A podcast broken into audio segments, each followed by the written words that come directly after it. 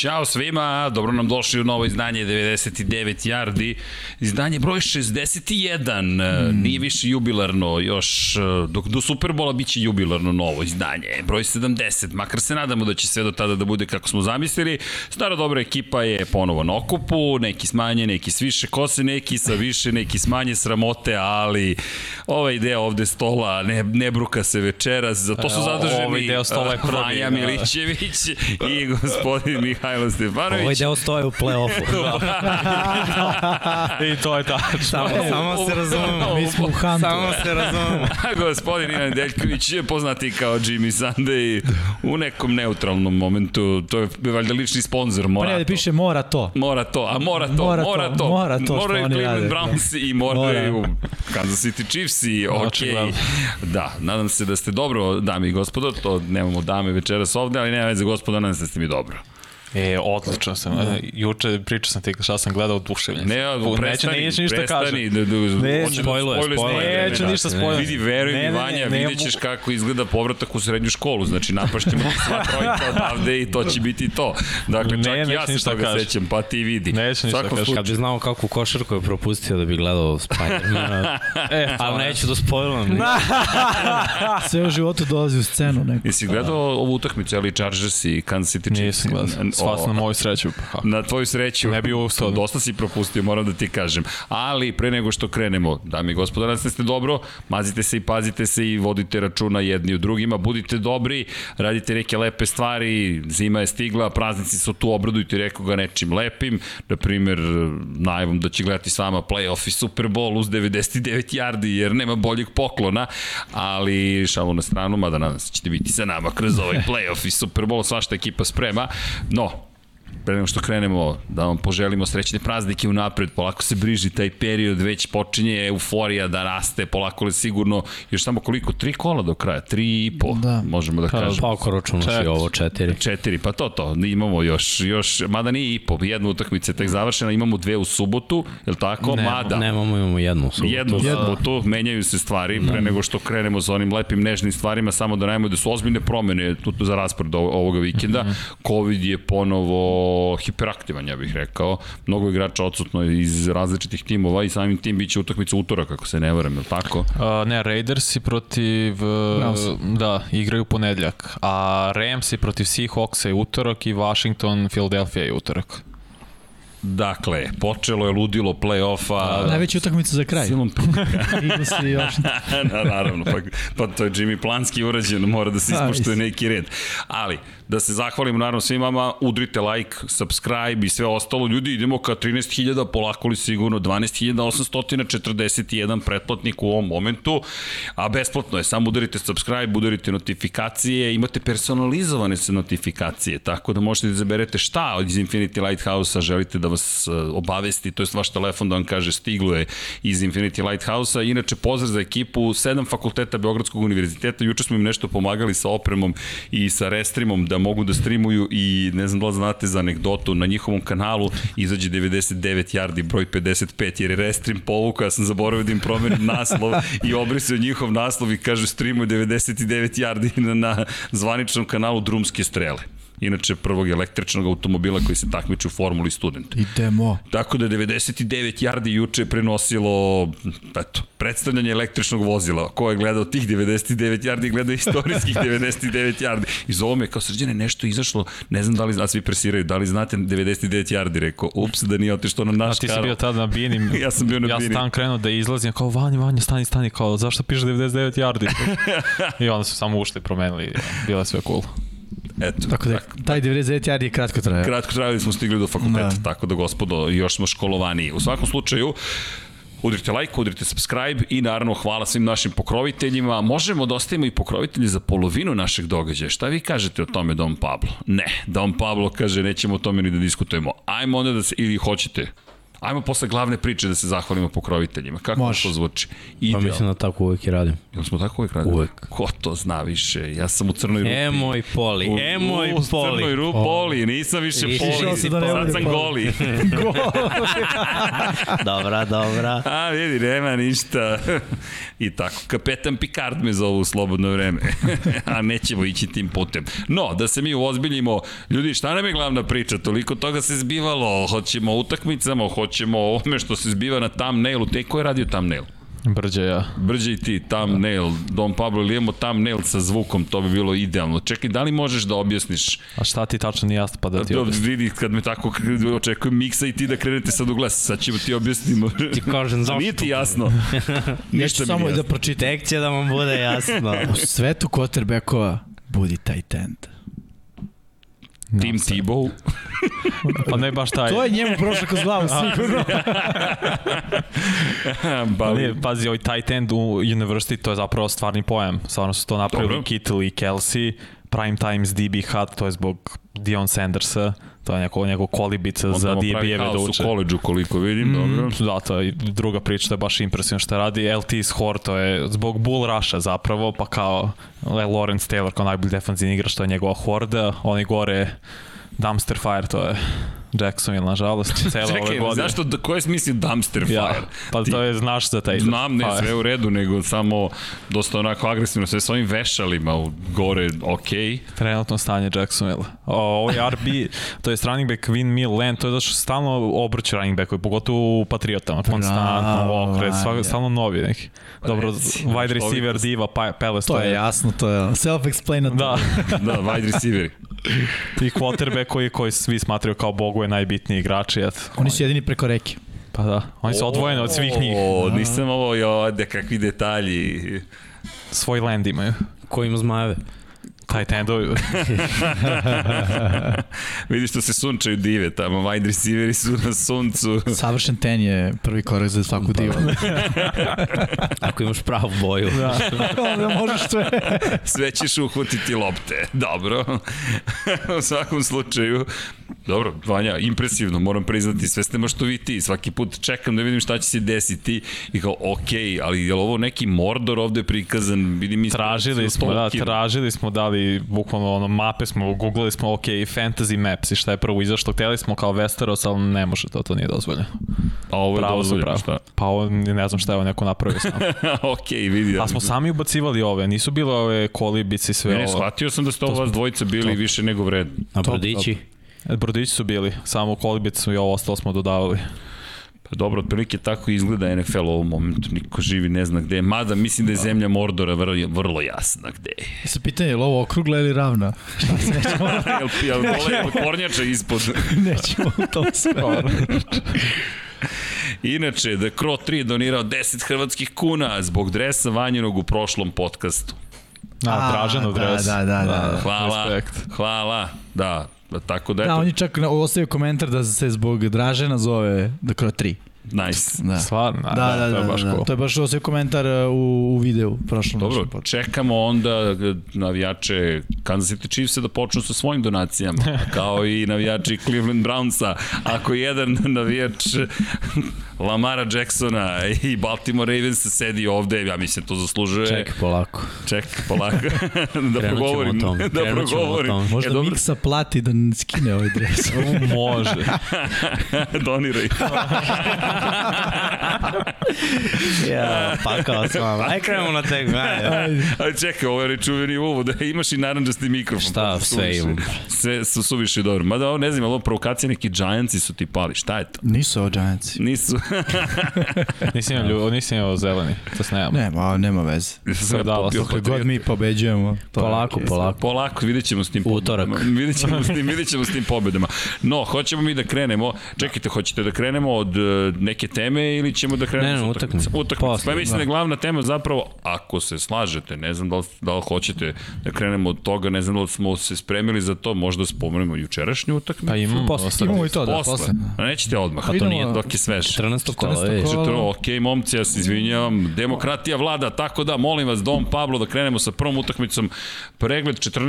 kola. Evo, Dom Pablo, vi birate večeras i ja samo pratim glas naroda. Odmah. Bilsi, Bakanirsi. Ok, 27-33 u Tampi u produžecima.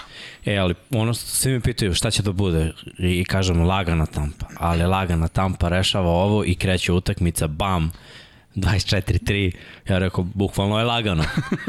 Kad ne lezi vraže.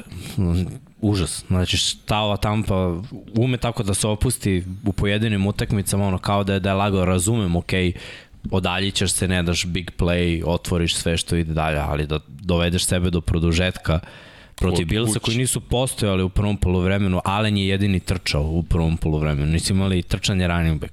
I onda posle toga u drugom polovremenu Singletary dva puta za 40 yardi. Neverovatno, da dečko ima 20 yardi po nošenju i da Allen samo trči. Ali nekako su Billsi uspeli šta znam, da, da pokažu da ono, i dalje ima tu naznak one ekipe, samo nemaju oni baš pravo rešenje. Imaju krizu ide- identiteta. Kao da ne znaju ono kako da, da budu oni bili od, od prošle godine. I sad je malo napeta situacija. Ovaj porez je njih stavio onako na rub play-offa. Mm, Ako Mnogi pogledamo- timovi imaju 7-6. Ajde da vidimo Ako šta je u AFC-u. AFC-a, Ne moramo istok, možemo, Možemo i možemo play-off. Liga, generalno, da. može play-off. Oni su na istoku In- drugi, izgubili su od Petrovica, igraju još jedno. Ako i Petrovici dobiju drugo, nemaju šta da traže, ali sad su sedmi, a imaju isti skor kao sledeće četiri ekipe. Brownsi, Bengalsi, Broncosi. a Naravno, ni Steelersi nisu preterano dobro. Pa da, 6-6. Steelersi su ih dobili, tako da još jedno klizanje, još jedan poraz i Steelersi su ispred njih, a kada pogledamo ovaj čitav AFC, bit će tu mm. haosa do, do samog kraja. I, mislim, vidi se da su bili si ono u padu, vidi se da, da ove godine su imali problema sa tim ozbiljnim ekipama, da tako kažem. S druge strane, Tampa, vidi se da i oni imaju neke falinke, pre svega u, sekundariju, ma- mada i, kad su gubili sve, nekako opet delo da Tampa igra sa 60%, ono, kao da je loading. Znaš, nije, nije ono full gas, nego kao, ne, dobro. Misliš da je to samo napad da igra sa 60%? Mislim Da, da, da, ne, odbrana, ne, napad, ne, napad. ne može prosto Da, bolje. Napad mi deluje da igra sa, Da, da, da. sa 60%, jer ono, kao Evans, ba dobro, ne mora, neka da touchdown i eventualno imaće par hvatanja, Gadvin se eksplatiš, on igra 100%, Da. ali trčanje, ja mislim da je isto, ono, 60%, ne znam, kao da, da im je sve previše lagano, znaš, i, i to ume da, da plaši malo, jer sad utakmica koja ide protiv New Orleans, ako se tako opuste, mislim, nisu dobili New Orleans u prethodne tri, Ako dobiju New Orleans, oni su prvaci svoje divizije. I kada pogledamo čitav taj jug, mislim, Saintsi ako žele u playoff bilo kako, ovo je poslednja šansa, ja mislim, za njih. Da, da dobiju ovo, oni ako izgube ovo, ja ne znam kako. timova 6-7, pričamo, Da, da, da. Falconsi su tu, Saints, Falconsi su tu. Da, ali na šta, na šta gledamo kod ovih timova 6-7? S obzirom da većinom igraju u diviziji, koja je verovatnoća da oni u diviziji do do kraja imaju 2-2. Znaš, meni je veća verovatnoća da će Vikingsi koji igraju dve protiv Chicaga da imaju dve pobede. Imaju i Green Bay do duše. Falconsi imaju Tampu, Saints imaju Tampu, igraju i međusobno. Znaš, jedan od ovih timova samo međusobno će da se eliminiše, ja mislim da će Tampa jedne i druge da eliminiš. Dobro, Eagles igraju dva, dva puta protiv Washingtona, igraju protiv Giantsa i protiv Dallas. Da. Znaš, isto Washington igra protiv File 2, igra protiv Dallas i Giants. Znaš, da. nekako delo da taj istok ipak ima najlakši raspored. Naravno, verujem ja da će oni tu da podele 2-2, neki, neki će imati 3-1, a taj ko bude imao 3-1 i duple. Što znači da je realno 8-9 zapravo Jeste. za sedmo mesto vrlo, vrlo otvorena. Jeste. I da, ja bih se samo vratio na, na meč uh -huh. uh, Billsi uh, i, i, i Baxi. Uh, Josh Allen je definitivno ključ. Mislim, on, mogu slobodno da se zovu Buffalo Josh Allens. On nema potrebe za ovim Bills jer nemaju nijednog bila u ekipi, tako? Ko to bar ne da valja. Znali vi smo za njega. uh, ali šalu na stranu, uh, problem je, nije problem Allen, problem je play calling. Definitivno je problem play calling. Oni ljudi, uh, ono, deluje kao da u svaki meč ulaze bez ikakvog plana šta i kako raditi. ja sam još prošle nedelje pričao da bi trebalo da, da koriste Alena kao trkača, nisu to radili prošle nedelje, radili su ove nedelje, to jest preprošle nedelje, da, da, to sam mislio. U 13. kolu sam najavljivo da bi to moglo da bude neki game plan, nije se, nije se desilo, otišli u Fioku, ali ovaj, u ovom 14. kolu to je bio uh, uh, način i, i, i da kažem uh, razlog kako su se Bilsi pokrenuli kad je Allen krenuo da trči. Jer jeste malo iznenađenje. Pritom Allen je krupan i Allen i zna da primi udarac i da zada udarac i mislim da bi oni morali da krenu u tom smeru. Previše je providno kada, kada ono, on uzme loptu, uh, nema play actiona, ako on uzme, znači to je to, znaš da će biti pas. Jednostavno je za sve odbrane u NFL-u to je ono piece of cake. Kad je krenuo da bude da se menja momentum kad Jalen uzme loptu stane, bam, krene da trči. To je bilo nešto novo što nismo vidjeli manje više cele godine. Ovo su bila dizajnirana trčanja za Alena i onda dobijaš potpuno novi novi uh, nivo iz perspektive odbrane. To postaje ono triple option uh, napad, bukvalno. Imaš Alena koji spusti loptu, čita enda, ako end zagrize dole, on povuče loptu, baci bubble na spoljnu stranu, a ako se čak ni to ne desi da loptu trkaču, ako povuče loptu pa mu se ne svidi šta se tamo dešava, on istrči. To je mnogo teško da se brani. Bilsi su to tek sad krenuli negde da primenjuju, i e, desilo se da su mogli ono da budu u velikom zaostatku, da su bili u velikom zaostatku i da su mogli da dođu do pobede. Mislim, realno, veliki podvig šta su uradili. Došli su do izjednačnog rezultata proti Tampe i odbrana se malo tu zbila, No. Konsolidovali su se, tako da slažem se u potpunosti miksa. Imaju to Bilsi u sebi, ali čini mi se da je zakopano. No, ne i... znam kako da aktiviraju. Tako je. Znaš, tu je u tebi, ali ne znaš kako da, da pokreneš taj mod. A to je razlika to je između velikih, dobrih ekipa i odličnih, koji odlične ekipe znaju kao Baxi kad mogu to odmah da kliknu, ok, sad ćemo da zgazimo protivnika. Bilsi još to nemaju urođeno, sve možda još ne znaju e, kako. Ali čak, mislim, ja to krivim trenerski, trenersko osoblje, znači ne, ne, ne krivim igrača. McDermonta ili Dejbola? Uh, Dejbola. Dejbola pre svih. Dejbola, okay. definitivno. Slažemo se. Jer vidi, uh, takođe je primetna jedna stvar, da je igra kroz, kroz vazduh usporila. Tako, Dix nije oni Dix od prošle godine. Ni Moraš da se zapitaš. Moraš da zapitaš zašto. Jedan od razloga je svi znaju da neće trče. Jednostavno. E, ma da Dix bi na kraju mogu da ima isti, isti, isti skor kao prošle godine. On je sad na skoro 1000 yardi. Da. Četiri utakmice pre kraja, vrlo lako bi moglo se desiti da ima 1000. Ali ovo što kaže Jimmy, do početka ove godine Allen imao najviše touchdownova istrčanih za quarterbacka, više čak i od Lamara. Znači on je evidentno... Ali sve je bio short yardage. Ne, ne, ne, ali post, postizao je više touchdowna trčanjem i to je baš koristio, pogotovo prošle godine i ove godine kao da je Dable zaseko, to je kao rekao ne, ajde sad napravio si super korak pasom, prošle godine ajde još jedan kao da nije bilo dovoljno, kao da je totalno eliminisao ran. Meč proti Patriota nam je pokazao jednu stvar uh, u 13. nedelji što se Buffalo tiče. Neće da trče po cenu da izgube meč. Da. Sve Allen.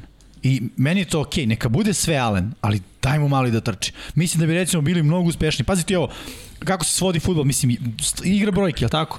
Ako Allen trči, on uzme loptu, ima lead blokera ispred sebe. Ako trči levo, desni jedan se ne blokira uopšte. To je 10 na 10 kada govorimo o blokerima. E tako, da Kube trči, to je 10 na 10. Ja bih u NFL-u igrao tih 10 na 10. Istina, ale može da dobije udarac, može da se povredi, sve to stoji.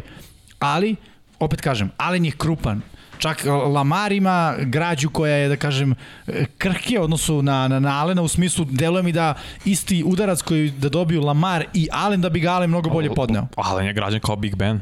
Da se razumem. I ja mislim da je čak i viši od Big Bena. Ja mislim, nisam siguran. Fizički ali, je sposobniji, ali već atleta sigurno. Da, da, da, ali te građe prosto ogroman je. Jeste. Jeste. Ali Tako da i statistika je vrlo jednostavna. 12 nošenja, 109 yardi. Ali vidi, statistika je prejednostavna. Imaš za... Alena 9,1 po nošenju, imaš Singletary, ovo što kaže Miksa, 13 po nošenju i ti si u fazonu no, 54 puta idemo kroz, kroz vazduh. Evo vidi Fornette, mislim Fornette za 13 nošenja, 113 yardi. I, i ta Brady me trčao ono, dva puta za novi prvi down. Sedam puta u E, da. trčanje Brady-a je, gledamo i razmišljam, kako se ti čoveče ubrzavaš s godinama? A, ne, ne ubrzava se pre nego niko ne očekuje ili vada je u sredini. ali ono izgleda bolje malo, nego... Ni, brži, nije, sad... ne, znaš, nije neka, neka impresivna brzina bila za početak, pa je poređenje, ali gledaš ga, razmišljaš, kako, zašto? I kao, okej. Okay. Znaš zašto? Ćeš da ti kažem, da ćeš da ti kažem zašto. Zašto niko neće gubi u sredini terena. to, to, to. To je sigurno to, tako. To, to. Znaš.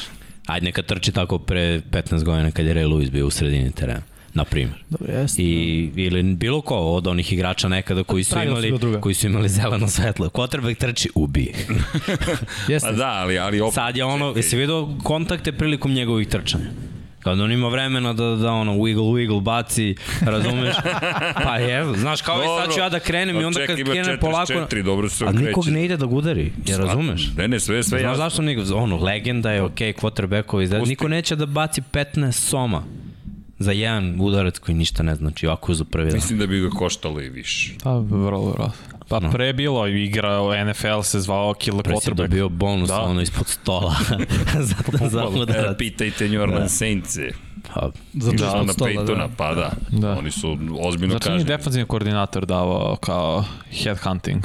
Znači mislim da je on tada... da, pa i ovaj iz uh, Clevelanda što je posle bio u Jetsima. Williams. Greg Williams. Greg, e, da, da, Greg da, Williams on je- je... on je davao od svoje plate ako Da, da. neko gubi. Mislim, A bukvalno to, to je i zato je bio Vidi, kažnjen. pogrešno je u svakom smislu te reči, ali je deo bio sport. Možemo da se lažemo, to je bio Mislim, Da, da. pogrešno je da nagrađuješ novčano, ali to što su oni radili je bilo, je bilo po dozvoljeno. Ne, ne, je. samo je pogrešno to što daješ... Ekstra motiv. Pa nije čak ni ekstra motiv, motiviš i ga ti, ali znaš, ti si u zakonskom prekršaju, ti bukvalno plaćaš da neko bude ozbiljno povređen. I ti čak ne rešen da to da bude zaustavljen. Povredite ga, oni su Brenta Farva tako poprvi, pristojno polomili. Da, kao samo za taj meč. Kao, ne želimo on da se povredi nešto ozbiljno, samo da dovoljno E, spore dobro, to se ne ne možeš da vrati. biraš. Pa to, Ne, to ne možeš da biraš, ali to je priča bila. Samo da se ne vrati na naš Ali meč. pazi, evo da pričam iz, iz da kažem, ličnog iskustva. Sad, ni- nije lako kad igraš američki futbol, sad kao znam ja kako poredim čovjeka. Ja ne znam, realno ne znam. udariš ga pa ako se povredi, povredio U se. suštini da, znaš, sad imaš par stvari, ako je hvatač koji je u vazduhu i fokusiran na lopti, dolaziš na njegove slepe strane, ti sad nema tu puno prostora da ti biraš, ali znaš šta će najviše da ga zaboli u suštini. I naravno ono da ideš... Rebra, pa rebra. Mislim, još ne očekuje. Ili ovaj, ono, najviše da ideš ispod kolena tipa quarterbacku stoji u džepu i takođe te ne očekuje. Ali mislim, nešto osim toga, nema sad kao, no, ono, e, ovako se poređuje čovjek. Da, jasno. Nikad ne znaš kako će se desiti. A, a pazi, povrede u- obično dođu ono, samo na, na neku glupost koju ti napraviš. Ne. Najozbiljnije povrede sam sam brat. Znaš ono, na, napraviš neki korak i samo shvatiš. ACL, da. Znaš ono, zašto ovo? Kako ovo? Da. Koliko prednjih ukrštenih je došlo nakon jednog eksplozivnog koraka, koliko nakon nekog udara? To su najgori ti bez Pa, kontakte. Ravens ne? U predsezoni. Pa, I Peters Da, i bez kontakta, da. na treninzima. Eksplozivno promena pravca i čao zdravo. Ajmo dalje. Ajmo mi Da. da. sledeću utakmicu, eksplozivna promena utakmice. Može. Može. Može. Može. Će Utak- bude Gde nam eksplozivno. je zvono? E, ispod, ispod ovog. Ispod ovoga. Udri knjigu. Čekaj, može ovako, možda, ne može, dobro. Možeš da podigneš knjigu. Remsi, Cardinalsi. Još zvoni. E, vratite kadar Dom Pablo. Može jedna dvojčica ovde. Molim vas. Boom. Da. O, šta smo vam rekli? Pa pazi, najbolja utakmica ofanzivno za Rams ove godine, apsolutno mm -hmm. neočekivano, protiv uh, ekipe kojih je dobila laganih 17 razlike i to na gostujućem terenu. Sad Arizona ima 3-3 na svom terenu, a 7-0 na, na gostujućem, to je malo absurdno, ali da, da. to sam nekako prevideo i mislim, ajde da budemo realni. I Arizona je imala svoje šanse da dobije ovu utakmicu. Jeste. Mm -hmm. Imali su dva puta turnover on downs. Uh, u prvom drive-u uh, Kyler Murray promašuje potpuno samog uh, AJ Greena fade za touchdown. Znači, krenulo je tako da su mogli da imaju 7-0, nisu. Sad pričamo naravno o Fioci, nije se desilo, ali, ali to su šanse. Turnover on downs nije se desilo, ali to je izbor. Kao sinu za Chargers to je izbor. Tri poena ili ideš na četvrti naravno tu si, blizu si protivnički, ali moraš da razmišljaš kako oni igraju u napadu. Da li je to tim koji nema nikakav ofanzivni ritam, pa 99 yardi da pređu, to nije moguće, ili je to tim koji u svakom posedu daje poene onda postoji rešenje ako je taj tim u pitanju. I stvarno, sa ofanzivne strane Remsa imali su rešenja za sve. Prvo Del Beckham treća utakmica za redom ima touchdown.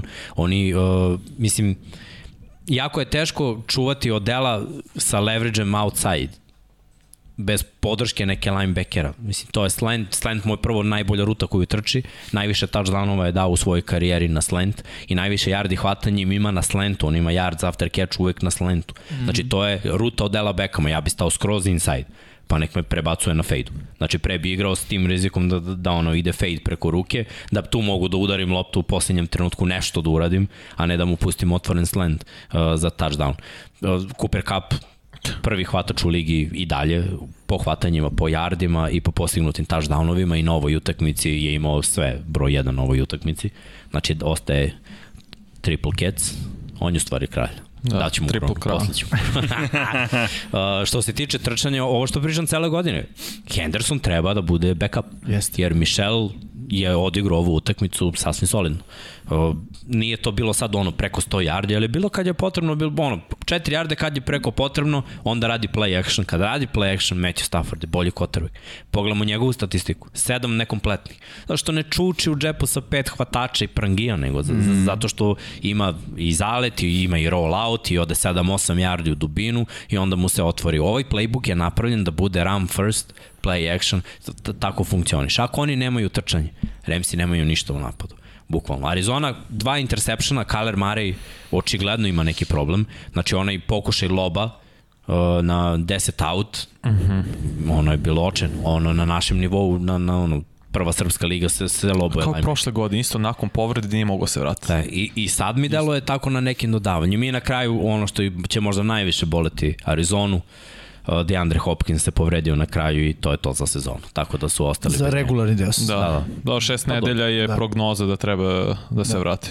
Ja bih samo dodao, to je podvukao ovo što si rekao Miksa za trčanje i za Sonija Michel. Sonny Michel mora da bude broj 1, Sonny Michel je pik prve runde, Sonny Michel je bio broj 1 u New Englandu i Sonny Michel mora bude rešenje broj 1 za Remse. Kad je Michel tu, a već je dovoljno dugo sada tu da se i uigrao i zna kako ofenzivna linija blokira, playbook, sve, znači sad e, čučnulo.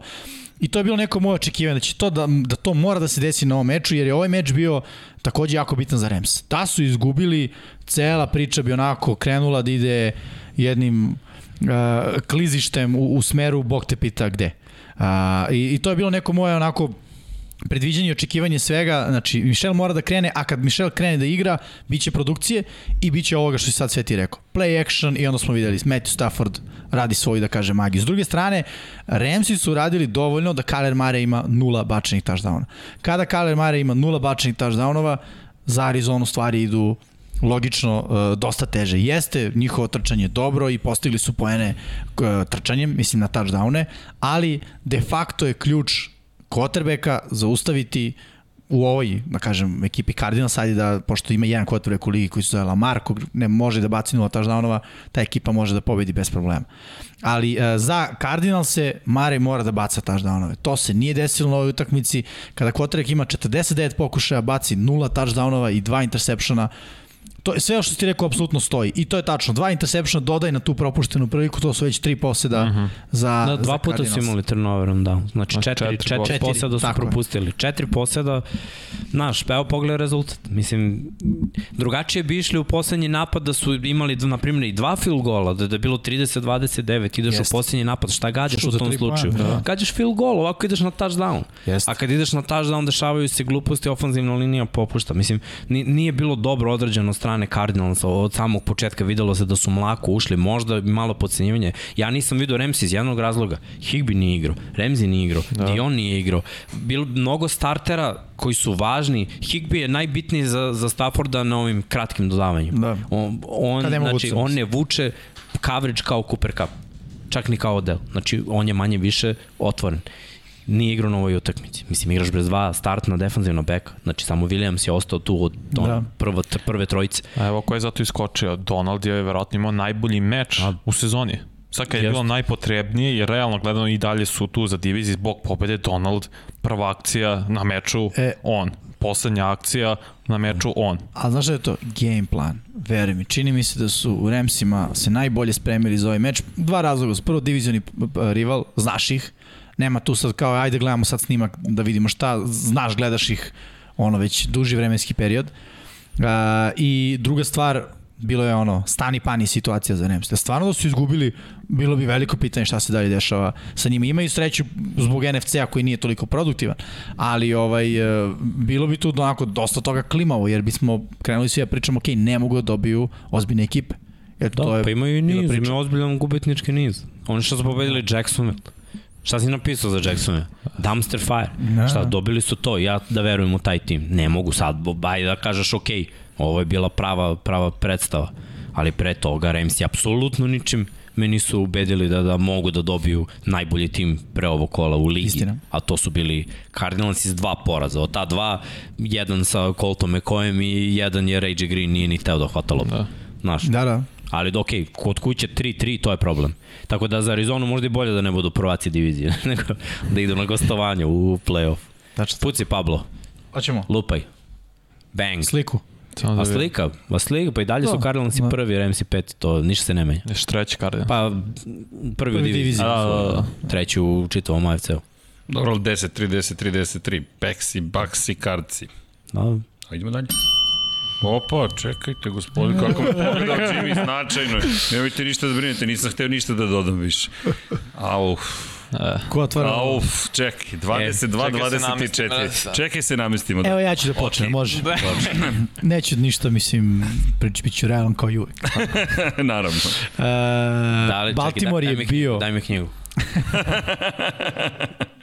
Ćeš odatle da zvonce. Ne, ne, ne, želim kadar. Stavi ruku na knjigu. Aha, Govori istinu, govori samo istinu. tako mi Bog E, pomogao. ajde sad. Tako mi, tako mi uh, Lombardijev trofej. Tako mi Lom- Lombardi Uh. Baltimore je mogao pobedi ovaj meč. To su naj... Cleveland je mogao da izgubi ovaj meč. Tako je. To je bolje, to je da bolje. Meni je to utisak meča. Iskreno, jeste, rekao sam Cleveland, Cleveland je uh, došao, ali da budem iskren, navio sam za Baltimore u poslednjoj četvrtini. Samo zato što je ono, cela priča bila takva da su odjednom postali underdogovi, ne igra Lamar i sa QB-om koji je pritom, seti se prvog drajeva u drugom polovremenu, on je bio touchdown. Ja ono gledam i trljam ruke i u glavi mi je top. Znači imat ćemo vrh meča do kraja. To što Lamar ne igra, super, Cleveland zna našao način sam sebe da upuca u nogu i imat ćemo meč zbog toga Tradicionalno. bam, fumble. I ono, kao šteta, sad će Cleveland da dobije krila, međutim Cleveland ne dobija krila. Jer su to Brownsi. I kažem, uh, Baltimore je do kraja meča bio u, u meču, do kraja meča bio u meču, ovaj, bio u igri, aj tako da kažem, i što su odlične vesti za Baltimore, a mnogo loše vesti za Cleveland Brownse. Ako ono, Huntley koji je druga opcija i koji je prilično ono, Drugi tim Baltimore igrao egal sa Brownsima. To je E, ono što vam pričam. Ja zato ne verujem u Brownse. Bez obzira što Ravens imaju veliki broj povređenih igrača i pričali smo baš o tome, rekao sam i da se trojica povrede, naravno ne računom Lamara, jer bez Lamara Ravens imaju problem da, da završe Huntley igru dobro i ovde nema u statistici dva fambla. Da. Dva fambla je Da. mnogo. Jeste. Dva fambla menjaju utakmicu. Miksa, na 22-24, jedan fumble je mnogo. Da, Mislim, da, realno, to je da. taj koji sam ja pomenuo. Naročito sa, sa takerom koji može da, da šutne sa 60+. Plus. Da. I ono što, što, što smo se vanje ja kladili zašto nosi ovaj Mahomesa, da, zato što trčanje ne ide protiv Ravensa i sada u ovom sledećoj utakmici ćemo vidjeti u stvari kako jedan kvotrbe koji je pravi kvotrbe će da reši tu odbranu koja ima užasan secondary, ali jako dobar front seven. I ovde trčanje uopšte, Brownsi nisu imali trčanje, nisu imali poen u drugom polovremenu. Da. Zna- Znači, Da, to je tek grozno. to je tek priča. Ja uvek kažem, ja Brown se ne vidim kao ozbiljan tim, ja ih vidim kao tim koji će da bude bolji i da izgubi utakmicu na kraju. Jer i dalje, jako je teško igrati, oni su ove godine kao dobili neki epitet favorita ne znaju da se nose s timom, nikad nisu bili u, Tako u, ono, u To je ono što 20 smo godina poslednjih početku. favoriti. Mnogo je teško. S druge strane, Ravensi su mnogo puta bili i favoriti i underdogovi i imaju taj neki pobednički mentalitet. U skorije vreme. Mm. Tako u je. skorije vreme. I onda kada pogledamo samo da postoji tu neko trčanje koje je inače identitet, bilo bi sve drugačije. Uh, šta još da dodam? Prvi napad Brownsa je bio ono guranje sudija jer bilo su ono ono jedan ajde pass interference prvi za 20 yardi, prvi down, ok, video sam kontakt, bilo je povlačenje, drugi apsolutno nije postojao. I odmah dovedeš ekipu sa 60 yardi do, do field gola.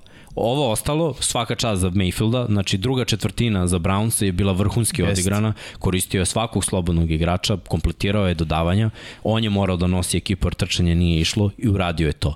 I samo je nestao.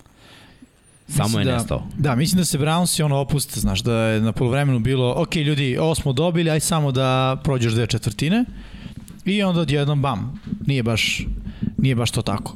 A, I apsolutno se slažem ih stvarno, mislim, no, ne, ponavlja bi se šta, šta god da kažem. Veliko pitanje za Brownse, jer ono, pucaju na play-off, šta će, šta ćete, mislim, šta, će, šta ćete vi u play-off? Meni deluju aljkavo, bukvalno. Jest? A zaista, baš aljkavo. To mi je naj... Me, u mojoj glavi to je reč. Pa aljkavo. Znaš, kad neko nešto može, ali svaki put uprska nešto. Aljkav si. Jednostavno, imaš potencijal, ali nisi dovoljno disciplinovan. I misliš, ma, ovo je laganica. Ovo što si upravo ti rekao. Tako Da, ili deluje. nešto što rutinski bi trebalo da uradiš, ne uradiš. Ne uradiš, a, to ti je I. I sad dođeš do situacije, moramo da, da se sad dotaknemo ove sledeće utakmice, oni bi trebali da igraju sutra veče. Ali neće nego igraju te pom, pomerena i utakmica zbog covid oni imaju 18 igrača na, na covidu i trener je Stefanski mm -hmm. pozitivan. Ok, vakcinisani su, imaju priliku ono, na dan utakmice dva negativna testa ali ovo je bio ono šahmat protiv Raidersa, Raidersi su tek u problemu. Da. Sad vraćaš Raidersi, Raidersi su ekipa koja je ispala, ima pobedu manje, ali ako dobiju Brownse, Raidersi ulaze u onu priču, ok, što da ne završimo sezonu jako i možda se umešamo, jer imaju taj breaker u odnosu na neke timove koje su dobili u početku sezone. Mislim, Raidersi koji imaju od poslednjih šest jednu pobedu.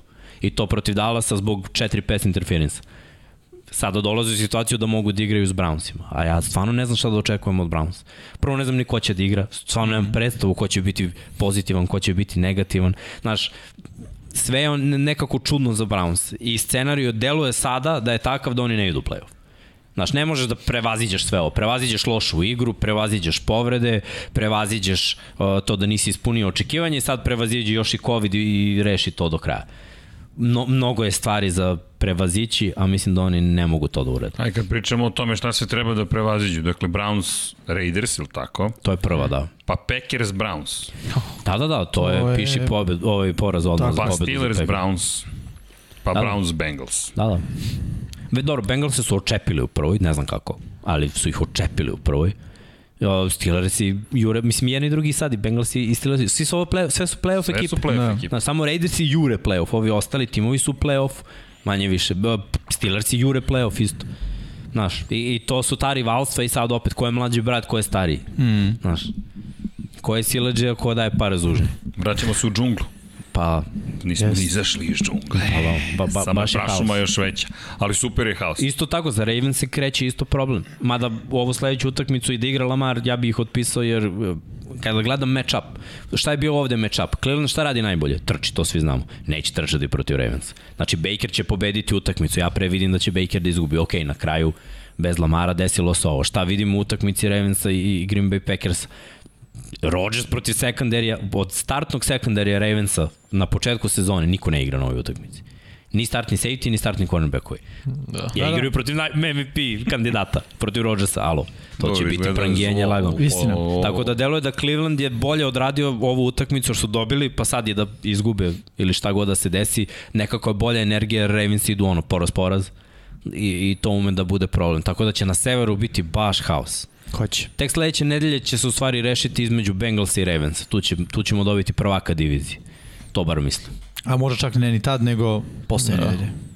Dobro, ali da. hoćemo da pohvalimo Huntley ili nećemo? E, Huntley okay, igrao bolje od Bakera, se razumem. Da. Je, meni jeste. Čupao, čupao, čupao. Dobro, uskočio si u trenutku Vidi. jednu utakmicu. Um, jeste, ali znaš šta, on je tu, nije prva godina, ovo je druga godina. I mislim, sve vreme je, je trenirao i igrao jednu utakmicu kao starter. E, I, I treba reći ovo. Prvo, on je igrao sjajno sa Rashadom Batemanom koji je ruki i koji nije bio u prvom timu. I odmah se to vidi. Rashad Bateman, evo šta znači pr pik prve runde ozbiljan hvatač ove godine, ima 8 utakmica, 400 yardi. Šta to znači? Ravensi ne znaju, pa nema u, u game planu Grega Romano, ne zna iskoristiti dobro hvatača. Njemu da daš Devonta Adamsa, ovaj bi, bi počeo pone dredove njegove od nerviranja, razumeš? Ne, ne bi znao da ga stavi u situaciju. Evo sad, dečko imao 100 yardi, stvarno je bio najbolji igrač ove utakmice, on i Mark Andrews. Andrews, Andrews, da. da. Znači, to, to su igrači ko, koje moraš da staviš u dobru situaciju, a Markisa Brauna pustiš vertikalno, jer Bateman će pre sa svojom visinom, konstitucijom da, da bude dominantniji u odnosu na bekove nego Markis Brown sa 1,70 i 70 Ma da, i nije njegov stil igre uopšte to, da bude dominantan, mislim, u, u tih nekih desetak, 15 yardi, nego Aha. to što ti kažeš, dugačka ruta i I to je to. Kao T.Y. Hilton, to treba da bude Marquise Brown i tako može da kupi yarde. Ali ima još mnogo toga za, za Ravensa da, da uče i da napreduju. U ovoj utakmici Huntley je bio ok, ti fumblovi, to je meni problem. To je znaš, problem veliki. Jer oba puta field goal. Taker imao, onaj, prv, onaj kad je bio na, unutar 20 yarda. Da, da tu ne smeš to da radiš. Dva tako jarda su nebitna, skupi loptu, čuvaj. Tako. Imaš najbolji kiker u ligi. Znaš se isto videlo da je rezervni quarterback, baš u toj situaciji u, na početku drugog polovremena, onaj prvi drive. On izbegava i sad realno ti kao quarterback, čim kreneš da bežiš dosta levo desno i da se vraćaš u sredinu, ti moraš da imaš osjećaj da neko stiže s leđa. Tako jer taj te jurio prve 3 sekunde. Tako je. Ti si krenuo da bežiš, pa si tu zađuskao levo desno, igraš sa nekim 1 na 1 bez osjećaja da neko stiže iza leđa. Backup quarterback. Jer na treningu ne dobiješ te udarce. Ne dobiješ. Kao quarterback niko te ne pipa. I nemaš osjećaj kad si famblirao, kad nisi famblirao. Da. Glavni quarterback, to je onaj koji igra utakmice, ima taj Jer osjećaj. je fumblovao nekoliko puta u igri. Apsolutno. Osim ako nema, onda završava karijeru u NFL-u i to je to. Bukvalno. Ok, zvonce, Srki, Nemam Prepoznati knjigu više, ne mogu Da. bez knjige. Šta da može? Prosto. knjigu koristimo za neke druge. zakletva. Ovo je zakletva. ja. Idemo dalje, kaubojci protiv futbalera. Cowboys, big play team eh, koji... 27-20, samo da Da, da, napomenem. da. Evo, citirat ću sebe prošle godine, samo ću da promenim ekipu. Cowboys dođu u playoff i da završimo s njima. Ja, čekaj, primećujete trend? Prva, druga četvrtina i treća četvrta. Da. Kako, kako se odjednom promenilo E. u, ovoj, u ovom makar kolu. Svi odjednom ogromna prednost na početku i onda to se troši. A znaš šta to govori? Da nisu playoff ekipe, realno. To, je, to su ekipe koje će u playoffu da budu poslate kuće od strane iskusnih, koje daju gas na kraju, kad je bitno. Recimo jednu stvari, samo vrlo kratko, zašto poštujem Steelers i Big Bena, što na kraju igraju jako. Oni počnu traljavo i to ne bude sja- sjajno, ali na kraju se ti zapitaš čoveče, hoćemo pobediti, nećemo pobediti. I to je najbitnije. Jer ti na polovremenu imaš vremena se e, konsoliduješ i da napraviš game plan. Što Dallas ne radi baš na, najsjajnije. Mislim, ok, jeste onaj jedan pick six ih vratio momentalno u igru, mm -hmm. ali ne smeš da dozvoliš to sebi. Sve vreme kontrolišeš šta se dešava na terenu i dozvoliš sebi da ti u drugom polovremenu sve to stoji divizioni rival, ali Washington je bio na kolenima u prvom polovremenu, bukvalno. Cowboysi su ih vratili. Ja bih rekao Dak ih je vratio. Dak baš poslednje dve, tri utakmice, rekao bi možda čak i tri, baš igra loše. E, ali zna, znaš koja je stvar? Da, ali znaš koja je stvar? Zašto bih ja tu ipak rekao uh, coaching staff? Uh, Dak ne poziva akcije, Dak dobije akciju. Ako je akcija pas u ovoj situaciji, pored Tonija Pollarda i... i, i Polar povraćan. Da, da, izvinjam se. Uh, Clement okay, igrao. Zeke Elliott, svejedno. Zeke Elliott i kogod manje više može da bude druga opcija. Ali ako ti nakon toga odlučiš da ono forsiraš uh, i dalje pas, forsiraš taj njihov stil igre. Znaš, oni nemaju moment to što ja pričam, oni imaju game plan koji je one size fits all. Ovo mi igramo protiv bilo koga. Šta nas briga? Vodimo 50 razlike i dalje igramo to. I onda naša maraš Atlantu i kao u fazonu si uh, flexing Atlantu u tom trenutku koja je ok, sad je u playoff trci zbog toga kakav je NFC, ali realno nije, e, kad, dobiješ tu ekipu, to ti je kao kad dobiješ Jackson, što kaže Miksa za Ramse. Dobili su Jacksonville, ali su izgubili tri bitne utakmice. Taj Jackson mi je nebitan. Tako i to isto, ta Atlanta mi je nebitna. I ti na njima iskališ, daš ne znam ja koliko zove, 40 nešto 43. poena i onda igraš protiv Washingtona i na poluvremenu i kažeš, hoćete da se vratite u meč? Evo, zvolite slobodno, vratite se. To je da tako, oni pick six na kraju isto što je bacio, neko mi delo baš što je Srđan rekao prethodno aljkav. Neko nije, ko nije u ritmu više i to me brine, mislim brine, Dallas kao Dallas će biti u play-offu, ali kad gledaš ostale quarterbackove kako igraju, gledaš kako igra Rodgers, kako igra Brady, kako igra Stafford, oni podižu svoj nivo igre. Mada je Stafford imao jedan roller coaster. No. Ne, ne, ima, ali sad posljednje dve vraća se u neku normalu, znaš. Ali Dak pada konstantno sa igrom. I? Dal, i odbrana Dallasa drži taj tim. Micah Parsons, on je sad već Jeste. najbolji igrač Dallasa. Jeste. Znaš, on je Ali strašno sekundari ludilo to. da sa solidno kriminalan. Jeste. Iako Diggs ima dosta intersepšena. Ali dosta i pušta. Nije on uh, shutdown corner. Dobro, on, znaš, u suštini to je jedno uz drugo. E, ti kad imaš toliko pikova u NFL, to znači da si rizičar. Da, ozbiljan. ideš 50-50. Jeste. Ono, Da. Neki će prođe, nekad imam interception, pa ono, igramo na osvojene lopte u stvari. Da, to zato kažem, nije shutdown, nego ono, Pa iskori, nije. koristi šanse svoje. koristi. A mi, gledaj, mi moramo da budemo realni. Dallas donekle ima tu zaleđinu da se opusti, jer u njihovoj diviziji oni imaju ozbiljan suficit pobeda. Mislim, oni da. Da. izgube sve do kraja, jedino tako neće biti prvaci divizije. I, I samo je pitanje za njih, da li im se isplati da igraju ovako, jer ako budu bili četvrti, idu na petog, a to je možda jedini ozbiljan tim u play-offu, u, u NFC-u, peti. Da, da. I nakon toga, ajde da kažem i Cisco da, da, da je ono ozbiljan tim, ali ono što je na broju 7, to, to, to već nisam siguran. Opet mi deluje da će taj ko bude bio broj 5 biti najozbiljniji tim u wild cardu. Mm. Igrati protiv Ramsa, ne znam koliko je dobro za, za Cowboys, naročito zbog onog tog susreta ofanzivne, defanzivne linije. Dobro, e, ofenzivna linija Dallasa i Ma- Zach Martin i Tyron Smith Jest. opet igraju na elitnom Jeste, nivou. mada pre dve godine taj matchup je bio 10 poena za Dallas. Jeste, a to je bio bolji defensivna linija. Uh, Od defensivna linija Ramsa Rams. bila bolja realno nego sad. Pa dobro. Srki, protiv koga igra Dallas sve do kraja? Ja šta mislim? Divizija, divizija. Znači, ja mislim, oni to mogu Igraju stvarno da očiste. Giantse, Fila na kraju. Ne znam da li imaju baš sve. Imaju Ne, ne, ja mislim da su sve, Sve baš. da su sve Ja mislim da sve, u, to, u Ja mislim istoku da je NFC tri od sve do kraja. Ovako, Giants i Cowboysi.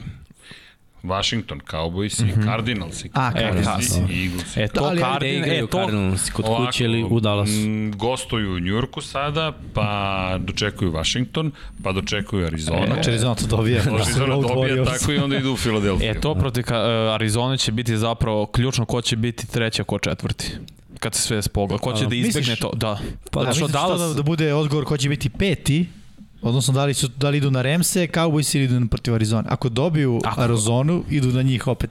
Ali, nema, ali kako? Ne mora da znači jer Arizona Dallas- podelila taj da. da. utakmicu Ako Dallas pobedi do kraja sve, a mislim, ima diviziju svojih da su dominantni. Polako. Ne, ne, ne, okej, ne, znam, znam, oni imaju 13-4. Da, ako pazi, Arizona ima Viš. prednost u odnosu na Remse, zato Da. što Arizona čistila diviziju svoju. A Remsi su izgubili od San Francisco i izgubili su od Seattle. Mi- Ali ih čekaju sad ti. a imaju mečevi. 1-1 međusobno. Imaju Da. 4-1 u diviziji, mislim, ovo vidjet ćemo i posle NFC Zapad i 4-1 imaju Cardinals u No, diviziji. znači šta mogu da urade, ono, još jedan utak, znaš, nije, Da. da. nije mi baš realno da da Cardinals izgube A prvaka ako- divizije, osim ako ne izgube dve utakmice. Da. To, to mi je pre ono, Ako moguće. Dallas dobije, Cardinals se u head, u, imaju ta u prednost, Dallas je onda treći. Da. Šta god bude Arizona radila. Aha, da, da, da, jasno, jasno, jasno. jasno I onda jasno, tako će i Dallas zapravo da izbegne petog. Da, I mi tako nije je. nemoguće uopšte. I mi onda gledamo treći put ove godine Cardinals i Rams. Ma dobro, ajde šta bi bilo kad bi Da, bilo. Da, do tada ima. Doćemo do... To je neki ali scenarij. ima implikacija, ono, svašta se me... S druge strane, Washington, eto, i oni imaju dvocifren broj igrača na covidu i ne igraju utakmicu protiv File u nedelju, nego će ta utakmica biti pomerena za utorak i, i ta utakmica odlučuje ko će verovatno na kraju zavr... dve utakmice igraju. Ako Fila dobije, na primjer, prvu, Fila je već u playoff slici. Tako da, bit će zanimljivo. Dobro, to možemo baciti pogled na istok NFC-a zapravo kako mm. izgleda. Pošto kada već pričamo o konkretnoj diviziji, u diviziji Cowboysi su sve uradili što je trebalo da urade. Da, Jeste. Sad. Mislim, 3-0 su u svojoj diviziji. Nije konferenciji pobedio. 7-1. Da, u konferenciji 7-1, što je isto bitno za playoff. A, Fila mora da rešava s obzirom da su 0-2. Mora, mora. Mora da dobije Washington dva puta. Jeste. To su dve utakmice i Giants jednom i da živi i čak i sa tim porazom od Cowboys. Fila će Giants dobiti drugi put, mislim, to je neminovno. To se uvijek dešava. ne, ne, to se uvijek dešava. A dobro, vi nis, niste fan, pa ne, ne pratite istoriju. Nije, tako- stvarno se dele. Ne, stvarno se dele. Sve u redu, nego vidi. Znaš, pogotovo što sad će Giantsi malo se ožive. Mislim, to uvijek tako ide sa Giantsima na kraju. Zato što su u fazonu ljudi ove sezone, samo kao imamo, kao, pom, pom, imamo obaveštenje, sezona je propala, aj nekom pokvarimo planove. Da, I onda Giantsi počnu da igraju sa Bukvalno. Glennonom, ono, mislim. bukvalno. Pa ne, i ovo meču jest. ove nedelje su bili, mu, bile, Ok. pa da, ono kao, sad kažem tesno, ali... Pazi, kad sam zastao, znaš, nije kod Dallas bi te trebalo lako, ali ako razmišljam, ništa ovde nije lako. Da, Ne znam, mislim da bi- Dakot kad je došao protiv divizije ima baš dobro skor, tip, tipa 23-5, nešto. Ovo je baš najbolji tim u diviziji od kad je Da. došao. Jeste. Da ne lažem. rešavaju, kako Zasipaju. god to izgleda da ne rešavaju, zapravo rešavaju diviziju. Da. Da. Poprilično lako. Ali u, A, znaš šta je najveći problem? Zato što u tim head-up mečevima s Filom, kad bukvalno između njih u posljednje to, da. 4-5 godina poslednjih je bilo između Fila i Dallasa koji idu u playoff. Dallas nije znao da reši to. To, to mi je ono najcrnje. da, da, Da, da je Fila rešavala te utakme. Dobro. jeste. Ajmo da. Možemo? Da, da, puci. Idemo sada na još jedan divizioni meč, ako se ne veram. Aj. Las Vegas Raiders i, i Kansas City Chiefs-i. Don Pablo se inače ne javlja, ali večeras je zanemeo čovek. 9.48. E, ali mislim, očekivali smo pobedu Chiefs, ali nismo očekivali ovo. Stvarno nismo očekivali ovo. Raidersi se, on, bukvalno nisu Pa pojavili. ja mislim da je ovo zapamćeno od prošle godine, iskreno, i da je bilo, ok, hoćemo da vas dobijemo kad se sve otvorilo još na početku utakmice, nekako to je onda samo krenulo nizbrdo. Samo kao kuna grudva koja se trlja. Prvi play, Prvi bukvalno. fumble, vraćan za touchdown, ono, uglavnom je piši propalo što se tiče ostatka utakmice. E, I pre početka utakmice su se Raidersi što skupili kao na logo u Chiefsa. Da. I baš je Mahomes dao intervju na tu temu, kao da je to bio neki dodatni motiv, pa kao, sad naravno da je politički korektan odgovor, kao ne, nije, ali kao, bilo ono message received u smislu kao, nismo im kao uzeli za zlo, ali je bilo kao ne možeš baš u našoj kući da se ponašaš tako, a da nas ne pitaš. Ljudi posle onoga Kelsey kako je sinoć reagovao i kako je Mahomes reagovao kada su pobedili Chargers-e, oni prvi put pokazuju mnogo više emocije nego ikad ranije. Su- do te utakmice. Ali ne, ne, ne, ne, ne iskačemo na tu utakmicu, samo kao nije nam bitno. Mislim da im sve bitno Ne, sve bitno. A, baš sam Sve. obratio pažnju, neko je, a, da li prošle ili preprošle nedelje postavio pitanje da li mislimo da Mahomes trenutno ima najgori izbače u NFL-u. taj čovek kao da je ocekao svoju ruku od prošle godine i zakačio metlu. Ne znam, ne znam šta je. Znači, stvarno je izbačaj. Ali na, na prethodnih nekoliko utakmica i dalje te lopte idu gde treba da E, znaš gde je miksa, to sam provalio, dugački pasevi. Dugački Tu je jako treba, da. dobar. Da, kraći. Zna da bude neprecizan, neprecizniji nego ranije, ali kraći su... Moje, moja teorija da je zato što je on sad igra Meden, mislim kad igra futbal, u smislu samo napravi play, nebitno kako, da li ćeš iza leđa, da li ćeš da šutneš ovako, da baciš loptu, kako god. Znaš, on je realno kotrek sa najvećim dijapazonom načina izbacivanja lopte. Znaš, on daje sve, on daje loptu od dozdo, on daje loptu sa strane, on daje od dozgo, Levo. on gleda tamo, bacava. Znači, on realno ima najveći dijapazon što je simpatično, i bilo bi cool kad igraš igricu, ali u realnom životu to dođe na naplatu. Dođe do naplatu do tog momenta kada ti više ne znaš koji sad mod bacanja da upotrebiš i onda, znaš, ono, jer ti počinješ da budeš, a, prestaješ da budeš quarterback, počinješ da budeš dodavač, znaš, samo dodaj kako god, s dve ruke, levom, desnom, unazad, unapred, nebitno je, samo kao nađi čovek. I to onda, znaš, šta se dešava u tvojoj glavi? E, ja mogu sve. Pa tako, dao sam pasi ovako, dao sam levom, dao sam desnom, dao sam visoko, dao sam, mogu sve. I sad kad dođe stani pani situacija i stiže pritisak, e ja mogu sve, e, kako god, baci je bilo kojim prstom, šta god i, znaš, nastaju greške. A druga stvar, svi se spremaju za tebe jer si, ono, baby goat, tako? Niko te ne, poce, ne više, nego niko te nikad nije pocenjivao, možda u prvoj sezoni. Ali ono, svi se spremaju za tebe i svaka tvoja greška ti dolazi na naplatu. Jer to je to, sad si ušao u Tom Brady mod. Svi hoće ti skinu skalp. Ali protiv Raidersa prva utakmica 400 yardi, 5 touchdownova, ova O, lagano, totalno. Znaš, četiri nekompletirana dodavanja. Mislim, Možemo mi da pričamo da je loš izbačaj 400. koliko god hoćemo, ali četiri nekompletirana Dobro, dodavanja. mislili I, protiv koga? ne, nebitno. Divizijskog Sekundari. rivala koji je u Da, play-offu bio prve utakmice. Mislim sam na sekundari. Ok, sve Jako stoji. loš. Sve stoji. Ja kažem, jedna pobjeda u poslednjih šest i to na Thanksgiving uz uh, pass interference. Ali vidi ovde, evo šta je prva stvar koju primetiš da nisi gledao meč, na primjer? Nema, nema impact playera. Šta je? Trčanje, najbolji trkaš 66 yardi, ništa posebno. Najbolji hvatač 76 yardi. Ok, iz četiri hvatanja, big playevi. A na Nema šta greškama su zapravo... odbrani, Da, ovo je da, odbrana uradila. jeste. Pa Odbrana uradila. I to su dobre vesti za Chiefs, što se odbrana konsoliduje. I ti već ono, nije to ona šuplja odbrana početka i ovo liči na onaj recept kad su osvojili Super Bowl. Odbrana koja se ono, stvrdnjava kako se stvari približavaju kraju. Da, mislim, najbitnija statistika koju vidimo ovde je 35, 33 yarde za, za Raidersa trčanje. Mm. To je u stvari statistika ko- koja meni sve govori. Inače, pre pobedničkog niza, pre te utakmice, ili ajde da kažemo od te utakmice, čisto su bili u debelom minusu sa izgubljenim loptama. Minus 10 u odnosu izgubljenih i osvojenih. Sad su na nuli, nakon ove sinoćne utakmice. To govori o tome da, da je odbrana počela da igra, ali taj napad je spreman u svakoj sekundi da se probudi. Znaš ono, mečka možda spava ono, u hibernaciji, ali nemoj da je čačka štapu, znaš, jer ako se probudi, Smo rekli da će nađu vas. Još ako diraš meče. Čekaj, smo pričali, Ne kad čačkaj pričate o medve, medvedima, balu, smo rekli da traže vatru. Mm. Mogli, ne da je našo vatru, nego sad već polako, to je... Mogli bi i ovi da nađu. Mo, vidi, naravno, sad džungla opet mora da oživi, da vidimo, znaš, gde ko, kako će biti razvrstavanje pred playoff. Jer i dalje da nije ništa izvesno. Mada Kansas City djeluje sve izvesnije, kao ekipa koja je, koja je bila nekada strah i trepeta. Ono što je super, nisu i dalje ta ekipa. Ne možeš da kažeš, ja, ovo je sigurno za Kansas City, ništa nije sigurno. Pogotovo kad dođemo do mečeva koji nas čekaju u AFC u 15. kolu. No. Ali Kansas City ide nekim putem koji ih vodi u mnogo lepšu budućnost nego, nego što je bila.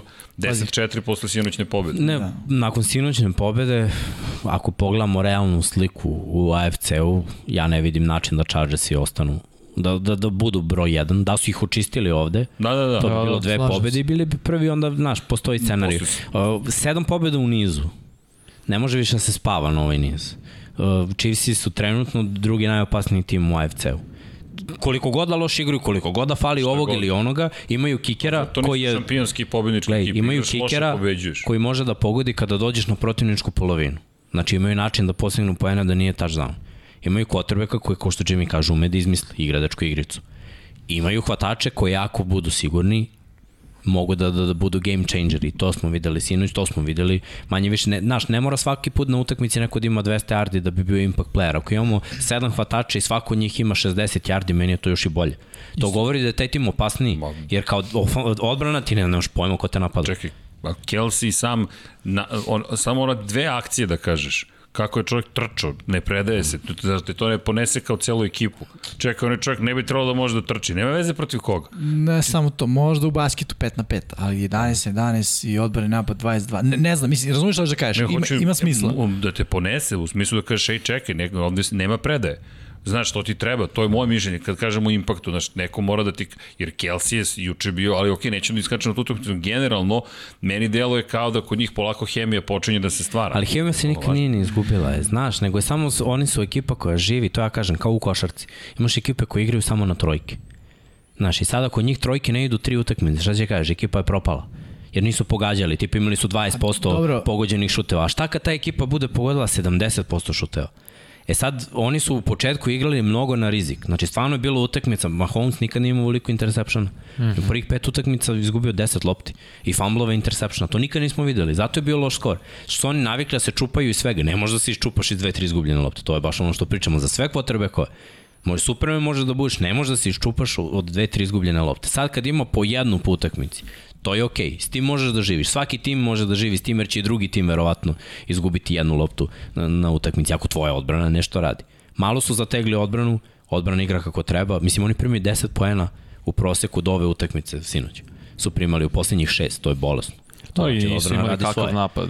I onda kao napad nemaš pritisak da moraš da čupaš odbranu koja primi 50, znaš, nemaš pritisak da moraš da daš 50. Sad si u fazonu, ok, daćemo 25 i ono, to je to, ili ono, ispod 30 veliki je pritisak kao napad kad imaš ono stantno da mora da daješ 30 plus. To, to je ono baš pritisak za napad. I mislim da je Mahomes prestao da igra s tim nekim rizikom.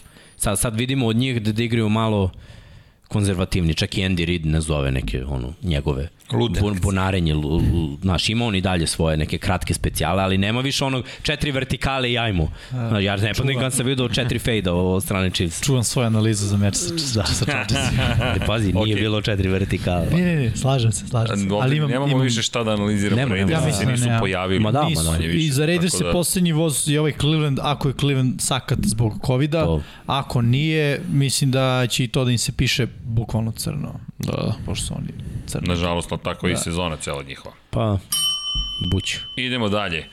49ersi uh. došli u Cincinnati, pobedili Bengalse 26-23 u produžecima je nastupio triumf. Bilo je napeto, bilo je zabavno. Brutalno, brutalno. Odlično. Bilo je baš je bilo dobro. Brutalno. I ono što smo i rekli da su ove dve ekipe, znaš, znali smo šta ćemo da vidimo manje više od 49ers. Znači to smo i rekli i, i, i znali smo s druge strane kakav game plan bi mogli da imaju Bengalsi rekli smo da oni kupe uglavnom game plan protivnika, ali da na ovoj utakmici im je bolja šansa da, da se više oslane na burova i na dodavanje. Baš se to i desilo. Mm. Baš nisu forsirali Joe Mixona, već su išli na, na hvatače i T. Higgins je imao možda najbolji dan po meni, iako nije hvatao touchdownove, Jamar Chase je imao jedan ispušteni touchdown, jer nije uspeo da se skupi, ali je opet nekako došao do dva. Brutalno. Jedan je bio na skremblu i to ono pivotirao čoveka, posluga po burek i uhvatio touchdown, prelepo je bilo stvarno.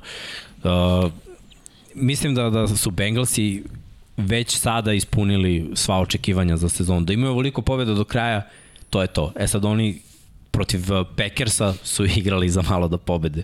Bilo je tu ono svega i svačega. Protiv 49ersa igraju za malo da pobede. Mislim, posljednji napad Burao je pokazao to je to Ovo je bud, ekipa budućnosti. Ovo je ekipa u AFC-u koja će verovatno ispuniti nešto što, što smo pričali za Cleveland. Znaš gde su oni? Oni su kao Chargersi prošle godine. Gube te bliske ka, bolji su, utakmice. Da, bolji su. Ne, jesu bolje, ali to je taj mold. Da, da, jeste poređenje ti da, je dobro. to je taj jeste. mold. Je, ekipa ima... koja ima kvotrbe kako je može da prangija, ali za razliku od Chargersa, njihov running back je drugo rangirani u čitavom NFL-u po broju ističanih yardi. Zato kažem. I to je njihova dodatna snaga koju oni imaju, jer imaju balans kad im je potrebno. Ako neku ekipu mogu da dobiju trčanjem, mm -hmm. oni će tako.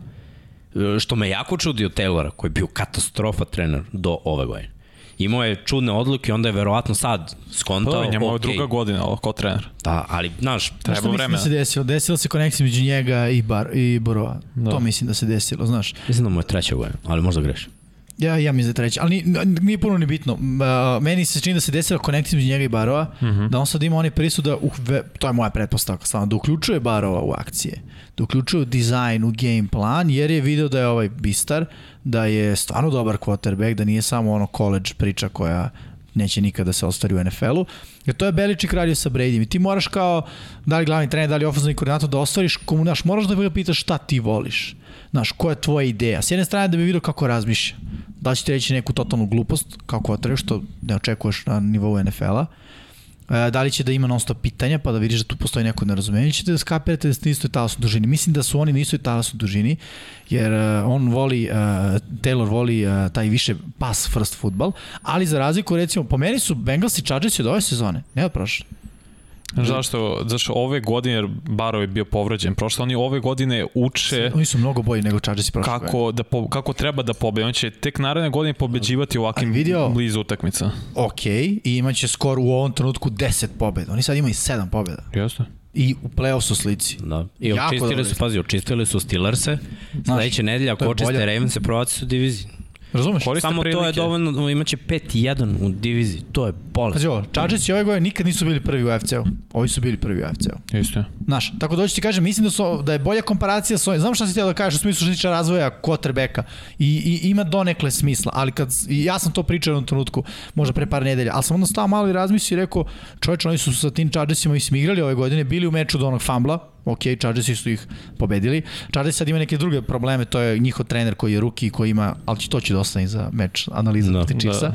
Ali što se tiče uh, uh, Bengalsa i, i 49ersa, i ovo je jedan od kvalitetnijih mečeva ove cele sezone do sad što smo gledali po meni ono, jedan, bilo ih je samo dosta. Bilo je dosta dobrih mečeva ove, ove godine, ali da kažem u top 10, a evo do, do 14. kola smo došli, nek su u proseku igra 12 utakmica ono zbog baj e, nedelja, kako se to menja. Znači bilo je tu preko 100 i nešto utakmica, meni ovo dolazi jedna u, u top 10 utakmica jer taktički jako dobro, osim Embrija Tomasa, uh, koji je bio ono kao, gađite preko mene slobodno, ja danas puštam sve, ovaj, uh, ali taktički jako dobro i jedni i drugi, uh, nije bilo puno grešaka, i, ovaj, i sa jedne i sa druge strane, ono, znaš ko su playmakeri i oni prave plejeve.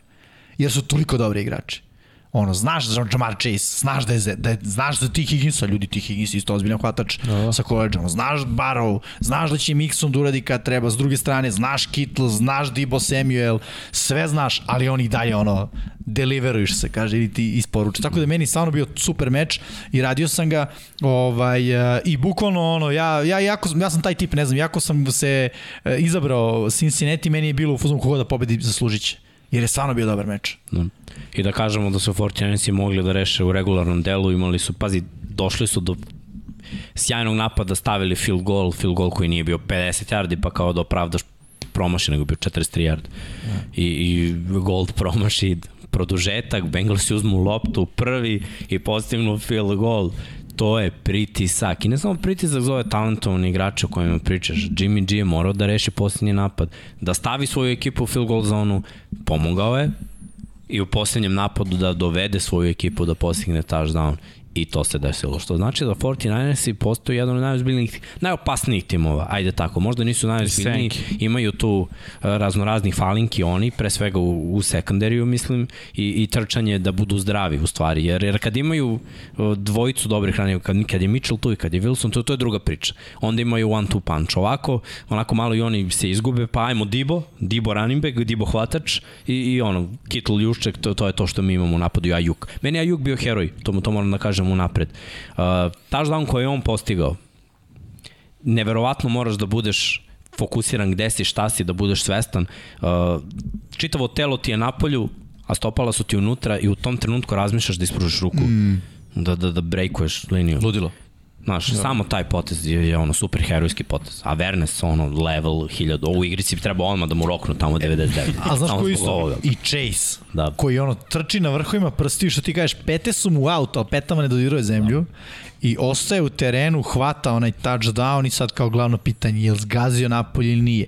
I gledaš iz ono nekog prvog ugla i gledati, a zgazio je šteta. I ono, zato što si video petu koja prelazi, zamišljen, uh. se zamišljen, belu liniju, ali onda vidiš da je on ovoliko tom petom od zemlje. I ono, brutalni, mislim, jedan i drugi, ali slažem se za Juka, ono je ludilo. Samo ću Pravda za i Trent Williams, levog tekla, čovjek Da. igra. On je imao 90, mislim, Pro Football Fox njega rangirao da ima 99,4 rating na meču, to je skoro savršeno, to ne možeš da igraš bolje od toga, to je stvarno Trent Williams je njihov najbolji igrač, nego niko kao levi tekl, da to ljudi vide šta on sve zapravo radi, vi to vidite, Brate, ali on je brutal. ima on dovoljno para zato što je to. Da, da, ali brutalno, stvarno je respekt, on ubica. ima respekt od, ja mislim, druge sezone je top 3 Da, da. ofenzivni tekl. I ne mrda se odatle. Može zvonce. Vreme je da idemo na ostale utakmice. E, Neverovatno smo brzi. Jeli? Sati, šest nemamo ni minuta. sat. Wow, a da, vidiš? Ali zato zvonce dobro radi. Ajde da vidimo rezultate. Steelers i Vikings to smo prošle nedelje. Seahawks i Texans i ovo smo očekivali. Texans već idu lagano na, na pikove. E, ali samo da kažemo, Davis Mills i neka je priča generalno bila Sara da kao Texansi sl- su rekli da sledeće godine neće tražiti quarterbacka na Nisi rekli. Kao to je neka govorkanje. Davis Mills stvarno po meni je korektan. S obzirom da je ono draftovan bez ikakvog očekivanja i u celoj ovoj situaciji sa Watsonom, meni je on sasvim ono pristojan kubes koji može da se radi, samo će uvek ostati pitanje da li je, ili on mora da bude Tom Brady kalibar da bi uspeo u NFL-u. Mislim da nije to vid do njega više nego do zašto nema quarterbacka koga biraš. Biraj najboljeg igrača koji može na draftu, ali Vidi, ja bih ga sledeće godine uh, okružio brutalnom ofenzivnom linijom i rekao mu ono, izvoli. Ja Ja, treba, ali njima treba, naš prvo, to je, Houston je veliki grad. Houston je grad koji u poslednje vreme onako više izvozi Sportski talente pada. nego Da. što, znaš, bili su u košarci par godina ono, na, na rubu finala, ulaska u veliko finale, mm -hmm. rasprodali su celu ekipu. Znaš, baš su svi otišli živi. Pokušavali su sve živo da urade, ništa se nije desilo, na kraju ništa. Uh, Houston je bio u play-offu, bilo je neka priča, ok, malo fali, tu je DeAndre Hopkins top 5 hvatač, tu je Deshaun Watson top 5 quarterback, tu je JJ. JJ Watt Hall of Famer. Ko je sad tu? Niko. Niko. Ja mislim da idu na ono, krc, ajde da se nakrcamo talentima Da, da. i da utopimo Dešona ako je moguće, bar za ono. To je dva bilo verovatno idealno. hoće. I, To je i to je to. Ali To all-line. All-line daje ovom momku s nečim da radi sledeće godine. Ima, je ima na, moj- na draftu nekoliko dobro. Idemo Seattle, dalje. mislim, Seattle na nekom najluđem scenariju ako očiste sezonu do kraja mogu bi da uđe u play-off. Ali mislim. To je najluđi scenariju. Rekao sam lud. Da, da, isto.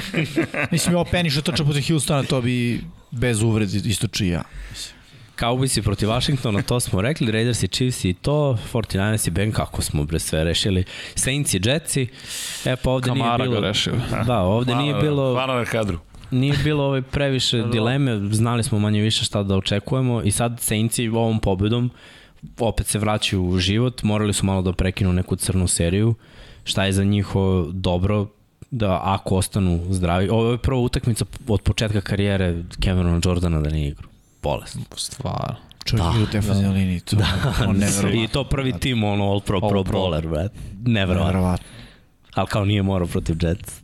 Ali prejaka, ba, ba, baš... Čudi me da je stvarno prekinuo niz, da ko je stvarno tako nije... A dobro. Ma bre, baš ga Čuvaš se za Tampu, Tampa je bitno. A dobro, Tom Brady, da, to se tako je. ceni. Ali meni je mlak utisak New Orleans. Jel, realno, E. skinny kameru, 12-9 bi bio rezultat.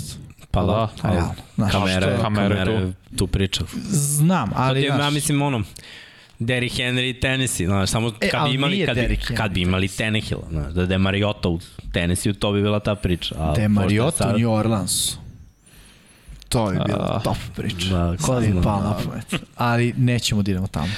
Vratimo se Bitno je da je. Tyson Hill rešio Jaguars i Titansi, Pa ovaj nije baš, nije baš teško rešiti Jaguars, možda, da, možda su ih Titansi ušutirali u maniru Urbana Majera. I, Da. ja. A, ste primetili na kraju Doći meča? do toga. Pošto je, ovaj, kako se zove, ono, treneri se pozdravili na kraju meča. Urban vidio sam. da, je baš samo bilo on kao bam i prošao je pored uh, Vrejbela, njih pogleda ga u oči nije. A bili su, radili su zajedno Gde? mislim da su na koleđu da je Vra- Vrabel prvi trenerski kontakt imao na koleđu i da je tada, ja mi čini mi se, radio sa Urbanom. Možda Čini na mi se, Floridi. nisam siguran. Nisam siguran. Možda sam uh, i dao lošu informaciju, možda možemo to da istražimo nekom trenutku kasnije, ali u svakom slučaju Evo ono, ga Srki, brzi prsti. nije bilo Odmah na Da. Ja znam, možda da, Florida. Urban Meyer, uh, Mike Vrabel connection. Ili pre Florida, eventualno. Šta imamo, Atlantu i... Znaš šta mi izlazi, izvinjavam se. A, ne. Izlazi uh, Urban Meyer, Mike Vrabel fight. To je prva stvar koja, koja, Sam ti rekao da ima nešto. Čekaj, čekaj, ovo sad postaje zanimljivo. Naravno, handshake je jedna od bitnih stvari, ali Saznaćemo. Da. IT je To je clickbait. bukvalno connection da napišeš ili ima tako ili, ili on ties kao neka, neka veza između njih. Ali da, u svakom slučaju ono... Na Ohio State je bio pa da, trener. Da, da, da, da. Defanzivne linije. Tako To je, bravo, bravo, Ohio State, eto. Znam da sam pročito na tu informaciju. Urban Meyer je bio trener u NFL-u, tako da... Da. Idemo dalje. Idemo Ajde da dalje. pogledamo i rezultate, doći ćemo do otpuštanja Urbana Majera. Nije mala vest u pitanju naprotiv. Falcons i Panthersi 29-21 Mislim da Panthersi ono idu samo dole. Pa da, nema, mislim, vi kad su uzeli Kema, to je negde bio signal. Mislim, to je bio ono pokuše, e, ovo može, ako nas ovo ne preokrene, neće ništa, Ali ja idemo... mislim da je to loš potes. Ali oni su pustili Joe Brady, ofenzivnog koordinatora koji je bio ofenzivni koordinator Buronu na LSU. Očigledno taj napad ne može da se prenese u NFL i onda naš nezadovoljstvo pa promene. Drugo, taj napad definitivno nije za Kema, Da. treba i da. to reći. I definitivno nije za Pa mislim da nije ni za PJ Walkera, a mislim da nije Ma ni nije za ni za- Sema Darnolda. Tako je. Tako da, znaš, treba sa onim što imaš pronaći neko rešenje. Sad Darnold se vraća ove nedelje na trening, već imaju neke COVID protokole, DJ Moore ne igra na ovoj utakmici sledećoj. Tako da ono, ko što kažete, Karolina tone i mislim da je to izvesno. Ozbiljan zalet sezone, start, delovalo je onako ok, ali protivnici realno mršavi i Jest. E, znaš verovatno šta? zbog toga. E, mislim da Rule ima legitimno opravdanje u smislu, ej, CMC nije tu cele godine, Da. da. Darnold koji ono kao, ok, probali smo, nije išlo, sledeći sezon. Hoće kažem, sigurno mu je pozicija, A jes, Probali su s jes. Darnoldom, gledaj, ovo je bio, ovo je bio dobar eksperiment. Znaš, Da, jeste. da, da vidiš bez, mislim, nije besplatan, ali jeftin eksperiment, aj tako Pa da, da, kažem. šta su dali? Nisu dali mnogo. Ništa. Ok, ako je dobar, ruki je, novo lice franšize, ajmo. Super, da. Samo, mislim, ja ono što ja pričam, ja sam naravno da vidio u Jetsima dovoljno. Znaš, imaš quarterback koji igraju u lošim ekipama, ali ne padaju. Da. Darnold pada, jednostavno nije hrabar i to je to, ja ne volim quarterback koji nisu hrabri. Ne možeš da igraš quarterbacka, a ne budeš da nemaš kohones. Idemo dalje. Da. Dobro, nije još 12, tek i 10 prošlo, ali strana krenu, reč. ali, ali vidi. Nema, Strana ne, reč, jedna ne, reč. strana reč. Pa sa... Por qué? Perke. Don Pablo, Tranquilo, tranquilo. Idemo dalje. Idemo dalje. Ravens Browns, to smo rekli, Bersi, Packersi. Jo, Vlasnik, O, vlasnik se ponovo pojavio. Mogu vam kažem da sam u jednom trenutku bio onako, ja, što je ovo Sunday night, onda je bilo idemo. Bilo je zabavno. Vidi, 75 poena.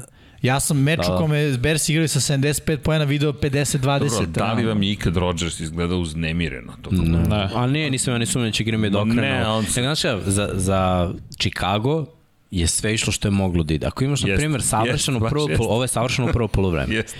Prvo vratiš prvi vraćen punt za touchdown. Znači vratio dečko 95 yardi za touchdown. Ok, sprinter je trči 4-3, nije jedini, imaju, i trojicu imaju koji trče 4-3. Goodwin trči 4-3, Mooney trči 4-3. I sad imaju i Jakima Granta, znači ono, stafetu prave.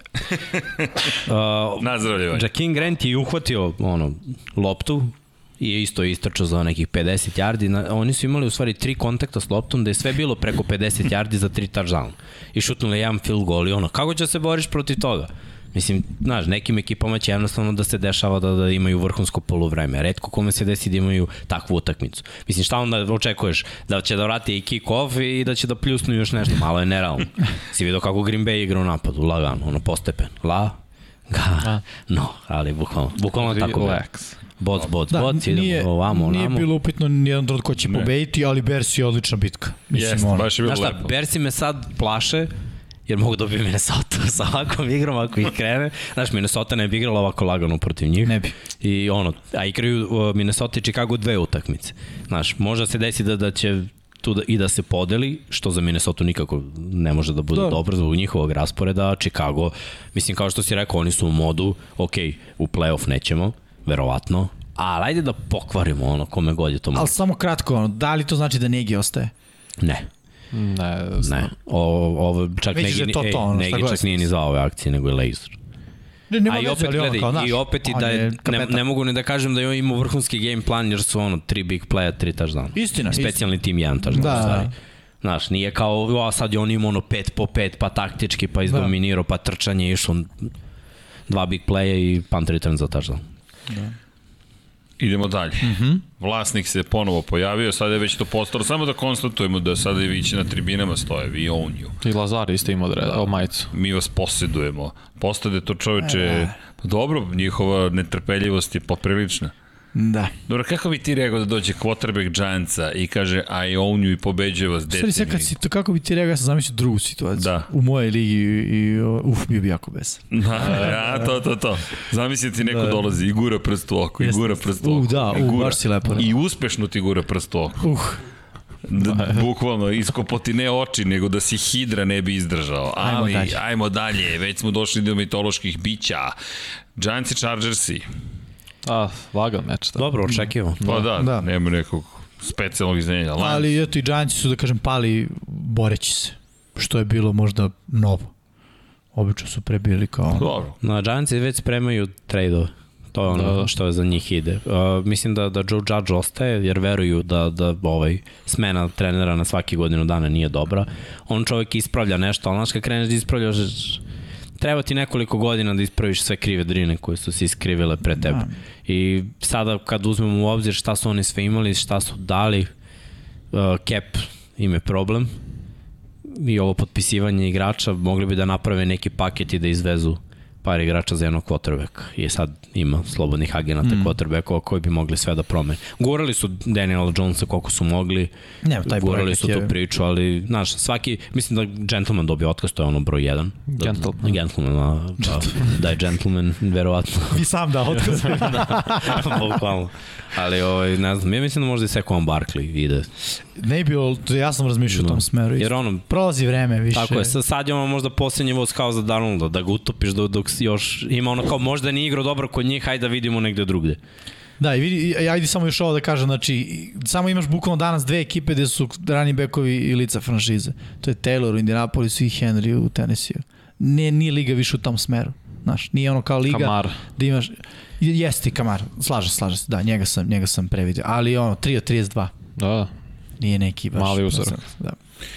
Imamo dalje još nekoliko utakmica do kraja ovoga kola.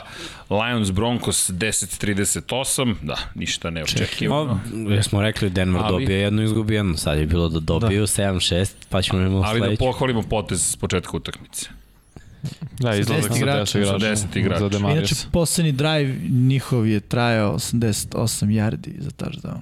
Ej, da, to, to je, je isto bilo, da, lepo. Ono kao fun fact. Lepo, da za one koji ne znaju, prosto su zaustavili igru, dogovorili su se i sa, sa Lionsima i baš su jedni drugi ispoštovali, niko nije započeo utakmicu, s 10 igrača su započeli utakmicu i... Da uzeli game namerno, nisu da, pokrenuli akciju. Da, odbili su Lionsi, su odbili kaznu i samo su nastavili od, od druge akcije praktično, ali, da. ali lepo bilo vidjeti da su zapamtili svog saigrača i da su mu odali počest. Prosto da, da. dirljivo i to je, to je zaista ono što je lepo bilo videti utakmicu, meni najviše to obeležilo sve ostalo. Znali smo kako će da se I presečena lopta Justin Simonsa, isto kako je stavio na broj Demarius Thomasa nakon toga. Jeste. To je isto bilo cool. Jeste. Da, za one koji ne znaju Demarius Thomas, koji je nažalost mm. preminuo. 33. godine. Da. Zastrašujući. Bukvalno dete. Ali zaista dete. Idemo dalje. Bills Buccaneers, to smo konstatovali, Bears Packers konstatovali, Rams Cardinals, to smo takođe konstatovali. Mm. Inače, Cardinal je ptica, raspitao sam se. Jel? Specifična Jeste, pa rekao sam. Koliko ja godišnji si ti raspitao? Uh, Morao sam. Svaka čast. Inače, da znaš, jedna od redkih ptica koja se sa bogomoljkama uspešno bori bez većih problema. A što je problem boriti se s bogomljika? Mislim... Bogomljika uopšte nije jednostavna za pobediti. Ne, nećeš, ne, ne može da te povredi, ali uopšte nije jednostavna tako za, za savladati. Dosta Konju je... jede uopšte? Mislim, pošto pa, insekt. Ono... Uglavnom ptice. Ptice, a. Da, da. da. I kardinal je jedan od, jedna od ptica koja je tu vrlo e, uspešna. Volim te vrste životinja, znaš, koje su specializovane za nešto. Ne, stvarno, to mi je ono, totalno cool. Kao kad sam gledao neku emisiju, ima pacov neki, koji je fantastičan proti kobre. Pazi, kao kobre i pacov. Mungos, Mungos, bravo, Mungos. Da li znaš pa, da... Faco, pa dobro, da, dobro. Kardinal mu je vrabac, Mungos mu je faco. Podhitno na Discovery. na National Geographic ću te pretplatim. Pa iz koje Mora porodice? To. Iz koje porodice je Mungos? E, Nije baš. Pa, ja, ne. Evo ga, idemo, nova tema. Ja, znaš, znaš da na, na Mljetu postoji restoran Mungus? Znaš zašto? Ne. Zato što su mungusi zapravo uvedeni na mljet da bi istrebili uh, zmije Zmije, otrovnice. zmije, da. da, i oni su tu, jedno su se toliko naselili da su bili štetočine, ali imaš restoran Mungus, tako da dolaziš na, na mljet i kao restoran Mungus. Mungus, zašto Mungus ovde? I onda se Zmijski raspitaš, specijaliteti. Da, zmijski specijaliteti. Zapravo, pošto je, pošto je u jednom momentu pripadao u Strugarskoj, onda je u Strugarski carski botaničar bio zadužen za čišćenje ostrava od, Od zmija. od zmija. I uveo Munguse. Top. Treba i Mungose u, Afri, u, ovaj, u Australiji. Eto ti ga naziv za ekipu, Mungusi. Mungusi, da, to Mungusi, opasni su. To su opasni. E, ako ubiješ A kad krenu ovako otrovnicu- Da se, Da, pa je to pacov ili nije pacov? Pa ne znam. Pa evo šta? čitam sada, mislim da nije. Giant. Pacovi Pa, igraju, mislim da šta, nije kad pac. sretneš pacova on ovako, gde si Jimmy? Pa to zavisi, da, ako se sretnemo u po noći i onaj upalni svetlom stane, znaš ko, čeka se prvi korak. A ti kao kobra. A ne, ne, ne, ne, s pacovom, ako, je- ako su mungosi pacovi, onda ne, Samo. kao kobra. Mislim da nisu, pa se Nisu? sad čitam. Dobro, eto. Timon, ajmo dalje. Ajmo dalje, da. Dobro, saznaćemo do kraja emisije ko, čemu pripadaju mungusi, ali dobro. S koje porodice dolaze? Porodica Herpestidea, Da. O, dakle, Bože, herpes. carstvo animalija, Tako. klasa mama, dobro, sisari su očigledno, ali... Red, karnivora, Dobro. podred. Od- Ne znam šta je fel... Ne, Da, da, Feliformija. Neka se javi neko ko može da nam pomogne Da. svemu ovo- Da li su mungosi pacovi? Može to pitanje. mačkolike zveri. Mačkolike čak, ovo dobro, to, promašio sam. Mačkolički. Promašio sam, Jimmy, koga okej. si ti sreo? Ja vam kažem, Fele krenuo s vrapcem. Dobro, eto, bar znamo da mi biologija ne ide. To je okej. ne vidi sve. Ne redu. može jedan čovjek sve pokrije. Zato navijaš za orlove. To je jasno šta je. Ko je to podvrsta? Oro. Oro, oro pao. Ptica. Ali dobro. Da. Ok, šta nam je sledeće? Jokeri. Jokeri 14. kola. Ajmo da se bacimo na Batmane. Da vidimo ko je bio Joker 14. kola. Vanja, odbrana Kansas City Chiefsa. Pa da, ovo što su radili Raidersima, četiri lopte su im oduzeli, stvarno su brutalno odigrali. Uopšte napad je samo iskoristio to i manji teren i sve postigao poena, ali odbrana je bila ključ. Kao što jeste u poslednjih tih šest utakmica ne računajući u da je, što je rekao Miksa, manje od 10 poena primaju. Da, meni je Brešad, Brešad Periman čisto zato što je čovjek dva puta bio meta tokom utakmice na kraju dohvatio loptu, jest uhvatio loptu za pobedu protiv Buffalo Bills. Pa kao Joker, kažeš, ok, potrebno. E, te Brešard Perima. Prva runda drafta. se sećaš? Šta se sećam? Onik.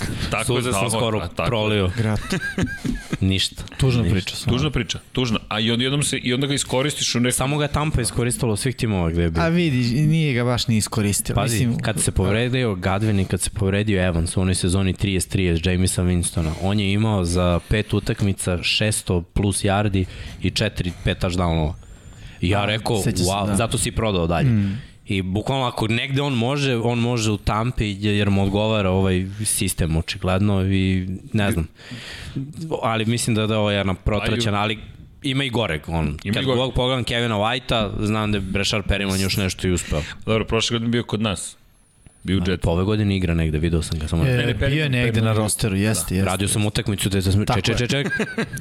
Da li je ovo? Ti je radili u predsezoni. Da li je okej, okay, right. Da igru jednu A da, u regu- Sencimo, Sencimo je White. Pa ja sam Bravo, mislio za Perimana da, da da. pričaš. I Periman nije bio Perryman je tamo. Prošle godine bio u Jetsima. Da. Ali je ovu sezonu započene drugo. Ja da, da, mislim. negde, jeste. Nije bio u. Tampi. Nije bio u Tampi. Možda čak i je u u Tampi Baltimoru, potpisan. Nije, nije, Nešto mi gleda, ne znam Od šta Baltimora za počeo obilaz bilo. u širokom luku. Da, Možda je možda. bio na trening kampu, ali... Ne, ne, sam- bio, bio u predsezoni. bio je negde, da. U Mislim, predsezoni. Mislim, da, u predsezoni. Ali okej, možda, možda i nije. U svakom U slučaju, svakom slučaju čovek nije otkud se pojavi, uhvati onu krštanje, ode tamo na desnu stranu i nestade. Dobro, pazi, on je 4-3 isto. Ne, ne, vidi, ali bilo Bio, je... mislim, sad je možda 4-4, ali brz je, samo što šupljao ruku. Jeste.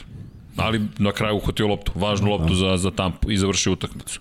Walk off je bio moment. I 700 hvatanje za touchdown za Brady. Bačan dodavanje. Dodavanje, tako, no. tako, pa dobro, hvatanje u kontekstu, neku Periman je uhvatio tu loptu, 700 to bacanje, Brady da je uhvatio 700, bilo bi čudno, ali, ali, ali i tu loptu su sačuvali. Najčešće Periman samo zavrteo loptu i otišao. Vidio sam I ovaj vidiš kako uska. Uleće frajer, uleće iz Tampa Bay-a. Za, za, hvataj loptu. čuvaj, nemoj da Čuvaj, dajemo opet nemoj kopački kacige. A neko i to broji. Neko i to broji.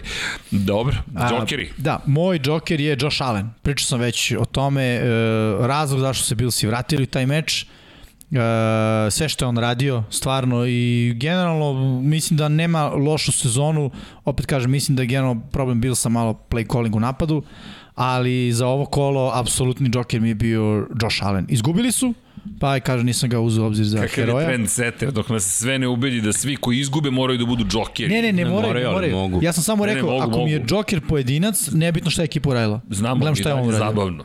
Da, pa ne, to I je, dalje je zabavno. point. To, I to je tvoj, i tvoj faza, tvoj stil. Da, tako da Josh Allen. Jao, kad smo kod stila. Jao, znate ko je na Twitteru? Dame i gospodo, A. jao. Yes, Ko je na Twitteru? Jimmy the Coach. Jimmy the Coach, Brr. 99. 99. Ubedio si ga. Jesam, da, prošle nedelje tvoja priča mi je malo onako... Otvorio sam ga u dva ujutru, samo ću to da vam Opet kažem. ta strana Ne, stola. najčešće mi stiže notifikacija. Jimmy the Coach. Ko je ovaj čovjek? ču, čuo sam se Si razmišljao da sa njim. postanete prijatelji, a? Kad si ga nagovorio da napravi, pa sad kao držiš ga u neizvestnosti. Zapratio sam ga. Jes, bolje bi ti bilo u 2.15 da je stigao. E, samo sam mu poslao poruku. Ne, poruka je bila samo zaprat pao. Da, jako Hvala. budan je i on. Ludilo. Ko za ovim stolom spava, taj Taj niz ovim stolom, odmah da se razumemo. da se razumaju. E, Spavaš ti? I moj džoker je izgubio. Tako je. Izgubio? A da, ali baš bio Au, džoker. dobro, Vratio dobro, prvi dobro, pan, vratio je dobro. prvi pan ove sezone za touchdown. Dobro. Znači zaslužio je da bude Jeste, džoker jeste. i još je dao još jedan touchdown. Tako Lepo. da ono, baš se potrudio. I ovo ti je Govorimo pravi ime. primer kad neko, Jackin Grant, kad neko zna da iskoristi u Majamiju, nisu znali da ga iskoriste. Uh, pazi, da je u Kansas City-u s ovom njegovom brzinom od 4-3, ja verujem da, da bi ono, mogao da postane ne, nešto slično Teriku Hillu. Nije on toliko loš, ok, nije baš najsigurniji hvatač, ali možda ga staviš u situacije, nije možda za njega fade, možda je screen. Možda u stvari baš od 0, ono, od 0 do 100, to ubrzanje mu je bolje ne, ne, nego puna brzina. Oni šta ima, 5-7, mislim, to je nizak igrač. Ali daj mu loptu, ubaci ga u neki reverse, koristi njegovu brzinu i možda nešto i bude. Svako u Chicago Bersi su baš ono spitsteri lepo. postali. Lepo su ga iskoristili. Da, na ovoj utakmici baš. Idemo na tragičare, 14. kola 2021. 22. sezone NFL-a. Vanja, Kyler Murray, quarterback Arizona Cardinalsa. Da, dve bačene, presečene lopte. Ne, generalno igra Mare nije na tom nivou u poslednjih dve, tri nedelje. Vidjet ćemo kako će to da se odrazi kad nastavimo ka play-offu, da li će kao prošle godine prosto da potone sve više i više, ali u ovom meču bi imao je priliku da pobedi Arizona, da uzme de facto prvo mesto u diviziji i na kraju Mare i svojim graškama je to sprečio. A, moj tragiče, već sam ga spomenuo, Embry Thomas, defensivni back iz 49ersa. A, njegova ekipa pobedila, ali on, opet kažem, njegov učinak i njegov doprinos je taj kao ono, ljudi, imamo ovde utakmicu, ali ne već, ajde vrati malo Bengalse u meč. Uh, mislim, loše, nedovoljno dobro za defensivnu beka u NFL-u, mora bolje, tako da, ono, ako ovo gledaš Embry Thomase, vreme se provodiš. Ovo, ovo mora da bude, ovo, no, ovo mora na Twitter da ti ode. Kao Ok, mi. teguj. Može, i tagovaću. I Da. jao. Da. Stavit ću mi sad Poruka je title, jasna. da. Uh, meni je tragičar Urban Meyer. Zaista. Što? Šta? Zašto? Pa ne vidi, oni koji mogu da slave su Jacksonville Jaguars, ali je tragičan. Ex. Ne možeš ovako da se pojaviš, pa ex, bivši glavni trener Jacksonville Jaguarsa, celo priča oko njega, dolaska u Jacksonville, angažmana prvog pika na draftu, ludila koje se okretalo, najuspe, ko je uspešniji, Saban ili on na koleđu, da li može to s koleđa da prenese u NFL, Na koleđu. Ovo je Jedino je Jimmy engleska. Johnson mogao da prenese to sa koleđa na NFL. Kako? Jimmy Johnson je jedin to uspeo sa koleđa Pa na dobro, i NFL. Jim Harbaugh nije bio loš, realno.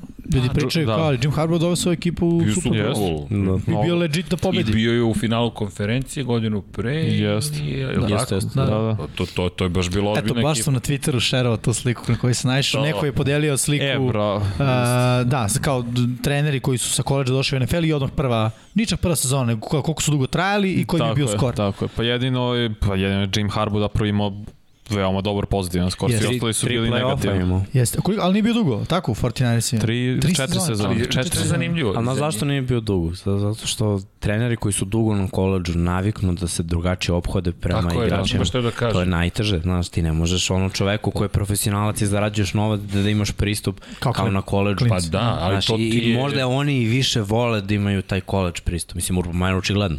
Vidi, e, izvini, za Harbao je važilo da je mnogo težak za saradnju i da je težak trener, bez obzira što kod njega bilo rezultata, to je kao važilo. Pa čekaj, i Singletary je njima bio trener. 49 bravo. U jednom trenutku je Jeste. izašao Vernon Davis je pravio, Vernon Davis bio pro bowl tight end ubica i pravio je problem, ono, na treningu jer mu se nije svidio stav koliko trener traži od njega, onda Singletary je iza, izašao na, na pres konferenciju Gang i, coach. da, ne, ne, ne možeš da ih treniraš, ne možeš da pobediš njima, što oni za sve imaju, ono, buhu, razumeš? Pa da. Nije, on je čovek koji je igrao za Chicago, oni godine koji su osvojili Super Bowl, ono, bez, po, znaš, odbrana, Da, da. Singletary, quarterback u odbranu, znaš, ono, Walter Payton, ta generacija, nema bre s njima, e, treneru ne mogu jer imam upalu pupka. znaš, šta bre, ne možeš bre. Znači, i, I ne može, takav trener ne može da uspe. Danas mora da budeš ono, psiholog, Jest. trener, i moraš da razmišljaš prvo o osjećanjima igrača, to je vrlo važno. Kako se Osim bio osjećaju. Beličik. Ne, ne, ne. Bili ima za- zaleđinu, to smo rekli. Razumeš? On- on je jedini on ima, on ima zaleđinu i on je GM, razumeš? Ovi ostali su samo treneri. Je kapiraš? Ispremi ako grešim, ali nije u ovom studiju bio Nemanja Matić Jeste. Jeste. i priča upravo o tome u futbalu. Ista stvar, kaže, Da. da. danas se treneri prilagođavaju igračima. Dođe igrač padne u depresiju na poluvremena ga iskritikovao u slučajnici. Jeste. I onda samo kaže, ja ne mogu da igram više. Ne osjećam se sposobni. I on kaže, futbol potpuno drugačiji. Ako, znaš, to je profesionalni sport. Mislim, kao što je i ovo profesionalni sport, ali ako se ono, tu stvari menjaju, to moraš da prihvatiš da je, da je fakat i da se dešava. I ne smeš da ga ignoriš, što kaže Miksa, takav trener kao Singletary koji sigurno zna i da uh, prenese i sve, ali to radi na ono old school način i zato, mislim, nije ni u NFL-u, čini mi se da nije više ni trener Da, generalno. Nije. Ne može, znaš, on je old school, ovi su college treneri. Ja, znaš, i Harbo ima taj problem. On Da, Harbaugh ima kako- i problem sa front office on se s njima najviše svađa zapravo Jeste. i zato je rekao, ok, ja napuštam, ne, ne može kao, nešto popušta i ja idem. Pa. Dobro, zašto znaš na koleđu je on bog i batina. Jesu, de Mislim, on, facto. trener, glavni trener, to je to. Mislim, da, imaju Promenit će se sigurno... to sad i na koleđu. Uf, Pa, uf. vidjet ćemo, ne znam. Mislim, Mislim, da ne. i opet da kažemo da je Harbo imao igračko iskustvo u NFL-u, a Urban Meyer, znaš, druga priča. On je Ali- baš ono za koleđ. Ali mi je tragičar u svakom slučaju. Cele te priče, došli Pazi, smo do on ti je da tragičar izbačen. i sezona je katastrofa i ekipu vodi katastrofa i ima više pobjeda od Detroita. Jer Campbell, koliko god ekipa istina. gubila, vodi ekipu bolje. Upao sam u depresiju, ja više ne mogu. Da. da, pazi, koji šok. A, mislim da, jesmo mislim svi da rekli. je- ne, Miksa ne, nije. Ma nije moji Miksa, su Raidersi, Miksa, ne moram ništa, Miksa. nije pričam, crno. Da, uklopili su. Gledajte, Dom Pablo, Pa crno je, da mi je pao, crno-beli svet. crno-beli svet. Ajmo na heroje, ajmo na ove, na ove Lepše što su teme. pozitivni. Da. E, evo, krenut ću em, ja. Znam, Dom Pablo nas blok, znaš, rekao si da su Raidersi da. loši, onda dobili smo... Izvini, blokadu. Pavlo, razmišljat ću o tvojim osjećanjima. Raiders imaju samo pet poraza u posljednjih šest utakmica, ali jednu pobedu, to je važno. Držat ćemo se te jedne pobede. I to Dallas. I Cleveland će imati još 10 zaraženih igrača i pobedit ćete opet. Heroj nedelje. Moji heroji su ka Kansas. Niko iko čim je ozbiljan, znači ti si sve ovo ispričao. Pa ne, ako On je samo rekao, da se heroj desi. nedelje. Uh, Kansas City Chiefsi uh, zato što je odbrana funkcionisala pre svega, ali ono što smo videli u napadu uh, nije bilo divljena što tiče Mahomesovih pokušaja, trčanje je lepo funkcionisalo, čak su u tom meču protiv Raidersa trčanje vrlo lepo koristili, u totalu preko 100 yardi, čini mi se 130 uh -huh. da je bilo što je ono odličan game plan i način da da ovaj da pokažeš da prevazilaziš krizu. E sad, ono što se desilo sinoć je priča za sebe, ali što se tiče 14. nedelja, meni su ono Chiefsi kompletno napad, odbrana, odradi, odrađen posao. Cool. Meni je heroj gospodin Donald. Defazivni tackle Los Angeles Rams, Ramsa. Aaron Donald mislim da je čovek pokazao još jednom šta, šta možeš da uradiš, čak i najavio šta će da urade i koliko su bili dobri i kada pogledaš koliko su ograničili Arizonu u, u velikom broju situacija, zaista su uradili super posao. Ali Donalda bih posebno izdvojio jer nekako se zaboravlja opet koliko je njegov velik uticaj, a ti ja smo ga spominjali baš pre, pre neki dan, jednostavno to su ti igrači, očekuješ od njih, dobiješ, ali rad, smatram da mora da se istakne, pogotovo što to nije bilo očekivana pobeda. Ipak nije bilo očekivana. Samo imamo jedan misplay Da. na toj utakmici i to protiv kolege sa univerziteta Pittsburgh protiv Konera, da ga je imao u obaranju da ne bude touchdown i ovaj se izvuko i dao Izvukao, da. touchdown. Ali ono, videli smo malo i slike i priče, s obzirom da su bili ono, najbolje ortacije na, na koleđu i sad igraju u istoj diviziji za različite timove, mislim. Da. A jedan i drugi ozbiljno menjuju svoje timove. Da, Istina. Ali opet, da. ozbiljan impakt imao. Da, tako da je to meni, on je meni bio heroj. Miksa, Vanja. Miksa. Pa dobro, moj Aaron Rodgers, mislim, stvarno. Opet klasika odigra, bacio te, četiri touchdown, opet Green Bay ide ka prvoj poziciji, opšti razlog on. Videli su, Da. kada on ne igra, daju 7 pojena, kada on igra, mislim, nije sad baš primjer što zali 45, ali napad funkcioniš. I opet su ušli taj ritam da je melju, i melju, i melju. Ako ovako nastave, bit će prvi u konferenciji. Pa meni je Green Bay već meseci i po dana najozbiljniji tim. Isto. U stvari, još i, i više, možda i dva meseca, jer oni samo su prekinuli svoj pobednički niz protiv Chiefsa kad Rodgers nije ni igrao. Da. O, stvarno, kak, kakva sezona, nerealno. Uh, ajde, moje Ajuk, rekao sam već zašto. One, pazi, i nije samo ono jedno. Treba reći, Dibo je u prvom planu, Kelsey, ovaj bre, Kittle u drugom planu, ali Ajuk je konstantan, konačno su ga uključili u game plan, uvijek ima hvatanja i uvijek su neka važna hvatanja i ima jarde nakon hvatanja, ali ovaj touchdown, ovo je stvarno bilo ono, herojski. Mm. Stvarno je bilo herojski. Uhvatiti loptu, o, on je uhvatio loptu, ako se ne varam, za par jardi, a istračuje sve do kraja. Mislim da, da je touchdown na kraju bio od 18 do 20 yardi, a on je uhvatio ono u fletu. Ispravio, izbegao nekoliko igrača i na kraju se bacio i taj Juk. awareness. Da, ba, baš je Kako, nekako su sklopili ekipu sa, sa neuništivim hvatačkim opcijama. Znači, Kittle ne pada na prvi kontakt, Dibo Samuel ima najviše yardi nakon prvog kontakta, a Juk isto izbegava kontakt plus preskače. Znači, da. videli smo nekoliko touchdownova da je da ono preskače, hrdlo je ljude lagano i ovo sada je čist primer fizičkih predispozicija. I Mitchell, mislim koji je ono. Isto Pazi na dobro. sve to i Jušče kao fullback ima solidne fizičke predispozicije. Jeste. Tako da. Trey Lance sledeće godine, au, kako poklon imaš, čoveče, sve si dobio. Idemo dalje. Gde ćemo dalje? A, Ćemo na priču nedelje. pa da, dotakli smo već nekoliko puta. Ćemo krenemo od Urbana Majera. Ajmo. Ajmo. Jel ima neko želju? Gledam na Vanju. Nemam želju. Vanja nam je ekspert za koleđ. A Ne, ovo on je, stvarno ponašanje Urban Majera je ispod svakog nivoa, on nije ni za college nivo. Da neko prvo na početku pravio te greške, angažovao trenere, ofenzivne koordinatora koji ima očigledne, neću, nije imao dosija, ali očigledne eh, background koji je loš, ljudski faktor je loš i onda ga odmah zamenio. Podnate neke greške pravio toku se one ne vraća se sa timom zajedno posle jedne meča, on ima, uzima privatni avion. Neko je pomislio da je opet na koleđu da je iznad svega zapravo ne možeš takvim igračima. Ne možeš tako generalno sa odraslim igračima, su ljudi koji imaju 28, 9, 30 godina, decu, porodicu, šta god, ne možeš ti s njima na ovaj način. I ovo poslednja priča je on šutnuo Josh Lamp O, na da. treningu, mislim, stvarno, ja to u životu nisam čuo, I- na koleđu, ne... Si čuo za to? Nisam. Da, da, kako ne. Dragane! Cela, kom...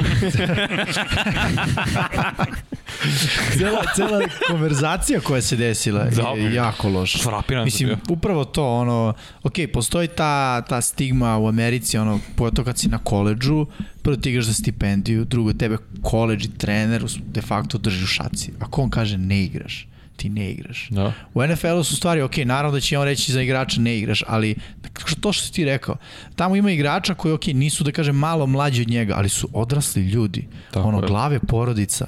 Ne možeš da ga ugnjetavaš i unižavaš kao neko ko je student, u smislu kao neko ko je u fazi života kada dobro, ribanje i kritika može stvarno da bude produktivno i da, znaš, ono, posmatraš ga kao recimo, ne znam, da si zap... mislim, po meni je to uvek tako, možeš da posmatraš te igrače kao da si zaposao u nekoj korporaciji, tako? Ti, ti ćeš od tvojeg direktora da dobiješ i nadređenog neku vrstu ribanja. A to nikad neće biti nivo šutnete u nogu ili te omalovažava ili, da. znaš, mora da se vodi račun o tome, ne sa nekog, sa kao političke korektnosti, neko mekano društvo i to, ne. Ali ono, znaš, Pogrešno je prosto. apsolutno je pogrešno, znaš, dva odrasla čoveka, jedan jednog šut, mislim, ono, šutne, jer zna da ovaj ne može da mu vrati.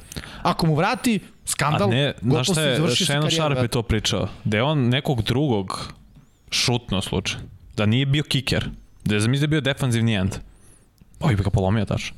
Ne, ne bi ga zanimalo, zato što je to stvar Martellus Bennett, ponosa. recimo. Bi, pa da, Pitanje. Šaj se. ponos, to je stvar stvarno ponosa. Znači, misliš da bi ovaj dopustio? to je- Ne, pazi, to je to- to je jedno- to prevazilazi granicu trener Da. igrač. To je odrastao čovjek na odrastao čovjeka. Da. To je samo jedna gluposti. Mislim, setimo se ono, puba, alkohola, Da. Devojčice, mislim, studentkinje, ono, gospođe, Da. uh, pa mislim da je gospođe bilo u pitanju. Studentkinje. Ne, znam, ja mislim da je Mislim, student. studentki? Da, Da, da, da. priče studentki. Mislim, Dobro. svakako ono, znaš, ne... Nije, nije okej. Okay. I onda Ne. opet vođenje ekipe, neke situacije, oni su neke dobijene utakmice gubili. On je benčovao Robinsona, Najboljeg igrača, ono, a najboljeg grani. Lorenz je molio bukvalno, meni je on potreban, pored mene na terenu. I ovaj kaže ne, ne, ne, ne može.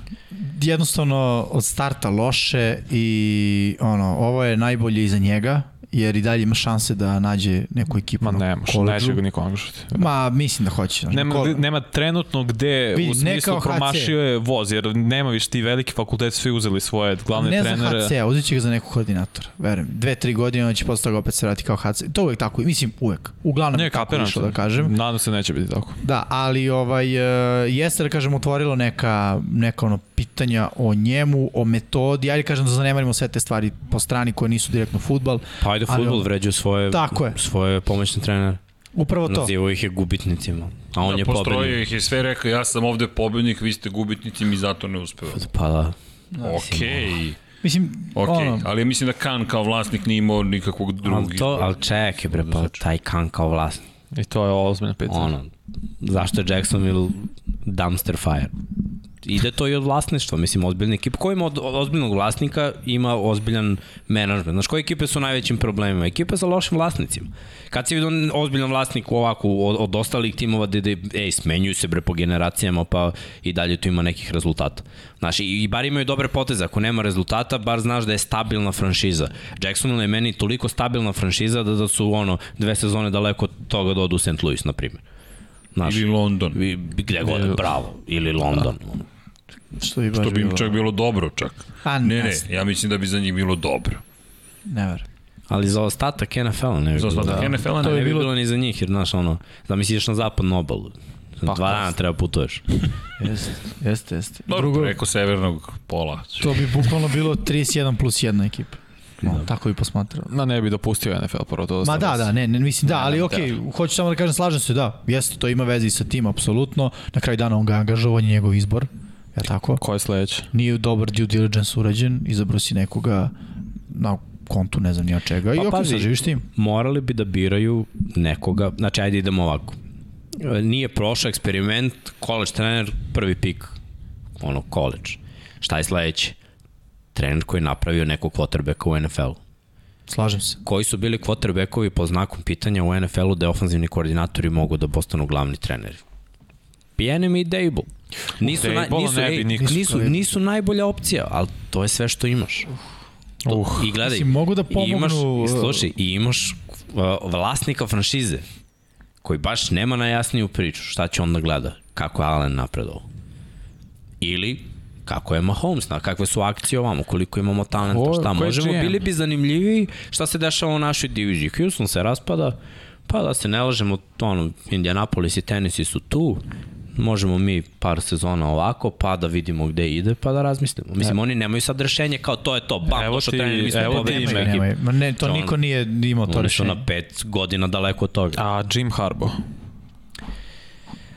A sad smo opet pričali ćeš, opet ćeš dobiti Vanja pristup.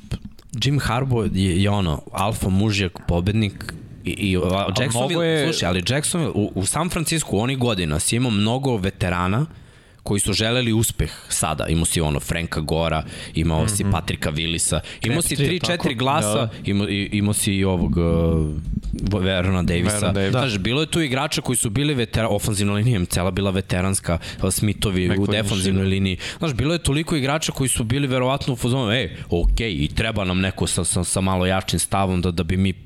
Ko će od Jacksonville to da kaže u današnje vreme? Jer razumijem, oni su klinci, njima, njima ne treba uh, neko ko će da uvede diktaturu, njima treba ono, drugar, drugar trener koji će da Vrabel. učini njihov, njihov playbook zanimljivim, da malo imaju nešto u napadu. Onda Dable nikako, jer Dable meni stvarno nikad nije pokazao sposobnost da bude head coach. Ma Ni jedan ni drugi za mene. Ali u nap- što se mene tiče. unapredovao quarterback.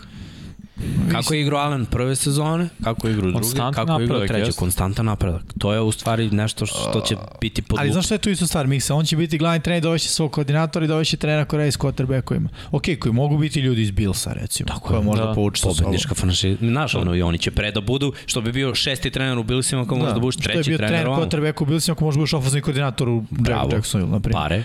Da, Mislim, to A je Brian drugi Leftwich? motiv.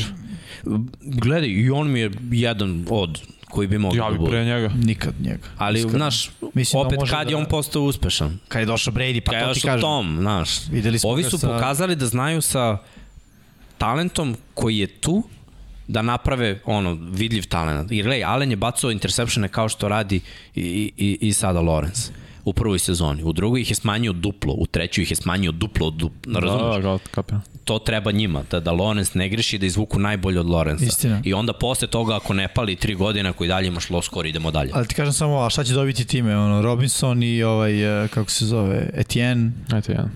Da, Ajde, Robinson nije da. ni bio pik, on je nedraftovan, ali kao Etienne na slota, pošto nema života za njega kao running backa, ne, nebitan će postati. Pa to je bio plan Urbana Majera, by the way.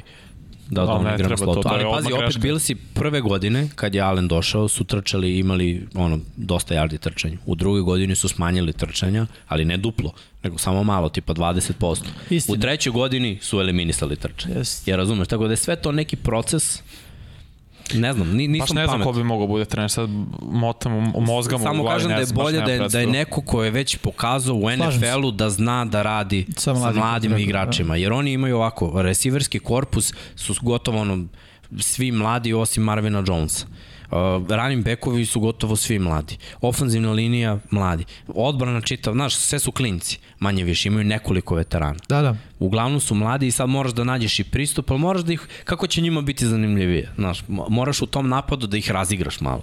Da, da, Jeste. da ima tu malo ne, ne, neke lepršavosti. I da igraš na sla, s, snage koje imaju ti igrači. Znaš, da ne igraš kao, e, ovo je sistem, ali mi smo loši u tome, baš me briga. Nego, ono, da ga, znaš, barem prve sezone, što kažeš ti, da ih zaintrigiraš, da zagrizu, ili im daš da rade ono u čemu su dobri. Pa, ko zna, vidjet ćemo. Da. Vidjet ćemo, ali o, upražnjeno je mesto, ajde, Da. to je sigurno. Pa da, da vidimo gde to ide dalje. Tako je. I šta nam je još priča nedelje Mhm. sa našeg thumbnaila, to su tight endovi u NFL-u.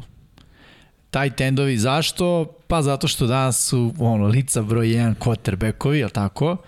A realno pitamo se, meni je drago što se s vremena na vreme pokva- pojave tight endovi koji nisu Karpic, iako, ok, je zvanično tight end, ali tight endovi kao što je ovaj Friermut iz Pittsburgha, koji je real, legit tight end, Jeste. i o kome se- Hawkinson. Hawkinson, ok, da, ali ajde, njega smo već Hawkinson je videli. slabi bloker. Da. Da, ali, Andrews je odličan bloker Jeste. i odličan hvatač. jeste, jeste. pa Andrews 3 je do ovog kola bio broj 1 Titan. Po yardima. Mislim i dalje, pošto Kelsey ima utakmicu više. Ali mogu E, bi pa da ga Dom, pa možemo imamo baš grafiku za Da, jarde. spremili smo posebnu grafiku posvećenu tight endovima, a, a to je ovo broj yardi, odnosno ovo su samo tight endovi izdvojeni, da. Da. prvih pet tight endova kada govorimo o broju uhoćenih yardi, Kelsey je već preko 1000, Andrews će biti, mislim, preko 1000. Sa strane je rank trenutno, kad uzmemo u obzir sve, i hvatače i sve ostale, da kažem, pozicije. Pitts je treći sa 770, Kittle četvrti 757 i to jako miriše da će biti 1000. Još je propustio je Kittle dosta utakmica. Da, vole verovatno neće jer je dalje povređen, ali mislim ko zna ima on u ludačke utakmice, ali eto i pored toga što čovjek ne igra već tri nedelje, on je što se tiče uh, tight endova peti po broju hoćenih yardi, a u NFL-u 37, što je isto mislim dobar rezultat, ono 643 yarde, a kažem eto tri utakmice nije Da, igrao čini ili mi se da je dve, tri, dve sigurno je propustio. da, ja čak mislim i tri. Ali u svakom slučaju Neće igrati ovo, tako da ajde da, da, kažem. ajde da kažemo da su po meni ovdje isto Kelsey, Andrews, Kittle, brutalni blokeri. Top, Voli 3, nisu dobar. top 3 su realno Kelsey, Andrews, Kittle, kako će da ismestiš 1, 2, 3, to je i manje važno, ali su top da, 3 trenutno. ali taj pored toga što imaju ono 1000 yardi sezonu, uh, su odlični blokeri. Prvo, ajde ovako da krenemo od njih trojice, sva trojica su brutalni hvatači. Mm -hmm. Imaju mekane ruke, videli smo ludačka hvatanja i jednom rukom, videli smo jarde nakon kontakta i o, takođe su ono, opasnosti u crvenoj zoni. Iako ne prve. Eto vidimo ovde kako igraju što se tiče hvatanja za touchdown, taj novih tendovi. imena, da. Da je o, šest ima Kittle, šest ima i Mark Andrews, Friermuth ima sedam, Hunter Henry, znamo da je opcija u crvenoj zoni, Travis Kelsey nakon ove utakmice sinoć sedam i, i Dawson Knox, koji uglavnom obavlja blokersko ono, zaduženje i ima u crvenoj zoni, on je opcija, on je najbolji što se tiče tight endova po broju Jeste. hoćenih touchdownova.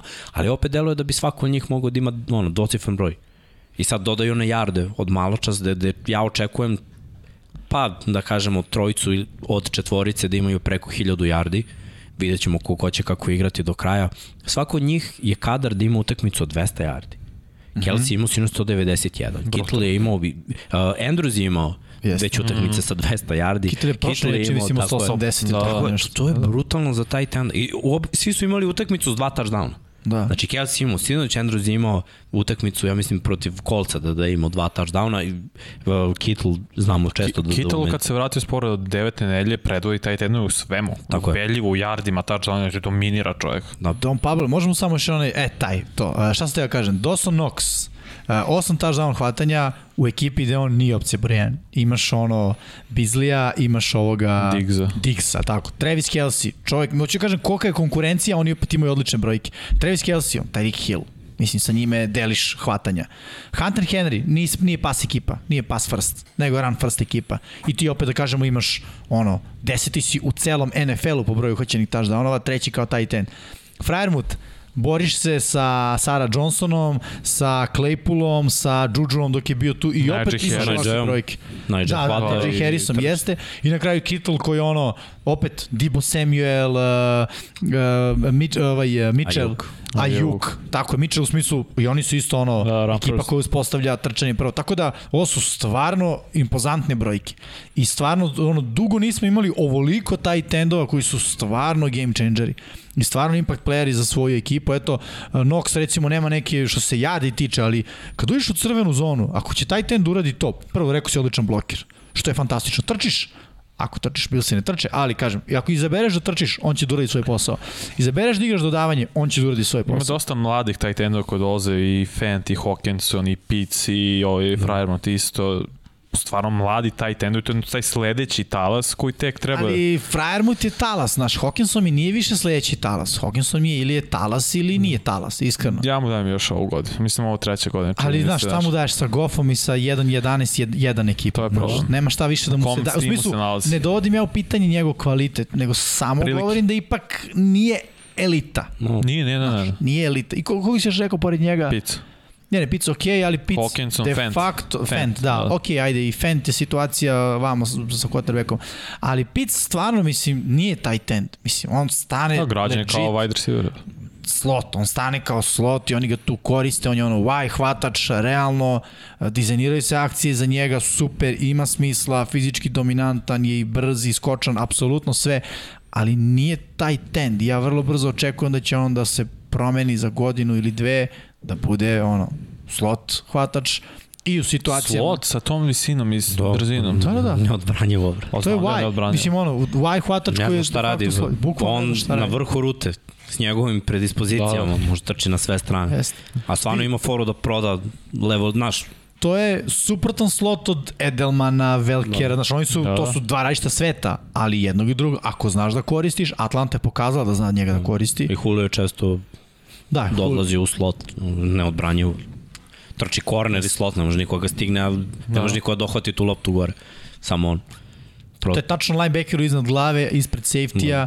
U današnjim pravilima safety ga neće obrisati, znaš, ono, ne sme Ne sme. to, to. defenseless receiver ili pass interference, to je ono, Da. da. 30 yardi svaki play manje više. Jeste. To je prednost. I ajde da kažemo i ovo, ovo je vrlo važno, da svaki tim koji ima taj tenda bolje igra ove godine. A mogu da naborim još desetoricu koji nisu uopšte ovde u vrhu, ali njihove ekipe zavise. Koliko met? Chicago mnogo bolje igra kad je on tu. Mm. Tyler Higby, Ramsey se oslanjuju dosta na neka njegova hvatanja, mm -hmm. pa čak i na te lagane blokove. Zekerc uživao karijeru kada je došao u Arizonu. Sad, sada ih hvata bolje blokira. Pa i Dallas Goddard, ono, Da, Dallas Goedert igra taj, dobro. Da, ide, ide, ide na dobrom putu. Schultz, ovaj iz Dallasa, Da. po, Dak ga gleda. Znači, koliko god on imao tri hvatača i running back, on gleda taj tenda. I to je dokaz da je tu postoji kvalitet. Tako je. Uh, Thomas iz Washingtona. Sad kad se povredio, vidi se malo, znaš, gleda quarterback Logana Tomlina. To su košarkaši, njihove kretnje su prvi korak. Cook isto O- dosta o- gleda da. da, Her. Jeste, jeste, da, dobro, Cook je ali veteran. Cook ima veliki problem. Šta? Cook, Cook ne samo što ispušta lopte, ne, nego on ima ozbiljan problem. To je njemu jedna sezona hiljadu, Tako je. pa dve sezone ga nema, pa opet će imati jednu. Znaš, baš je nekonstantno. To je njegov najveći problem od svega. Ali čučno je Chargersima ove sezone fino. Da, da. Pa, ajde, da kažemo da, da je malo, da je malo pomogao. Uh, i, I kad pogledamo ovamo Juzoma, Mm -hmm. igra jako dobro za, za Bengalse, nije, nije sad tu u samom vrhu, ali imao je utakmice gde on rešio protiv Pa. Ravensa, imao dva touchdowna i, i ono, 150 yardi ako se Pa ne. Brownci, mislim, imaju dvojicu. Tako je. Jest. Hooper i... Da, Joe. Ne znaju, ne znaju ih koriste, ali Bukvalno. znaš, imaju ih. Da. Djoku odlično blokira. Djoku Tako je je, baš šta sam htio da kažem. Videlo se kad Njoku i Bryant nisu tu, to je bilo protiv Baltimora, da trčanje grca. Znaš. To je ono što sam vam rekao. Da, da. Jako je teško da izađeš sa, sa pet igrača na liniji skrimidža i kao hoćeš da igraš protiv front seven, aha, možda imaš Hulka u backfieldu, nije lako, ne, nema bloka, znaš, pa, pa baš je teško. Tako da ima na sve strane, pa i Tonjan za Green Bay videli smo prošle godine koja je razlika, oni sada Da. gledaju to da, da zamene ne, nekim krupnim hvatačem. Uh, isto, ako se sad sad ću malo da prošetam. O, pazi, evo Tampa, Gronk, Brad, je, O.J. Howard. To, znaš, statistički nisu to, ali opet Gronk ima utakmicu sa 200 yardi, ima utakmicu s dva touchdowna. Gronk Na- ima šest touchdowna i to sad. Tako je, i bit će ono upončen kao najefikasniji tight end svih Jest, vremena. Jest. Tako da ono, I negde možda i može se povuče da kažem da je sad, hajde kažem, pravilo da ekipe koje nemaju dobro taj tenda ove sezone nisu u vrhu. Je li tako? Sve Pablo, playoff- sve playoff ekipe da imaju. pogledamo AFC situaciju u play-offu, NFC čisto prođemo kroz ekipe eto, i da, da vidimo, da testiramo tu moju teoriju. E, AFC ili NFC, sve jedno, čisto samo da baca. Evo, Chiefsi, vi znamo ko je. Patriote, uh, Dvojica, Hunter Henry, videli smo, John Smith. Jones radi posao. Titansi su tu Da, to je. iskaču da. iz toga. Mislim, ima onaj Firkser, uh, ali nije to, nije to nekakav elitni učinak. Malo. Ravensi, odličan tight end. ali za Titans je došli do ovog skora zahvaljujući ono ubedljivo najboljom ranim. On, ej, Jeste, Henry jeste. dalje top 4 po Da. istračenim jardima, ne igra dva meseca. Da, da, da. Ja razumem, znači ono, Da, da. njima ni ne treba taj ten. Oni iskaču iz toga. Chargersi, već smo spomenuli Cook, radi dobar okay. posao. Colts isto. Jack Doyle, Moel i Cox. Ne, okej, A ali okej, nije... ništa posebno, da. Ali njihov napad je generalno ništa posebno, ali ovi do, Doyle im Jest. mnogo znači. Jest. Stvarno im mnogo znači. Billsi već smo videli Knox broj 1 po, među tight endima u- po broju hoćenih touchdowna. Brownsi pomenuli, Bengalsi pomenuli, Broncosi ok, no Fent, ali ajde, nije toliki faktor. Steelersi, Friermuth, definitivno. Ja i samo da vidimo još NFC slik. Znači, u suštini možemo negde da povučemo, da kažem to.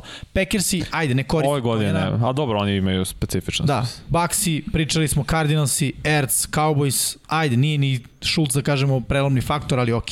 Higby u Ramsima, apsolutno, Kelsey vamo, Logan Thomas, slažem se s Tomom X, ono, kad, kad on nije tu, malo to drugačije izgleda. Conklin igra dobro za Vikings, baš igra dobro, ima touchdownove, otvara se, hvata I jarde. radi posao koji treba Kad se god su. Da. ovaj pokriveni hvatači. Ko je bio pre, ko je sad u Giantsima? A, Rudolf. Rudolf, da, on je bio isto godina. Da, da, ali on je on bio, je kao bloker bio onako. da, ali je bio Ima vrlo koristan. 10 touchdownova. Bio je Jest. crvena zona. Jest. A Conklin je malo više ono versatile, sad ne znam kako to prevedemo. Svestra. Pa, sve da i- kažemo, Da. Svestrano, da, može sve da radi. Spomenuli smo Gaderta, ok, Pitts vamo, koji nije baš klasičan tight end, ali ok, i Saintsi baš nemaju tight end. Da. Tako da ono, ok, ajde kažemo, veliki broj ekipa koja je trenutno u slici play-offa i u AFC, NFC ima dobro rešenje na tight endu koja radi Ono. posao za njih. To je to, završili smo priču. Tako je. Srki. A Jetsi imaju oni tight end. Zato ne pobeđujete, treba vam tight end. Dobro. Odmah na akademiju. Naka... Na akademiju. čekaj, čekaj, Da to, je, to izaberete je u sredini mape, od uvijek sam da. da, da, U da. centru. Znači, manete se onih diva resivera, nego odmah na akademiju. Prođete da se mi pored manemo vatre. quarterbackova za početak. Ali Nemo preko reke, prvo vam treba ovo. Nemoj preko, pa to, pa pričali smo prošli put, ali smo mi otišli prvo preko reke. Da, greška. Pa, no, imamo novog trenera, sve je u redu. Naš nije otpušten, još. Tako Dobro. da je sve okej. Vaš znak kako se igračima. Da. Pa deluje da zna.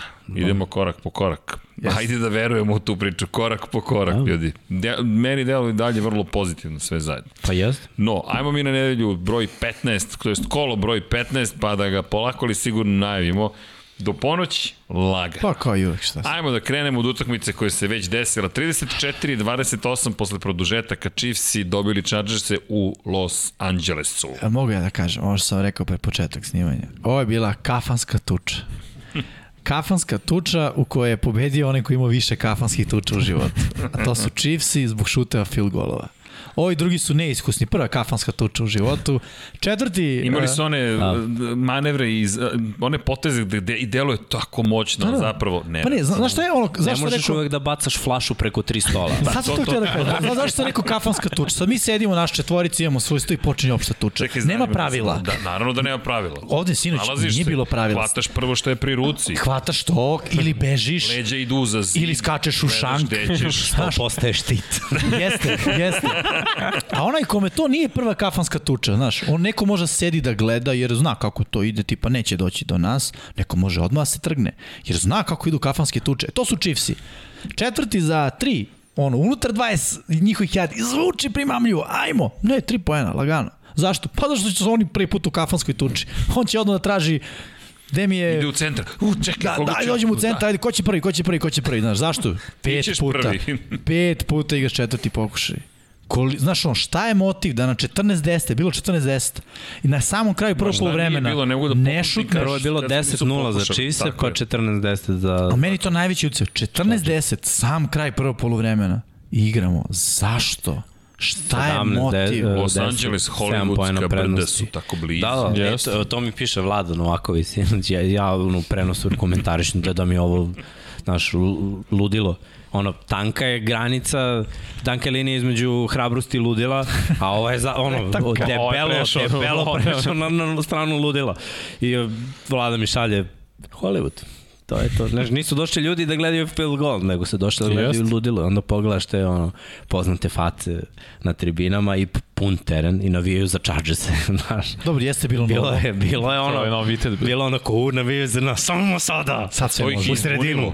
Da, To ih je izbunilo. E, nije Cel- četove sezone ovo rade. Ja kažem, protiv Baltimora četvrti za osam idu sa svojih Ja, ovo je 20 pravilno. jara. E, ali- Ja, tako Staley vodi ekipu. Da. Zato, se zato. Staley neće odvesti ekipu na, ono, u obećanu zemlju.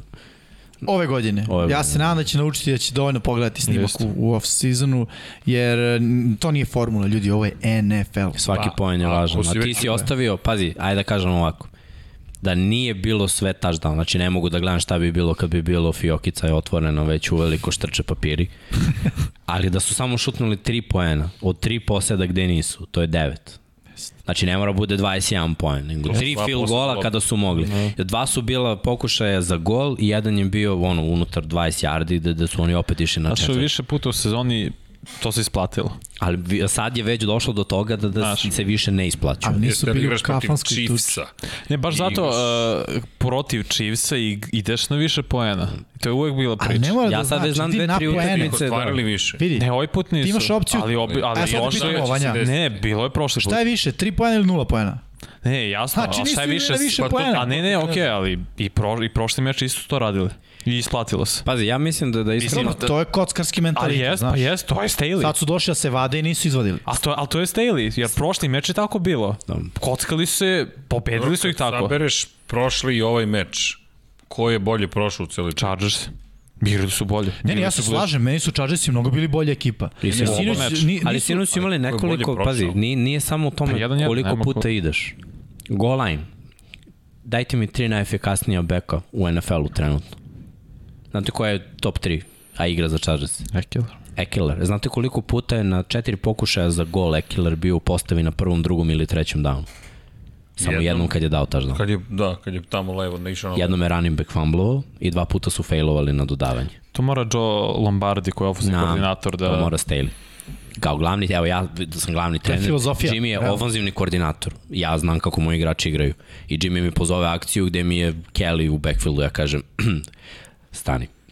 Zašto Ekeler nije tamo? Ako, nije, ako te pustim ovaj down, prvi down, da ne bude, ubaci mi Ekeler na drugom i na trećem downu, pa ću da razmislim s Ekelerom da idem na četvrti down. Hoću moje najbolje igrače kada treba da postignem Jasno, poene. jasno. Ne mogu da idem da postignem poene sa igračima koji mi nisu najbolji. Tako to, to mi je velika greška, nevezano za, za ove rizike. Hoću moje najbolje igrače na te. Ekeler ima stvarno njuh za end zonu. Ej, naj- je bolesno kako je Da. produktivan dečko, kako daje i touchdownove. najpocenjeniji running back u ligi. Jeste. Razlog za kako ga koriste Chargersi. Znaš, to ono, ono, nema, ne daju mu toliko šanse. Realno, odlučio si se već za njega. Pustio si Gordon, ok, nije to uradio uh, ovaj, kako se zove, Staley trener, to je pre njega urađeno, ali realno taj čovjek je dokazao, mislim, neki da je kalibar da bude ranjive brojen u NFL-u. Ono, daj mu loptu. Znaš, jer i, i, i ispo, da kažem, ispostavilo se do sada kada god je Ekeler uspešan i kada ima dobar meč. Chargersi dobijaju, ok, sinoć nisu dobili, ali ne mogu to da... Limitiran je bio. Je, Ja jest. razumem, bio je po Jest. znakom pitanja, ok, čuvaj ga za goal line situacije. A pogledaj prosek, mislim. Ma ja Igra znam kako je igrao, gledao sam utakmicu. neverovatno dobra. 192 yarda trčanja. Dobro. Zbog toga me i čudi što u tim goal line situacijama ide prvo trčanje sa rezervnim running backom i dva dodavanja mm. ili tri dodavanja. Ja razumeš? To da. mi je ono bilo na- naj, najluđe od svega. Znači nije samo greška što rizikuješ, nego što ne koristiš svoje najbolje oružje. Protiv ekipe u kojoj ne igra najbolji igrač u defanzivnoj liniji na defanzivnom teklu. Tako Znači je. sredina ti je šuplja, napadni tu bre i guraj. Mislim da je to problem što mnogo forsiraju Herbert. Jer su vidjeli koliko, koliko puta je uspeo to da uradi opet previše i tek i u drugoj godini mnogo forsiraš. Znaš ovo, I to je razlika između Beličika i ono što pričali Yes. Patriot Way i između, znam ja kako ću. Znam ja, znam ja, veruj mi, znam ja. Kako, e, a znaš, znam, znam, znam, znam, znam. Mislim, okej, ne možemo pričati o tome da Staley nije uspešan trener, jer evo njegova ekipa u slici za playoff, on je ruki trener. Znaš, sve to su pozitivni signali, ali u jednom trenutku, ono, znaš, će, će ta ekipa se raspadne, kao što se svaka raspadne. Ali dosta je to do Herberta, da on toliko drži ekipu, jer stvarno, mislim, niko do sad, niko, nijedan quarterback nije bacio više yardi u pred dve sezone, više touchdownova. Mislim, to je na to bukvalno do 4000 Herberta. sada. On je brutalan. Ja, Ali opet, ja imam problem s tim što treneri po svaku cenu žele da naprave super je svojih to igrača, problem, da. jer ne vodiš igrača, ti vodiš tim, ti si trener Chargersa, nisi individualni trener Mm. Tako. Herberta. I, je. I to je velika greška za Staley, jer sad su već mogli budu lagano prvaci divizije, Chiefs su kaskali ozbiljno ali ozbiljno kaskali. Izgubljena utakmica protiv Denvera, loša taktika. Izgubljena utakmica protiv Baltimora, loša taktika. Izgubljena utakmica ovde, loša taktika. To su tri meča protiv potencijalno tri playoff ekipe. Tako je. Te utakmice ne smeš da bolje da si izgubio protiv Detroita. Mislim, lupam gluposti, ali znaš, ono, pobedio nas Detroit, pa znaš, kao loš tim, šta da se radi. Aj protiv Dallas isto, pro, promašene Da. prilike. I to se trebao pobediš, jer si bio Ja, bolji. bio si bolji, E bio si bolji protiv znaš Dala, šta bravo. može da bude? Četiri Recimo, utakmice, ja to Da. su četiri playoff ekipe. Mislim, Ako- mora bolje. ako uđu u playoff, znaš, da li će da ovo bude kao, e, ljudi, u, u, pre, u sezoni smo se opekli, naučili smo, ajmo sad u playoffu da se to ne desi, što je bio idealan put za Chargerse, ali ja se nekako bojim Neće. da će biti, ovo je Neće. naš stav, ovo je naša igra. Ej, Biće, Osmo mi. tako će biti Ovo je 100%. četvrta. U svakoj ovoj utakmici, to što Vanja kaže da su bilansu bili bolji, sad već nisu bolji, jer su imali nekoliko ovih utakmica protiv boljih ekipa da to nije prolazilo. To je, to je Stelijev stav. On je Ali to je agresivan, opet pola ultra pola agresivan prolazilo protiv nekih, protiv nekih nije. I to Tako je. uvek to, što ti kažeš, to će tako ostati. A, to, je, to, to je loša Znaš, taktika. To, to je i suviše rizika. Istina. I suviše rizika. Ne, ne može stalno Herbert izluči. Koliko god da je talentovan, a jeste ultra talentovan, ajde ne da može da se izluči. dotaknemo i Gledaj Chiefs. sad ovo, ajde da se dotaknemo playoff slike. Ajde. Pa, pa ćemo onda Chiefs, mm -hmm. da, da samo dok smo na Chargersima. Chargersi sada imaju 8-6. 8-6. Ako Ravens izgube, a tipa dobiju uh, Bengalsi, Bengalsi će biti zbog boljeg međusobnog skora prvaci iz severa, a Ravensi će istisnuti Chargersi zbog boljeg Biće međusobnog odnosa. Da. A Ravensi su ujedno dobili i kolce. Toliko se dodatno komplikuje zbog, Tako zbog je. ovog poraza Da, da. sada Chargers. I onda na kraju ako se desi da, da Ravensi budu imali ono izjednačen skor, da li sa Chargersima ili Coltsima Biće prvi. ili Broncosima, oni idu tako je, ispadaju iz Sreća za ove što imaju Houston, i onda imaju Raiders i Denver. Da. I to je realno, to moraš da dobiješ. Pogotovo Moraš da Houston dobiješ. i Raiders. Moraš da dobiješ. Moraš i Denver. Mislim da se ne, izgubio si jednom, to se obično Tako dela. je. Tako je. Tako je. Moraš pogotovo sad jer je kraj i važno. Da, da. Chiefs. E, to. Što se Chiefsa tiče, e, ja i dalje nisam ubeđen i dalje mislim da ono, sam izjavio već jesam, da Chiefs uđu u playoff, to sam iz Dallas rekao. Ne, to se dala se rekao. Da, ali stvarno mi tako delo, da će oni biti one and done u playoffu, razlog, a, sve je to lepo kad Kelsey ima 191 yard, ali šta nije lepo, to se ne baca na prvom ridu. Kelsey ima jednu rutu, to sve propadne, tako? Šta to samo govori? Da odbrane znaju da pokriju inicijalne rute Kansas City Chiefs. I onda Mahomes krene da beži, da produžava akciju. Kad se to desi, znaš i sam, one sezone kad smo igrali protiv Dukesa. No. To je mnogo teško se brani. Oni su nas tada pobedili i osvojili sezonu na broken play-eve, ni na šta drugo. Na quarterbacka koji ima 6-7 sekundi tako što beži za život iza linije skrimidža, rute su se sve raspale. Ti kao defanzivni bek kad se ruta raspadne, pojma nemaš. Jasno. Ima i različiti, da kažem, pristupi, on kao, ako je receiver trčao dugačko, vraća se na plitko. Ko je trčao plitko je duboko. Chiefs čak ni to ne rade. Ja sam sad video uh, Hill koji ide cross, duboki cross na 10 jari podržava gore. To je bukvalno protivno svih nekih logičkih stvari koje znaš i hvata loptu. Da, pa on imaju svoj, svoj On ima i svoj. Da. Zato što Mahomes sa Kelseyem i sa Hillom apsolutno ima kapiranje na nenormalnom nivou. To je realno brutalno kad imaš dvojicu od, da kažemo, četiri opcije, ajde Nije fair. čak i pet. Bukvalno nije fair. I to je sasvim dovoljno. Ne mora da čak ni da, da ima tako razumevanje sa ostalim hvatačima, a i sa njima ima dobro razumevanje, jer svi oni kontaju ono šta Mahomes želi u tom Filozofiju njegovu razumevanje. Apsolutno to, Baš filozofiju. I uh, to je prednost Chiefs, ali neko će biti, da kažem, sposobniji da ne da Toma Holmesu prostor da ima toliko vremena će se vrši pritisak. A Mahomes mi i Chiefs su mi pokazali da su njihove akcije apsolutno pročitane. Znači ono, ono što je generalna zamisao, uh -huh. to svi zatvaraju. To bukvalno svi zatvaraju. Šta se desi posle toga je, je opet vrsta kocke koja će da nam kaže, e, Chiefs će dobiti ili neće dobiti. Mislim, reći nam kad se utakmica završi, jer tokom meča ti ne znaš. Naš Mahomes beže na jednu stranu, baca često ono, na suprotnu stranu, što je u NFL-u u svim knjigama ono, no, no, znači uzimaš sek, ali ne bacaš kad trčiš desno, ne bacaš levo, to, to se ne radi. Bukvalno. Sam sad neku citirao. Tipa Yes. to, ti kažeš to, to se ne radi. Da. uh, ali ovaj, uh, ozbiljno sad, znači to on radi. Gledaš levo, bacaš desno, to smo već vidjeli. Ono što sam pričao, bacaš na sve moguće načine, levom rukom, ispod, sa strane, kako god, samo da bi se oslobodilo. To su sve stvari koje protiv ozbiljnih odbrana, koji imaju dobar game plan, što je u play-offu karakteristika ekipa koja pucuje na Super Bowl, Patriot. se gubi posed. E, ali, ako budu bili prvi u AFC-u, imaju jedan plus, a taj jedan plus ima domaći teren. Misliš, preživeće prvu nedelju, jer ne igraju. Ne, ne, ne, mi, mislim da, da će nekim advantage. ekipama koji dolaze, koje dolaze na Arrowhead biti problem. Znači, prvo biće hladno, drugo biće ono navijanje 90% navijači Chiefsa i 10% drugi navijači, buka za protivnički napad, tišina za napad Chiefsa i odbrana Chiefsa koji igra stvarno jako dobro. Vidio Igra. sam neke situacije sinoć koje su mi bile onako potpuno nejasne. Pokušali za gol, zona. Keenan Allen, naš, ne možeš da igraš proti Keenan Allena zonsku odbranu, bre, u end zoni, on će čim zagazi prvim korakom u end zonu se okrene i Da. Herbert ima 2 metra, vidi, vidi sve, razumem, samo spusti Zato loptu sam dole, pričao o to je odbranu to. Chiefsa, o igrala je tih šest, taj, taj niz što je bio pre ovog. Oni su igrali protiv loših ili Jesu, običnih, da. ispo, ovo, kažem Loših. prosečnih, da, napada. Nisu to bili ofanzivni, ne, ne eksplozivno kao što su Chargersi.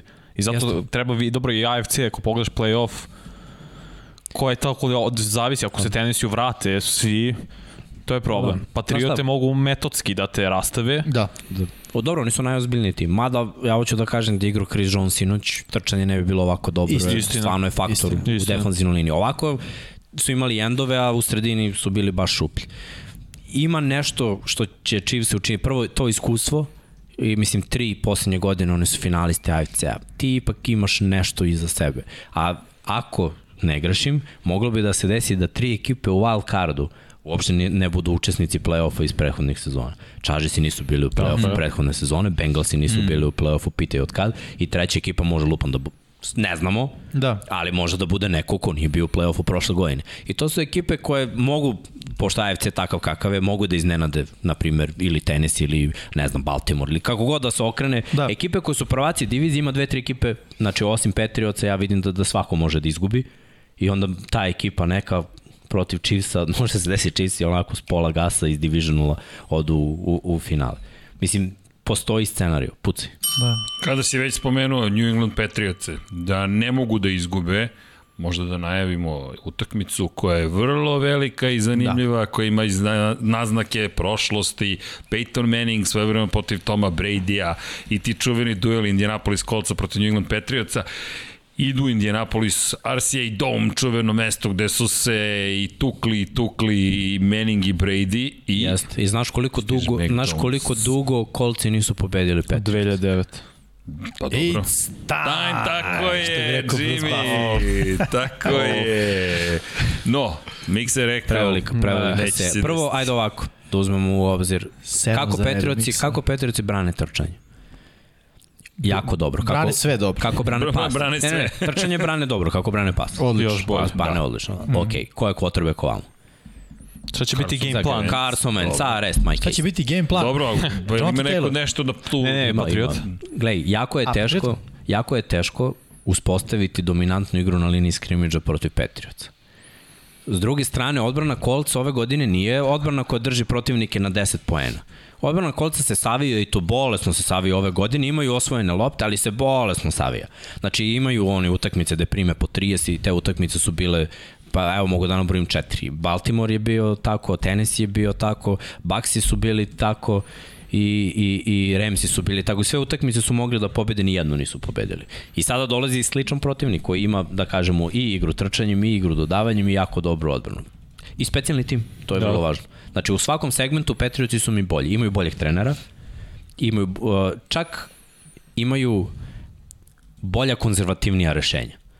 Jer ako, na primjer, Patriotsi budu u zaostatku od, ne znam, 10 poena, oni neće ići po svaku cenu na dodavanje da stignu 10 poena, nego, e, ajde mi damo 3 ili da damo 7, da stignemo do nekih poena. Tako oni razmišljaju. Reich razmišlja, okej, okay, imamo minus 10. Minus 1, minus, pas. Fade, samo pas. Gde je, gde je Jonathan Taylor? Neka sedi malo. Kod Boris. I pa gubimo, gubimo mnogo je, razumeš?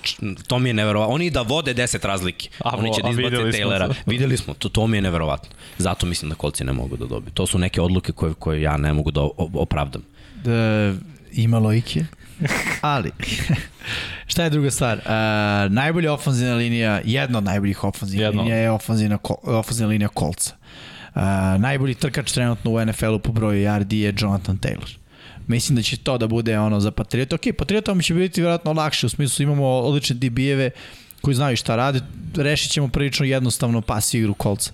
Ali trčanje će biti veliki, veliki izazov i to će da bude ono što ti kažeš. Jeste teško igrati protiv Patriota na liniji skrimidža, ali ja mislim da ako neko može, to su kolci. Drugo, Patriote su vezale 7 pobjeda nizu. Mnogo je. Bolestan niz. Da. mnogo je. A Patrioti sa Baje. Mislim da Beliček nije imao, ima dve nedelje. Pa i kolci su sa Baje. Pa da, ali ovo je, dru, ovo je mnogo drugo. Da. Ne, sve, sve slažem Dve nedelje imao da pripremi game plan.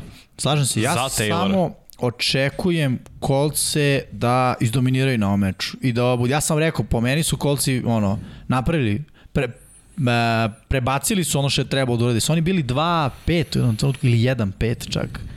Pa krenuli su, ja mislim, 0-3. Da, i imali su jako do, tešku poziciju i došli su 7-6 to su znaci da se promene dešavaju. Jeste, ali Šta njihova, mora da se ograniči? Njihova, gubljenje lopti. Njihova divizija im isto malo ono, dala vetar u leđa.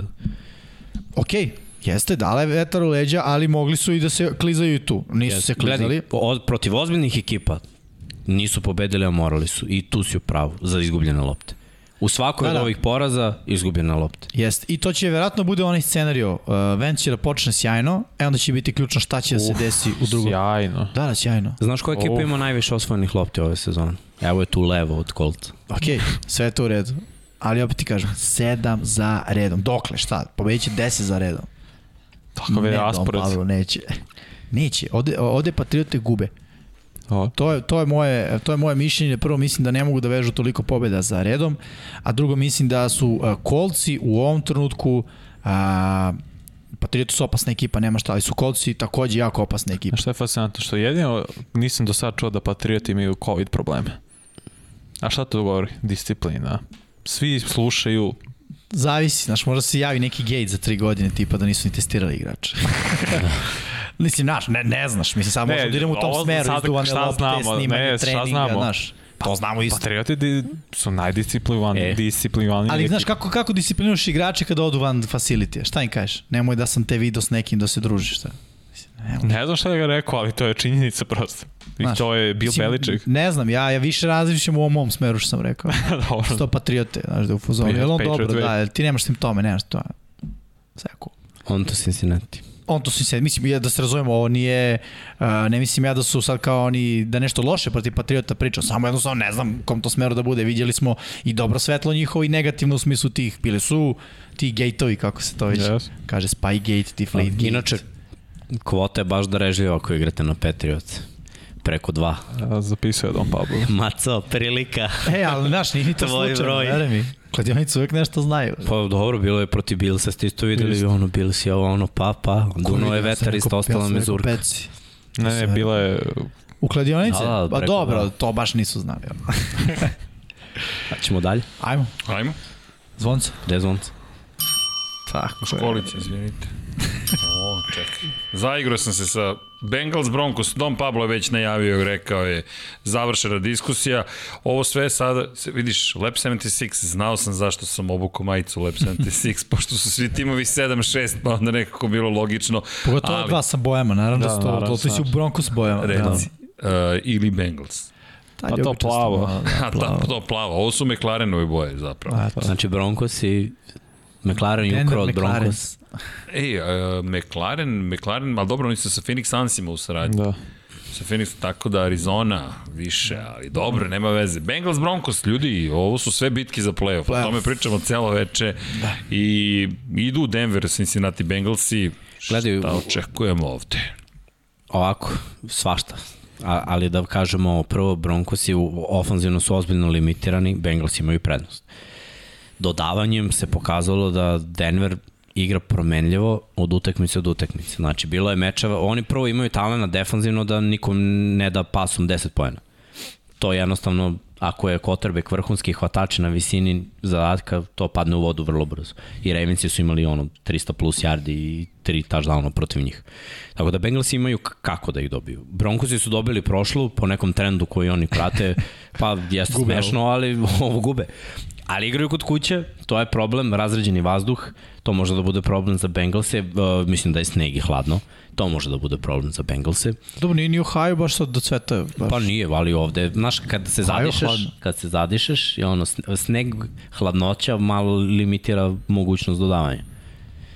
Jeste, jeste. I, I sve to kad uzmemo u obzir, Broncosi i ne mogu da kažem ono Bengalsi 100%, ja verujem da su Bengalsi, ali nije 100%, već je nekih 60-40. Zašto? Pa Bengalsi su igrali protiv ozbiljnih timova egal, više egal nego Broncosi protiv ozbiljnih timova. Bengalsi su, na primjer, uh, dobili u svojoj diviziji dva puta Steelers, dobili Ravens, igrali egal sa 49ersima, igrali egal protiv Packersa. I ima tu utakmica gde su Bengalsi pokazali ono, bolji smo tim od Denvera, imamo više talenta. I imaju, evo, pozicija quarterbacka, samo tu neka bude komparacija, neka izjednačimo sve drugo. I hvatače, i online, i odbranu, Od i, i odbrane je running mnogo backove. bolje od Ne, ne, ali neka, neka izjednačimo, da kažemo ono, ovde su bolji ovi, ovi, ovi, Ok. neka je sve izjednačeno i neka na vag, ono, posljednje dve figurice Uvek stavimo na tas levo i desno. Ode, ode za Bengals. Jeste. Ali šta, je, šta, šta ja ovde vidim? Bengalsi su onako protiv pasa, ništa posebno. Broncosi tu baš ne mogu da, da kažemo, aha, prednost ide na njihovu stranu. Nego, kakvi su ovi protiv pasa, takvi su mi ovi kad igraju pas u napadu Broncosi. E sad, igra po zemlji Broncosa je dobra. Javonte Williams, Melvin Gordon, ako se ne varam, prošle nedelje po 100 yardi. To je, ili preprošle, to je ludilo, mislim, dva trkača po 100 yardi, to ono, baš je, baš je, to mi je veći trip nego jedan trkač 200 yardi jer kad jedan trkač 200 yardi, to je ono sve klizilo za njega i složile se kockice. A, odbrana Bengalsa protiv trčanja je bolja. E sad, Hendrickson mislim da ne igra. Po znakom pitanja, nije, nije sigurno. Ok, ali ajde, ako Hendrickson ne igra, dodatno otežavajuća okolnost za Bengalse. Ako Hendrickson igra, ono, ok, nije sad baš, mislim, jeste on faktor više u pas igri, da kažemo, nego protiv trčanja, mada dobar je, znači nije sad ono kao jednodimenzionalan, ali u toj tu borbi, hm, jako čupao. S druge strane, napad Bengalsa protiv uh, je bolji kroz vazduh igra protiv sekundarija koji je jako dobar. Jako dobar, mladi sekundari. Što se trčanja tiče, mogu i tu da napadnu, nije problem. Broncosi, tako da su mi ono, bukvalno izjednačeni i jeste što ti rekao, pozicija quarterbacka je jedina stvar gde Bengalsima ono, št, skače, skače vrednost Broncosima pada i cela ta priča ono, mislim da će ovde biti zapravo ono koja odbrana otme više lopti uh, ovoj drugoj. Potencijal mi je veći na strani Bengalsa, ali mislim da će biti jako zanimljiv meč ali za mene su Bengalsi favoriti. Ono, ne, ne mogu da vidim. Jako su Broncosi 7-6 i potencijalno ako ih dobiju, znaš ono, Bengalsi tonu što se tiče play-offa, ovi skaču i ono kao odjednom Broncosi imaju priču za play-off. Svaki put kad pomislim da Broncos imaju nešto, nakon svih ovih pobjeda, samo se seti meča protiv Fila. Da, da. Jer je Fila nije vrhunski tim, ali ih je. Fila dobila i trčanjem i pasom. Istu tu odbranu svi su igrali. I, i, i zato ono, kad pogledam, malo naginjem na stranu da. Bengals. Slažem se. Imam bold prediction da će Patrick Surtain zadržati Chase ispod 50 yardi hvatanja. Dobro, to jeste. U stvari, Pa, ako uzmemo secondary... mislim, mislim da će Cincinnati Bez pobedi. touchdowna. Bez. Dobro, to je bold. To je bol. Bez. Da. Srki ti? Šta ovde? Pa Cincinnati. Nemam neki bold prediction, ali Cincinnati mi ukazao na Cincinnati. Koliko Da. god Jimmy da kažeš da su, da su egali, da tu može da bude svašta. Takva je cela sezona, ali nekako mi dalje deluje zaista da ovo Cincinnati. Možda i posljednji voz za Denver. Možda, Jeste. ali i Denver ne treba biti, ne treba poceniti, oni su imaju više pobjeda nego poraza, bez obzira Jeste. na sve. Jeste. Znaš, i kao, zaista ne znam, ali nekako mi deluje da Cincinnati u ovom momentu mora da odigra bolje. Da kažem da, da taj neki neopipljivi uh, moment koji ne može se iskaže brojkama, to je to neko u, u veća uigranost Bengalsa i veća neka konzistentnost u igri. Mi smo Bengalsa samo par puta videli ove sezone da se nisu pojavili, a tako? A Bronco se svaki drugi nedelje, Da. manje više ono što ti kažeš. Tako da zbog toga, to je isto još jedna prednost koju ne možeš da pokažeš brojkama, ali se vidi. Prosto ono, vidi se. Bengals, moj, moj pik, ali vidjet ćemo. Hajde da sačekamo ljudi, pa to je lepota ove, ove sezone. Idemo mi Jeste. dalje. Sledeća utakmica, Packers i Ravens i... Ovo će biti lakše, ne- ovo bi mogao da bude vrhunski derbi da, da, da se neke stvari nisu desile. Ovo bi baš bilo i ono i potencijalni Super Bowl, ali Al s obzirom da zvuči. su se neke stvari desile, ovo je easy money za misliš? Packers. Povred. Povredu. Lamara. Da, ne samo Lamara, Aha, ne, nego secondary. secondary i Lamar. Tako da bez startnog quarterbacka, ja verujem da će Lamar odmarati jer utakmica sa Cincyjem koja sledi, Najavili su... Re, Ravensima slede važne utakmice. Jedna su Ramsi, to je u NFC-u i idu dve u diviziji, a to su Bengals i Steelers u poslednjem kolu. Ne, težak pa, ovaj, Uh, raspored. raspored je težak i, i ima različitu važnost. Znači, pobeda u NFC-u nije jednako važna kao direktna pobeda protiv rivala za prvo tako mesto u diviziji i direktna pobeda protiv rivala iz divizije koji te je dobio jednom. Znači to su ono utakmice koje moraš da rešiš. Ova utakmica Ravensima neke stvari ne idu. Prvo uh, odbrana Packers igra jako dobro ove sezone.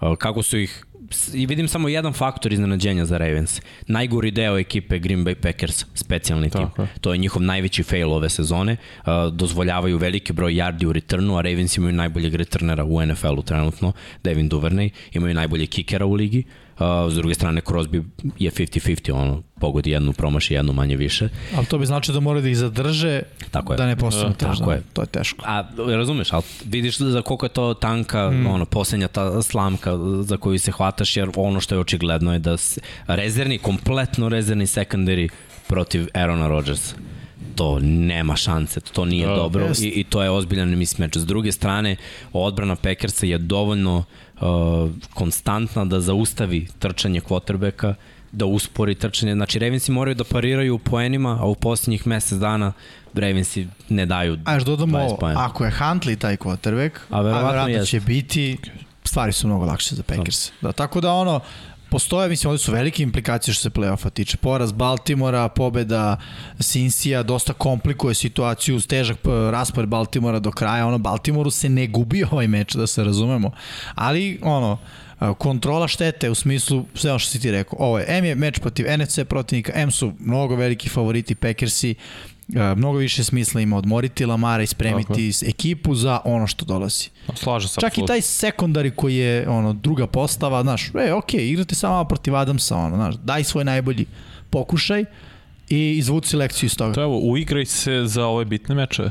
Pa da. Bukvalno je to, uigraj se, imaš Ramse, imaš Green Bay. Nećeš imati protiv boljih hvatača da igraš naredne protiv Steelersa i Bengals. Ok, Jamar Chase i ti Higgins i sve, ali Ne, ne, ne, ovo su Ovo šta je- samo mnogo boljih hvatača. Znaš Da. je samo problem iz perspektive sekundarija Ravens. Mislim, nekako mi se čini da ti moraš da igraš man coverage protiv uh, Packersa. Pogotovo protiv Adamsa. Jer Adams trči sve rute. Znaš, ne možeš da očekuješ oni duboka pretnja, možemo zonom nešto No, da rešimo. ne igraju man coverage, to je, to je najveći problem. Da. I ako igraju, mislim, ja ovo očekujem, Everett ide na Adamsa, Vestri Eh. ide, ide na Lazarda Sad, i... Koliko je pametno za ovog Evereta koji je pokazao da je ok duše protiv Brownsa. I, Ne, ne, igrao je okay ove Jest. sezone. On je, mislim, starter od početka ove sezone. Da, jer ali Peter koliko je, povredio. koliko je, kažem, pametno da ga staviš nadam se da, koji će verovatno da ga Pa ukana. moraš.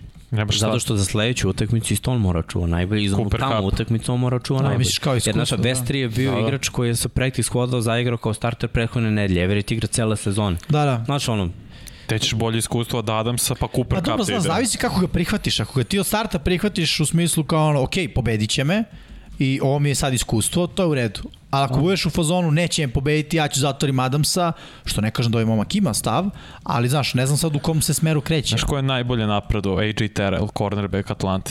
Prošle godine kao rookie groz. Svi su go uništavali, manje više. Ove godine je najbolji cornerback u ligi. da, I ovaj mali iz Chicago bi, bi odigrao vrhunski protiv Devonte Adams. Je Jackson? Mislim da jeste. Mislim da, da, da je Jackson. Nisam siguran, ali sve vreme igrao protiv njega i odigrao na visokom nivou. Tako da, šta znam, Packersi stvarno imaju prednosti, ovo je za mene baš fix za, Green Bay Packers-e.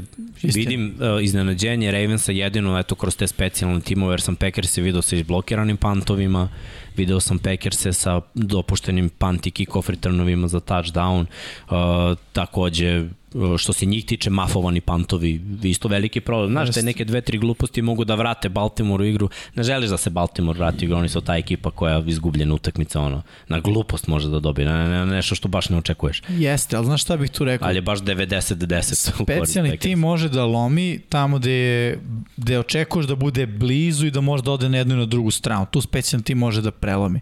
Ovde ne očekujemo, bukvalno bi specijalni tim Baltimore postigne tri touchdowna da bi oni ostali pa, u ovom da. meču. Pa kao Chicago. Da, kao i Chicago. I da opet bude 45-30, što je kao dva poseda, ali ko što smo rekli za Chicago, ono, borili su se do kraja. Pa da. Može dalje. Bing. Još jedna zanimljiva utakmica. Da. Titans, Steelers, Tennessee ide u Pittsburgh. Je se vraća Brown? AJ. Nije sigur. Mislim da ne, da ne, još, da, još ovo ne. Ako se, da ako se proveri, ako se ne vraća, Steelers imaju šans. Da. Ja mislim da Steelersi uzimaju. Steelersi su ovaj, odmarali uh, da TJ Vota na prethodnoj utakmici s razlogom da bi ovde protiv ofanzivne linije bio faktor i protiv trčanja, jer trčanje im je bilo grozno na, na prethodnoj utakmici protiv Minnesota, 200 yardi su dozvolili. Uh, igrao je, mislim, ti život prvo polovreme, tako da i on delom dozvolio tih 100 yardi. Mm. Bilo je više od stvari. da neće biti još ove nedelje u timu. Napad Tennessee bi mogao da se muči. A s obzirom da se Steelersi, Steelersi muče generalno u prvom polovremenu, ovo može da, da im bude onako olakšavajući faktor što se tiče odbrane Tennessee-a igraju bolje nego što sam očekivao iskreno ali i Steelers igraju bolje ofanzivno. Yes. I sad se već vidi ovaj, da, da im je stalo da ovu sezonu završe onako na visokoj noti. Mislim da, da su i, i uporko s nekim glupostima koje su imali i tim nekim problemima sa ponašanjem, pre svega, hvatača, nekako došli do, do toga da, da veruju. Mislim, Klejpu koliko god bio problematičan, Big Ben mu veruje i daće mu loptu kada treba. Washington koliko god da nestaje i da ga nema na nekoj utakmici, dobit će svoje šanse da napravi mm. play. Deontay Johnson u ovoj utakmici ide na preko 1000 yardi, to je isto velika stvar za Steelers, mm -hmm. bilo je malo posta što se tiče hvatača. Fabrika wide receivera. Da, ali eto, prošle godine nije bilo 1000 yardi. Ove godine... Je ovo treća ili druga godina? Za Deontay ja mislim da je ovo treća godina ali svakako Impresivno. mislim da su oni i Washington u trećoj godini, ali, ali svakako Steelers imaju kako da napadnu uh, Friermut je isto i imao to hvatanje za produžetak, uh mhm. -huh. igra jako dobro ove sezone. Biće egal, biće vrlo važno prednost Steelersa što se igra kod njih na Heinz Fieldu. To, to je velika prednost. Mislim da, da to mogu da, da iskoriste, da, da prelome meč. Uh, Uh, Tennessee Titans s druge strane su toliko ubedljivo prvaci svoje divizije, očistili su kolce, tako da i da dva poraza imaju, a njih čekaju utakmice pro, u, unutar divizije. Da, da. Tako da ono, oni čak i da izgube ovo, njima to ništa ne menja, oni će samo pasti u AFC-u, a ni to ih ne zanima jer oni za playoff čekaju Henrya i Browna da se vrate. Tako je. I onda su druga ekipa. Onda skor ništa neće značiti. Oni kao su ušli u finale konferencije, bili su u wild cardu i išli na tri gostovanja. Jeste. Jeste, ne, slažem se i kažem, ja stvarno vidim šansu za Steelers na ovom meču, jer ono, Titans i istina sa ovim uh, Formanom, koji pokazuje neke korektne signale, ali nije, nije, nije me ubedio, aj tako da kažem, šta vam prošle nedelje protiv Jacksonville, pa okej. Okay. Uh, Hilliard isto i on mogu da budu taj one-two punch i bit će, verovatno je to ideja i kao što ti rekao, bit će ideja, ajmo trčimo protiv Steelersa jer ono, Minnesota ih je uništila. Uh, Uh, ali mislim da će Steelers upravo, znaš, ono, to će biti game plan, zaustaviti trčanje Tennessee, jer kad su u fullu Tennessee Titans, ti prvo hoćeš zaustaviti trčanje Tennessee, Tako. a ne digaš poti pasa. Što se tiče pasa, mnogo veći talent je na strani Steelersa i ovo je šansa koju Steelersi po meni ne smeju da prokockuju. Dobra je i za moral, sve ono što ti rekao. Pobediš 9-4 ekipu kad si ti 6-6, to je super, super uh, za, za dalje. Imaš 7, 6, 1. I šansu sve veći i veću za playoff. Svaka ekipa koja izgubi od ovih 7-6 ekipa ide na 7-7 mm. ispred njih si. Tako je. Jeste. I još je dobio još jednu u konferenciji. To... A pazi, Broncosi i Bengals igraju. Neko tako? sigurno. Neko Da. sigurno ide na 17, mislim sigurno. Svaka ne ide na To. Pa ne rešim. 7-6-1. Ali u svakom slučaju da, velika šansa za, za Steelers. I nije nemogući scenarij. Klikće. Dinge. Idemo na sledeći meč i svi su naravno mečevi koji imaju ozbiljne playoff implikacije, sve oči su uprte u gospodina Sandeja. Zato što samo ja verujem, tako? Da, Ili samo- ti? Nije, ne, ne. E, Samo pa, ja i ti. A ti ja, jel? Ti ja, da. Da, da, da. A, Možda Pablo, Pablo i Pablo. I pa, opa, onda što bi se reklo, niko ne veruje osim nas trojice od petorice. Ne, ne, ne, Dom Pablo veruje, vas dvojice Dom Pablo verujete u Filadelfiju. Pa da. Da. Ima razloga. Prvo, COVID. Znači, Ima, ima. od 18 igrača koji su COVID pozitivni, ne verujem da će ono pola biti negativno na dan odigravanja. Prvo ja nisam ni znao dok nisam ušao ovde da se utakmica odložila. Nisam ni ja, da. Da se utakmica igrala u nedelju. je bukvalno došla vest. Pa da, nego kažem da si igrala utakmicu u nedelju, ovo bi Fila. bio meni easy money fila. Da. Ovako, Washington ima šansu da, da se vrate neki od startera, što će njima i tekako biti potrebno. Ali opet, Fila nema problema s covidom. Fila je, je tim koji ima načina kako da dobije Washington. Ne sada na domaćem terenu, Fila je uvek opasnija nego na gostovanju. Ova utakmica se igra u Fili. I opet, ovom, ovom pobedom Fila ide u playoff. Ulazi u wild card.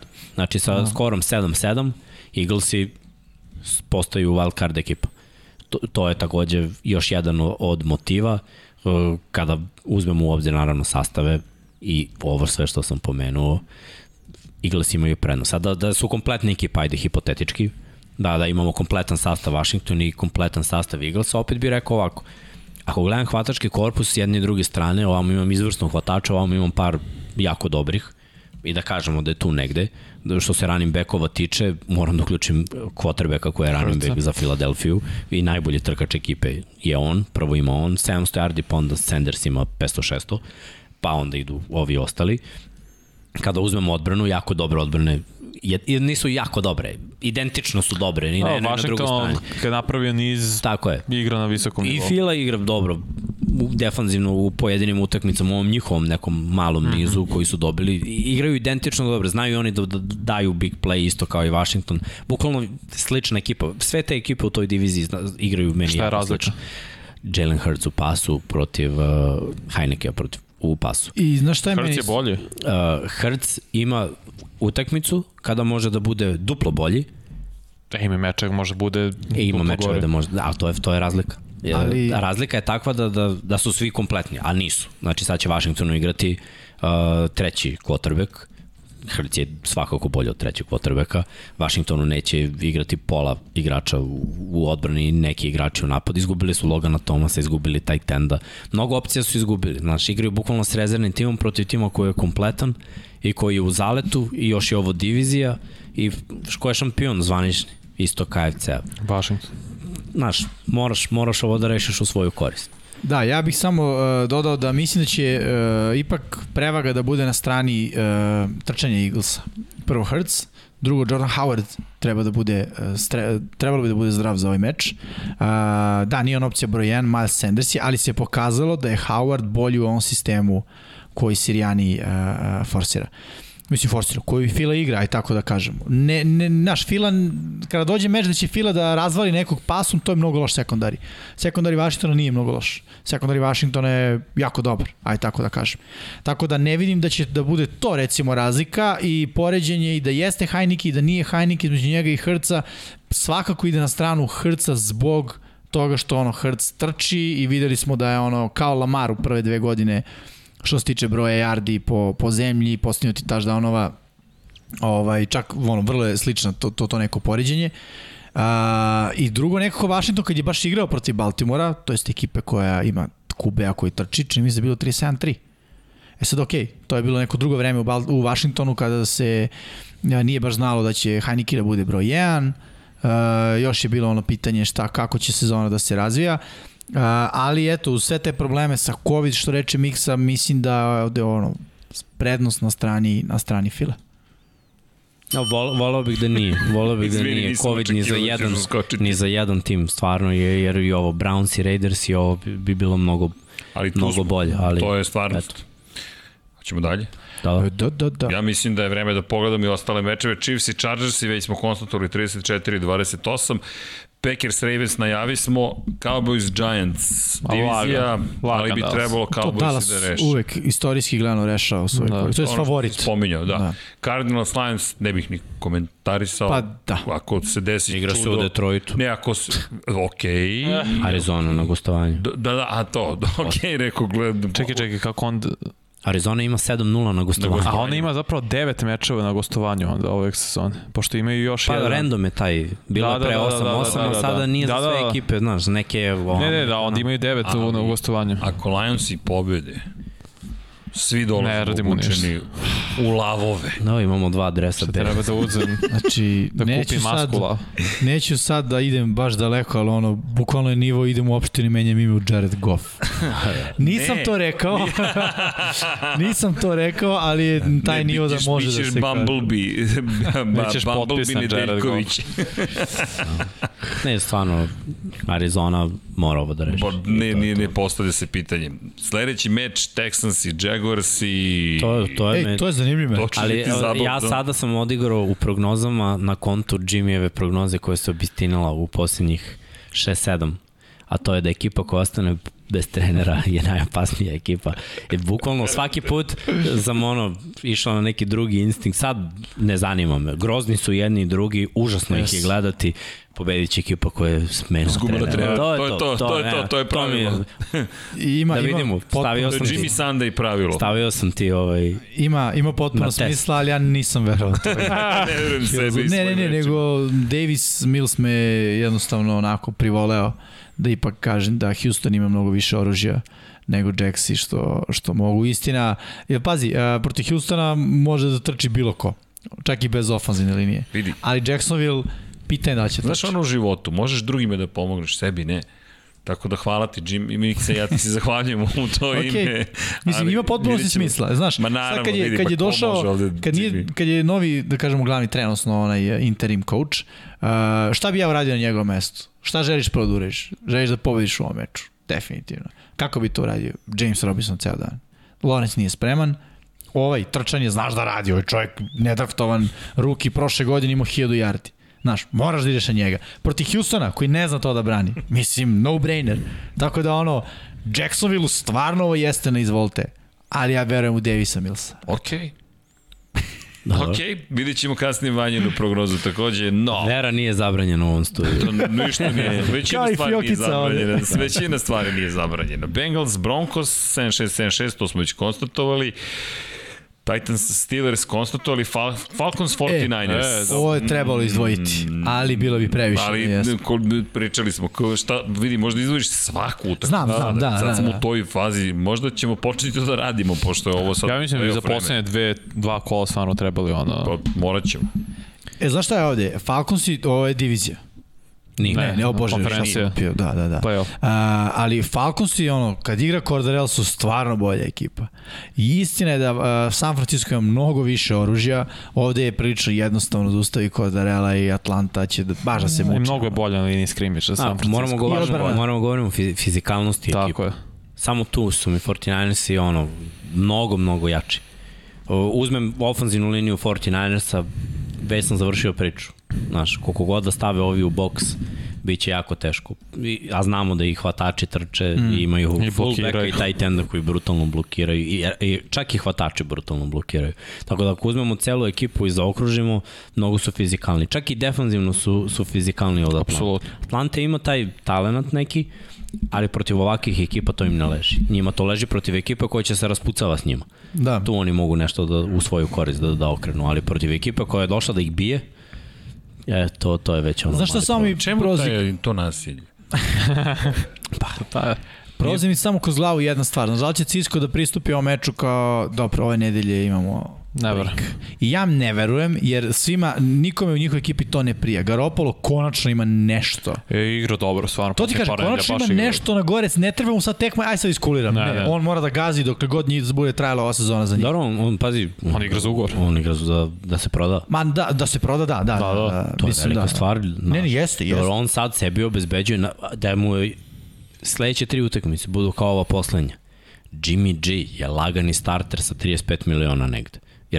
Tako je, tako to vredi Uh, danas. ne bi išao baš Ne, ne, 35, išao bi ja, ja 30 znam da ja mu ne bi dao 25. Dobro, da. Ali nećemo pričamo o tome. E, razumem, ja kad dođem da kupim Coca-Cola, meni ona limenka vredi 30 dinara, ja je platim 60, zato što toliko ona košta. Ne mogu ja sad kažem, e, ne vredi vam ovo. E, razumeš? Možeš, mislim, da. pa da, dobro, izašao mi nećeš praznik da ruku. Coca-Colu. Ja razumeš, tako bi on izašao, aha, Jimmy, evo ti 25 i Jimmy bi rekao, ok, izašao bi, razumeš, ne bi potpisao Da. ugovor. Neće pod ni potpisati, jer ako drugi quarterbackovi idu na 40 plus, a idu, on će uzeti manje.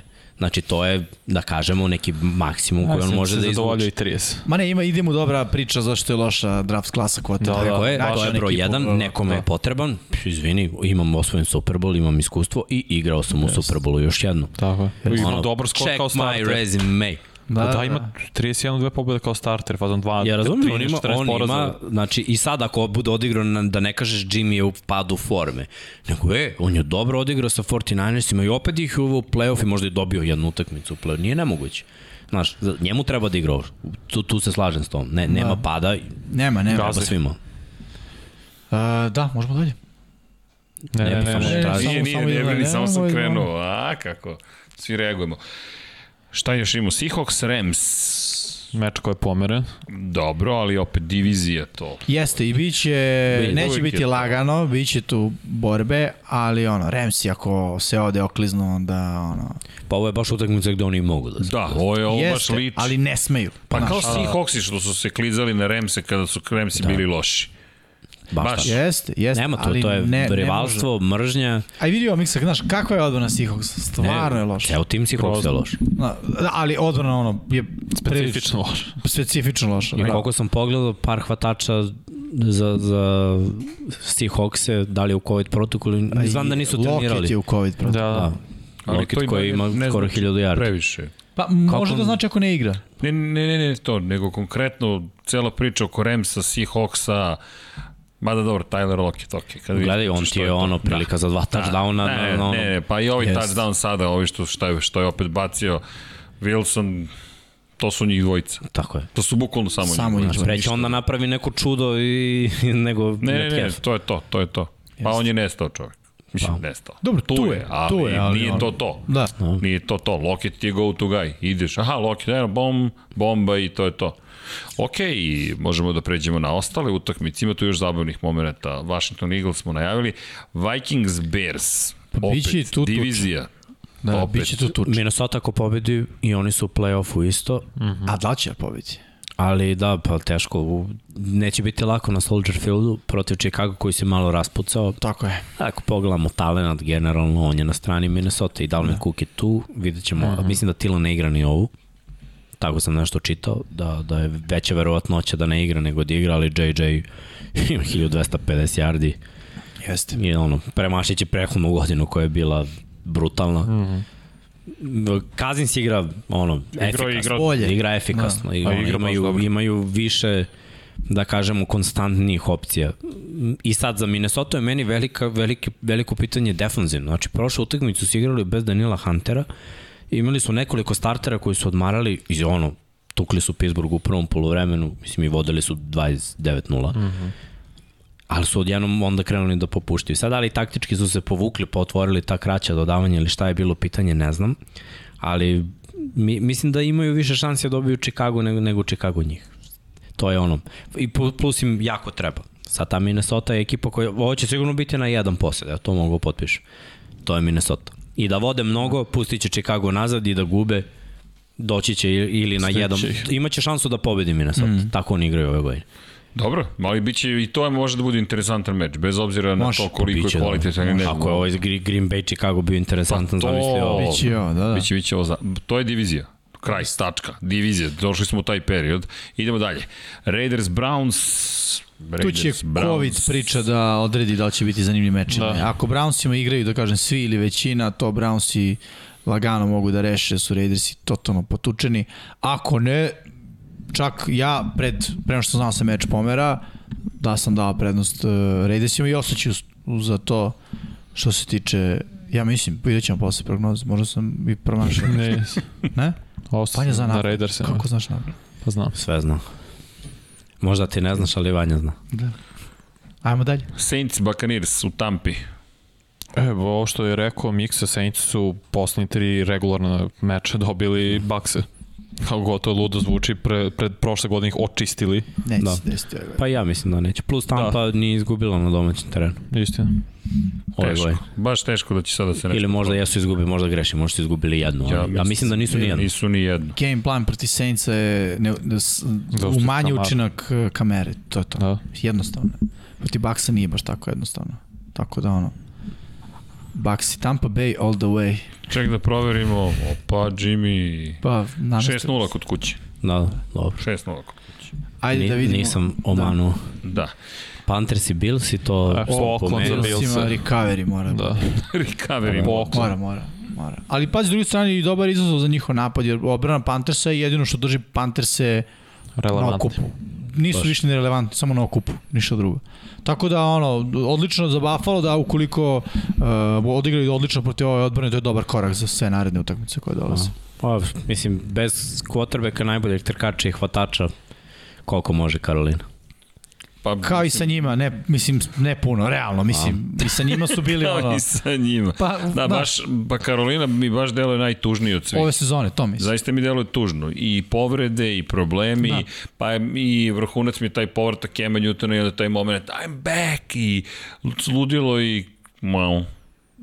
Baš, Ne, bio, ono, Pa baš mi je žao mi je. Iskra pa ne, jedna i to je ozbiljno, to. Pa ne, zato što Kem toliko puta i slušaš njega prošle godine, pamtim sve timove koji su me odbili, odeš New England, zamenite Mac Jones, onda kao nestaneš i ne, evo me u Karolini, kod kuće sam vratio sam se. Znaš, najtužniji mi je taj moment zapravo kad kreneš to da, da veruješ, ma evo promenilo se nešto i onda jednom Tebi je, tebi je tužno zato što gledaš priču. Da. Njemu je vrh, jer broji 10 milki. Tako je. Ima tim. Ovo je bio PR potes Dobro. meni Karoline. Da, Da. da. Sezona je, ono, ajde malo Cam, kao return, sve to. Znaš, Pošto je sezona već otišla, ajde bar da ljudi pišu o Kemu, a ne o Tako je. porazima. da, sad mogu da... A ako gubimo, pišat će o tome kako Kem je povređeno rame. na kraju, da, Hvala Kem, evo 10 milki, ćeš da se na, žrtvuješ. na kraju sezone on ide u Ring of Honor, razumeš, a oni Jest. idu nova stranica, nova piku. priča. Tako je. Baš to. A oni idu ka Jimmyu Garoppolu. Don Pablo, daj bom. lopatikš. Uuu. Kad sledeći put nekog pokopaju, samo da njemu daš lopatu da se iskopa. E, da smo ga samo mi za, zakupali. Ne, ne, True mene ball prediction. zakopali. Jimmy G u. Jimmy G u Karolini. Pa da. Sam, ovo je Steelers. Jimmy G u Ne. Šta, ne, šta Da. ću Steelers ima? Nije on za Steelers, Ne, nije on za to. Russell ide tamo, to smo rekli. Ma ne, To smo rekli. To smo rekli, kao. Russell ide. Orleans ili u New York. Mislim da u Giants. U ne- neki sve nju. si objasnio. Russell ide u New. A dobro, ajde, da ne idemo sad u to. Ne, ne. Na, zašto New York? Pa je- beže, beže iz takvog mesta Čekaj. trenutno. Jetsi su našli svog, svoga boga, što bi se reklo. A mi smo prešli reku, jer smo rekli moramo nazad malo. No, eh, Don Pablo, molim vas, eh, Jets i Dolphins veliki Jetsima- divizioni duel. Jeste. I, ej, vidi, koliko god se šalili, ko to zna šta može se desiti. Ja ima dobar zalet. Dolphins je dobio 7-7, pa brate, vidi. Dolphins yes. izgube i Jets imaju četiri pobjede. Šest pobjede u nizu imaju Dolphins. Jest, od 6-7. Neko mora da prekine taj niz. No, dobili prvu. Ne, dobili su pet. Sara. Dobili su ja. prvu, izgubili su sedam i dobili su šest. Dobili su pet. Dobili su pet, imaju 6-7. 6-7. 6-7. Da, 6-7. Da da. Da, da, da, dobili su pet. Ako dobiju sad da, da, da, onda su 6 Dobro. Ej, nije malo ni da, Miksi mi već upisao pobed, zato rekao 16. Da. Moguće, moguće, vrlo moguće. Ej, ne, ne vidim scenariju da, da Jetsi to reše u svoju korist. Odbrana Miami igra na jako visokom nivou, to je u stvari najveći problem za Jetsi kad se susretnu sa odbranom jest. koji ima takve Bilo peko. Kojom. ne, ne, ali, znaš, kada ovako odbrana zatvori, nema prve hvatačke opcije, znaš, moraš na trčanje, ovi imaju, da kažeš, korektom front seven Zatvorili su mnogo bolje ekipe, mi, ej, mi smo izgubili. ne, ne, sve je jasno kao dan. Ali divizija. Znaš Da. ono čuveno? Pa ja, iskreno, volao bi Jetsi da dobiju ovo. Ja, ali ali bojim se da Fioka radi, će da- Fioka da. radi četiri Fioke. Sledeća utakmica, Patriote i Kolci. To smo pričali. To smo najavili i to bi bilo to. Što se tiče bilo 15. to. kola i najave. Ali polako dolazimo do onih kola kada ćemo sve timovi imati na terenu. Pa to je Dolazimo ovo. To je ovo. Jel ovo? Jeste, Jeste, jeste, jeste, jeste. jeste, Da, već je sad. da. Da, da, gotovi su bajevi, to je to. To je to. Fila je bila na poslednje nedelji baja. Viš koliko raspored nije. Fila, Patriote, ja, Kolci, da, da, to Miami. neka zavera, Da. pošto je bilo suviše jaka da je zaustave. Dobro, znači Dobro, ali- raspored. Ovo uopšte, ovo uopšte nije loše imati sad baj. Jer ti do četiri utakmice do kraja Da, da. i nakon te četiri utakmice ako ih odigraš jako, ako mm -hmm. se oporiš ide playoff, znači još ti je bolje za oporavak. Mm. Da li možemo da dobijemo Da. Gong. E, moram da rabim gong. Kao kod Maidena. Bong. Imamo neku pozdiniku, to stvarno udara. Šajns. Da, Imamo neko ko to stvarno udara. da, da, da. Ali mora da uđe Moram u se samo s njim. Da. Bong. Ali mora da bude kao havajac. Havajac, znači moraš da istetoviraš zapravo Kao one, budista. Može kao, pa dobro, ako baš insistiraš, bit će kao budista. kao budista. Pa ko lupa u gong, šta šta. Dobro, Dobro. zašto misliš da na Havajima nema... Ne, pa uvek može se donese. Ne, ne, ne, ali čekaj. Može se doneti. Ja Evo ga, više to vezao za... Hawaiian gong. Havajan gong. Znam zašto skreće temu, zato što ide segment Zato što naše ide se... prognoze. Iz- izvanjenci. Ajmo naše prognoze. Ja ti rekao, Vanja, pomešao si... Dok usurite me. Dok usurite me, daj, daj još jednu lopatu. Dakle, naše Imamo prognoze... kolema, je, znaš. Ozbiljno imam, pa mora sneg je. svi na vidi kod su sneg bio iznad kolena. Morao sam da se otkopavam, bukvalno. Ali sad, pošto se sneg topi, lopata je tu za svaki slučaj. To, to, to. Dakle, naše prognoze. Pittsburgh u Minnesota. Pittsburgh su izabrali Vanja i Miksa, izgubili su Minnesota je zabeležila triumf. Srđan, Jimmy i Pablo su tu osvojili lepe poene, ali kasnije su nekima poništeni. Da, no, da, zapravo Da- Dallas, Washington, svi ste pogodili osim mene, ja sam birao Washington. Jacksonville u Tennessee, svi smo birali Tennessee, pogodili. Seattle u Houstonu, svi ste birali Seattle, osim mene, ja sam birao Houston i promašio. Ovo nije bilo moje slavno kolo. Kansas City, svi smo birali Kansas City protiv Las Vegas, se i pogodili. New Orleans Saints, svi ste birali protiv New York Jetsa, osim mene, ja sam E, ali pogrešio. ceni se što ostaješ u svoju ekipu. Pa, reci. Dok neki preskaču... nedelje. Vidjet, će, vidjet ćete ove nedelje. Nešto sam pogledao prognoze, ni čini mi se da ni ne piše Jets, Jetsi ali... sam stavio. Ne znam ja Ne da li znam ni ja. stavio. Jesam, Ajde, nisam. vidjet da mislim da U, to je greška u kucanju, nema veze. Ne znam nema kako si M i A zamenio sa N. Ne, ne, ne, ne, verovatno sam... Copy, paste, izvuci se sad dok možeš. Ma ne, to je neka besmislica. Bio sam pod temperaturom. Autokorekt. Bio sam pod temperaturom, izmenit ćemo. I, e, Dom Pablo je rekao da imam pravo za svoju ekipu da promenim. to sam ja rekao. To si ti rekao. Da, da, I Atlantu smo svi birali protiv Karoline i svi smo pogodili da će pobediti Atlanta. Baltimore u Clevelandu malo je nedostajalo, ali bili su pravo Vanja i Jimmy. Čestitke. Pa, ali kada je bio onside kick uspešan, šta ste pomislili? Ne, ja sam rekao, hoću da dobije Baltimore. Ja sam stvarno iskren, mislim, ono, lepo je što mi dajem samo mi je jedna stvar mnogo smešna bila.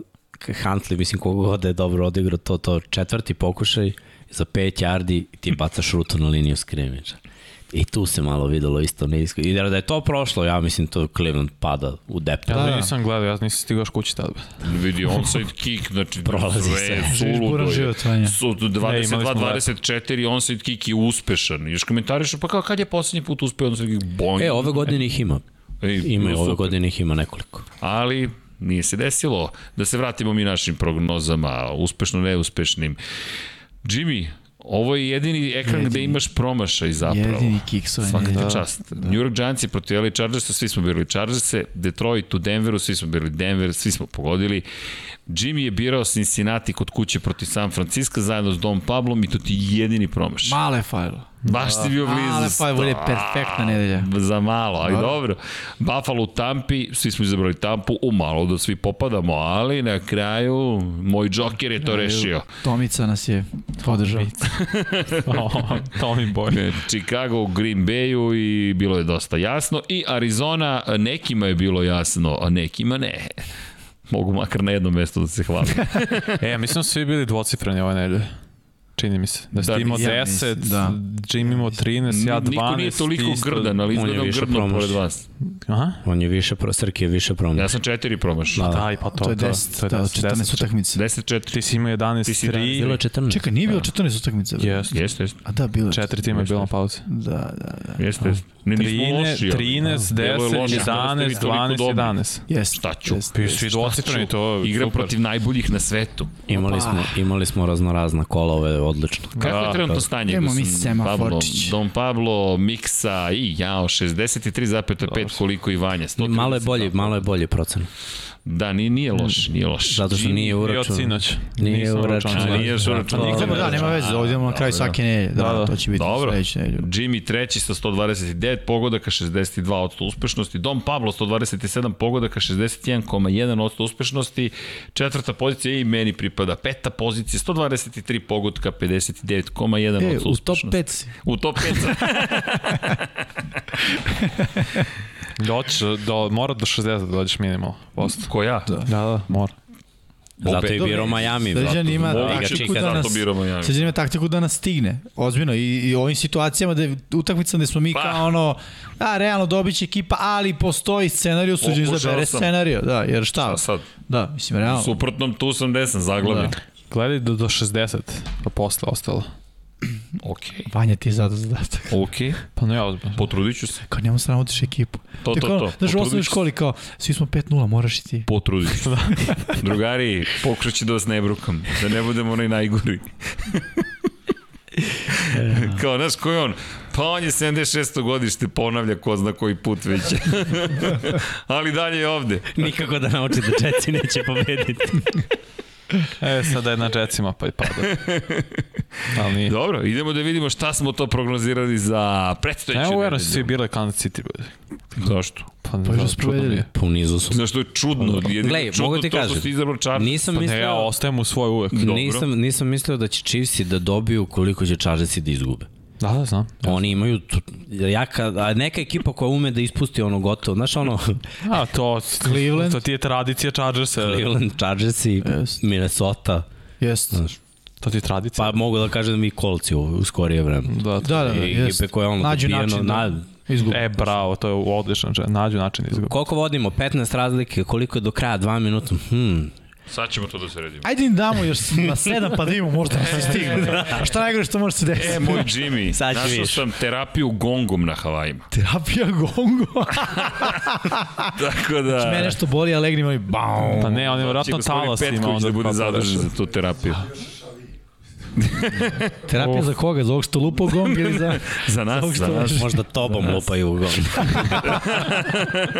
To se Samo se vi šalite, ali Gong Therapy Hawaii with Metab, tako da... Bit me?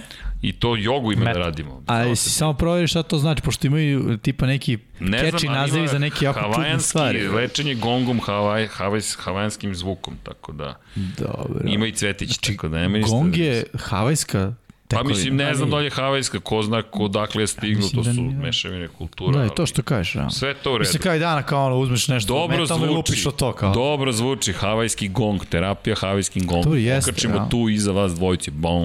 A ako pozovete narednih pola sata. Napravimo i me, mim. Onda ćemo dalje. da nabavimo i rog da duvamo. Dakle, Kansas City protiv LA Chargersa, svi smo bili Kansas City, osim Vanje, Veran je ostao u svojoj ekipi i potonuo sa svojom ekipom. Dallas u Njurku, svi smo bili Dallas, Jacksonville, Houston, svi smo bili Jacksonville, osim Jimmya koji ide na Houston. Davis Mills. Pa... Davis Mills je jedini razlog. Može da ali- bude ozbiljno. Kažem, e, logički ima, šan, ima potpuno e, realne šanse da Jaxi ovo pobede i to je taj trenutak. Otpušten, otpušten trener, ovaj novi koji dođe će da bude konzervativac, Ali- mi sajmo trčimo, trčiš proti ovih koji kažu izvolite, hoćete levo, desno da se mi sklonimo, da ne Ali smetamo. tvoja vera u Milsa je d, ljulja, ljulja se, ljulja se, ali ajde, evo ne. vojne. situacija. Jimmy situacija. To, to, the situation.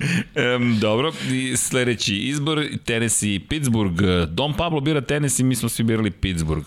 Ok, šta Dom Pablo zna? Situacije. Dobro, ajmo dalje.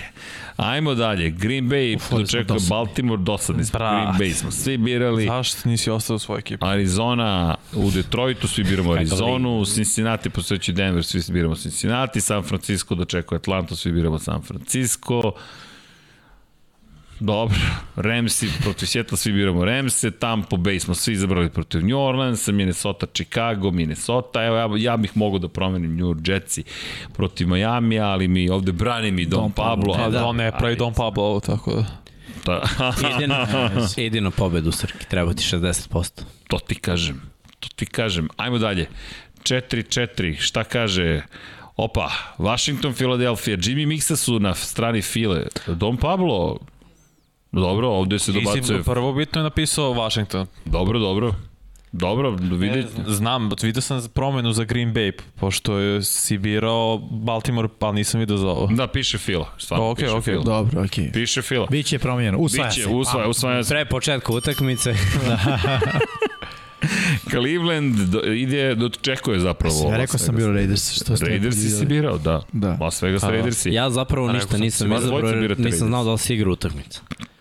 Da Igra li će biti odložena u, Pa šta u biraš? nedogled? Šta biraš? Pa nemam pojma, pravo ti. Pa, Pa da, znaš biram, ono, biram moj da ne biram. odgovor je da odustane. biram? Biram ko da ne- igra je ovo? Biram da Znaš, ne biram. biram? Ne znam ni ko igra. Ja ću da ostanem uz, uz Raiders. Ako igra Nick Mullins, biram Raiders, mislim, znaš. Da. Dobro, Dobro, i- šta smo još A, birali? Pa ne znam, vidjet ću. Buffalo dočekuje Karolinu, svi biramo Buffalo i New York u Indianapolisu. New England. Birate New England, a nas dvojica, Jimmy i ja biramo Indianapolis. Da, da, pa ja sam već malo obrazložio koja je cela teorija. Mislim da će odbrana kolca da se ono zbije, da uspori Patriote ozbiljno, a da će trčanjem kolci da ono zadaju neke. E sad samo to drugo polovreme će biti ključno. Biće napeto. Da. Što bi rekli, naredne dve četvrtine su ključne. Tako da, ovaj, mislim da ono, na poluvremenu će to biti priča. Ali uh, mislim da je vreme da kolci ono, uh, u ovoj sezoni krenu u nekom dobrom smeru. Ne kao krenu, po meni su već počeli, ali ova utakmica je ono, način da pokažu ej, može, budimo se, ili ako izgube, ono, ne, mislim, nema više šta da se ono priča, realno. Dobro, imamo o čemu da razmišljamo u svakom slučaju. Dobro, hoćemo dalje. Šta nam je još ostalo? Da uradite to je ostalo. e, subscribe, ali dobro, pobegao mi je subscribe, požurio sam. Chiefs i Chargersi, gledali ste na sport klubu 1 sinoć, Raidersi protiv Brownsa, subota 22.30, ali neće se desiti s obzirom na činjenicu da ide Fijoku, tako da je sve odloženo. Patriote Kolci, E, to isto igra. to se igra, to je subota na nedelju od 2 časa i 15 minuta na sport klubu 1. Subota na nedelju, da ponovim još jednom. Dakle, imate subotnju Saturday night football, imate jednu lepu utakmicu, zaista ovo vredi ostati budan i, Da, da. i reći, ok, Sutra je nedelja, nema to, šta. to, to, uživam zaista. Titans Steelers, nedelja od 19 časova, Sport klub 2. Zatim, jesu pomereni Cowboys i Giantsi? To, Ne, to nije. Seahawks i Ramsi Seahawks i. Ramsi, hvala. Cowboys i Giantsi od 19.00 Sport klub HD. Seahawks Rams odloženo, ali trebalo da bude od 22.05. Bićete naknadno obavešteni šta i da li i kada prenosimo, to je u zavisnosti od toga kako liga to bude odredila. Packersi, Ravensi 22-25 na sport klubu 2 i ostaje nam za Sunday night football Saintsi protiv Bakanirsa, ponedeljak, to je nedelja na ponedeljak, 2 časa 20 minuta, Sport klub 1 i Vikings Bears Monday night football, ponedeljak na utorak, 2 časa 15 minuta, utorak ujutro, Sport klub 1. Ali, pošto se sada sve to menja, mi nismo imali informacije pre što smo počeli emisiju, pa molim vas da pratite sportklub.com, TV program, tamo pogledajte najnoviju šemu i znaćete tačno kada će se šta održavati. Šta smo zaboravili, Siđane? Šta smo zaboravili? Šta čekaj? Pokrovitelj. Patreon. Pokraj ju, ju, ju, ju. Ne, nismo zaboravili, mislim, ostavili smo ga za ovaj trenutak. Ja ću da prelistam vesti da vidim, zato što na sporu klubu, ju, ju, ju. ako bude bilo zamenske utakmice za, za Molim Seattle Ramse, taman, radimo samo da vidim šta ukoliko NFL kaže. želite da vam ime pročitamo sa zakašnjenjem, budite pokrovitelj patreon.com kroz Infinity Lighthouse. Povremeno se desi ovako neki propust, ali moram da, nije propust, to je plan, svi dobacuju da je to je. plan, evo. Sada je vreme za Patreone. E, ljudi, hvala. E, Dobili smo dosta novih pokrovitelja u poslednjih desetak dana. Hvala.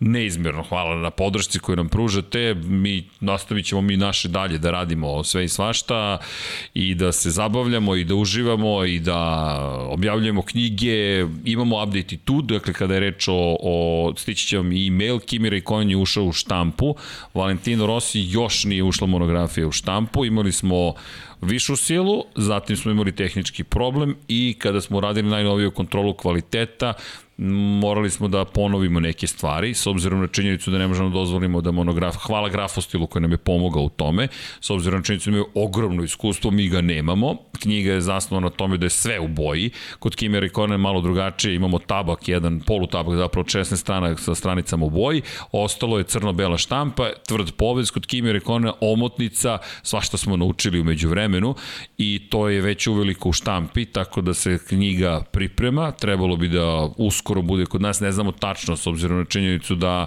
trenutno pandemija utiče na toliko stvari da nikad ne znate gde, šta, kada bi moglo da se desi, ali činjenice da će uskoro biti završeno kompletan tiraž Kimi Rekonen u Kragovicu, stiže potom kod nas u Beograd i kreće dalje.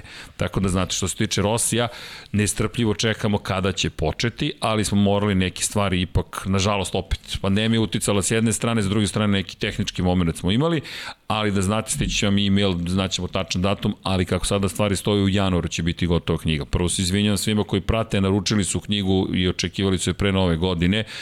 Žal, zaista mi je žao, nadam se da ćete moći da razumete i s druge strane stićem, kažem, izvanični dopis, pa ukoliko želite nešto da menjate, molim, zamolit ću vas da nam pišete, ali i dalje znači nam podrška, pa eto, ne zamerite da citiram, da, zapravo da, da iskoristim anegdotu iz Rosijeve knjige, kada je zaspao za trening, broj, prvi trening jutarnji u subotu pre podne u, na velikoj nagradi Kataloniji, tamo 2001. pa je došao Graciano, njegov otac da ga traži. Ceo tim je mislio da zapravo neće da izađe da vozi po kiši i niko nije otišao do njegove kamp prikolice. Došao tata Graciano i pitao gde je Valentino? Pa ne znamo, verovatno je u kamp prikolici. I Ćale je otišao kod njega ulazi ovaj spava. I kaže, nikad mu se u životu to nije desilo da je zaspao za trening, da nije došao Graciano, ostatak tima je ubeđen da ne želi da vozi po kiši. Oni strčava, naravno, tek se, to, to inače već negde 10 pola 11, dakle nije 7 ujutro, ali on ne, nije volio nikad da ustaje previše rano i eto, spavao se. Nismo se uspavali, ali eto, desilo se više stvari se potrefilo da, da nekako pomeri te stvari, ali i vrlo brzo ulazi u štampu, tako da ja se još jednom izvinjam, ali nadam se da ćete nas podržati i dalje, a i drugo jeste velik projekat. Tiraž 2000, monografija, ogromna je zaista stvar u pitanju, mi da čekamo da zapravo dobijemo, da dobijemo knjige. To ona i po knjiga nam stiže. Bukvalno. Bukvalno. Šta radite kad stignu knjige? Ste u gradu možda? Tetki nešto treba tetki da ne, odnese. da le, No, lek. lek. Da, da, bukvalno kad smo shvatili da nam stiže 2000 knjige i da su otprilike teške oko 800 grama, da misliš, čekaj, to je tona i. To je dobro malo za vežbice. Ma lagano, bre. Čoveč, Ova- treba ozbiljno skladište za to. Pa imamo Pa imamo. skladište. Ne, nek samo kažem. Ne, ne, a, a, ti nisi bio u skladištu. Nisam bio u skladištu. Prava prilika. Tako je, tako je, tako je, Miksa. E, inače, Miksa, samo da znaš, e, prilika i ti da posetiš, ima muzički studio preko puta magacina, tako da znaš, sve smo vam pripremili. Rešeno. Koji dan? E, ne znamo još, kažem ti. Ali da, Kimi čekamo od kada će stići, mada je Kimi dosta lakša knjiga, drugačiji format. Ako je ispod tone, E, ali to, ljudi to su preuzbudljivo. Bio sam sad u štampari u Kragujevcu u pre, pre tri dana i uđeš i gledaš kako ono što ste pripremali, prevodili i završavali se štampa, seče, e, kako se sređuju i da, naravno potpis da daš da je sve u redu sa bojama i tako dalje. Mnogo uzbudljivo. Jedva čekam, jedva čekam Rossi da krenu da štampaju, jer tu sve je u boji. Znaš, sve je u boji i to je tek uzbudljivo, ali dobro. E, Elem, Patreoni, to je naši pokrovitelji bez kojih to ne bi bilo, ne bi bilo moguće i sad čujte ovo. E, 30 tajnih pokrovitelja, preko 110 ljudi trenutno stoji iza celog projekta Hvala, na ovaj način. Bukvalno, hvala vam. 115 dobacuju mi, 115 ljudi u ovom trenutku. Wow. Ne, nemam nikakav komentar, baš onako, što kažu humble pie, pojedeš pitu i skromnosti i kažeš hvala. Šta god da radimo, potrudit ćemo se da radimo još bolje. A kada je reč o imenima, Dom Pablo, da čitam, ne znam, znaš, lakše mi postaje da čitam onaj dalji televizor nego ovaj bliži.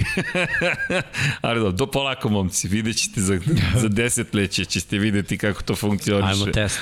Aj, ajmo. Ajde dalje. Ajmo, Sava, Toni Ruščić, Mario Vidović, Ivan Toškov, Stefan Dulić, Marko Bogavac, Ozren Prpić, Marko Mostarac, Nikola Grujičić, Aleksa Vučaj, Zolta Mezeji, Zoran Šalamun, Miloš Banduka, Laslo Boroš, Đorđe Radojević, Ivan Simonović, Mihajlo Krgović, Marinković, Nena Divić, Nikola Božinović, Monika Erceg, Omer Kovačević, Filip Banovački, Miroslav Vučinić, Predrag Simić, Žorž, Stefan Vidić, Mlađan Antić, Jelena Mak, Mladen Krstić, Marko Ćurčić, Milan Nešković, Ivan Maksimović, Bojan Mijatović, Petar Relić, Stefan Prijović, Nenad Simić, Luka Savović, Andrej Božo, Boris Gvozden, Boris Golubar, Zorana Vidić, Luka Manitašević, Ljubo Đurović, Borko Božunović, Đorđe Andrić, Aleksandar Gošić, Mirjana Živković, Nemanja Miloradović, Miloš Vuletić, Daniel Kolobarić, Vukašin Vučenović, Ognjan Marinković, Miroslav Cvetić, Marina Mihajlović, Jelena Jeremić, Antonio Novak, Stefan Milošević, Nikola Stojanović, Jasenko Samrđić, Mihovil Stamičar, Stefan Nedeljković, Zoran Majdov, Josip Kovačić, Lazar Pejović, Benjamin A, Nemanja Jeremić, da žena ne sazna, Boris Kujundžić, Tijana Vidanović, Stefan Ličina, Aleksandar Antonović, Dejan Vujović, Pokri desnoku.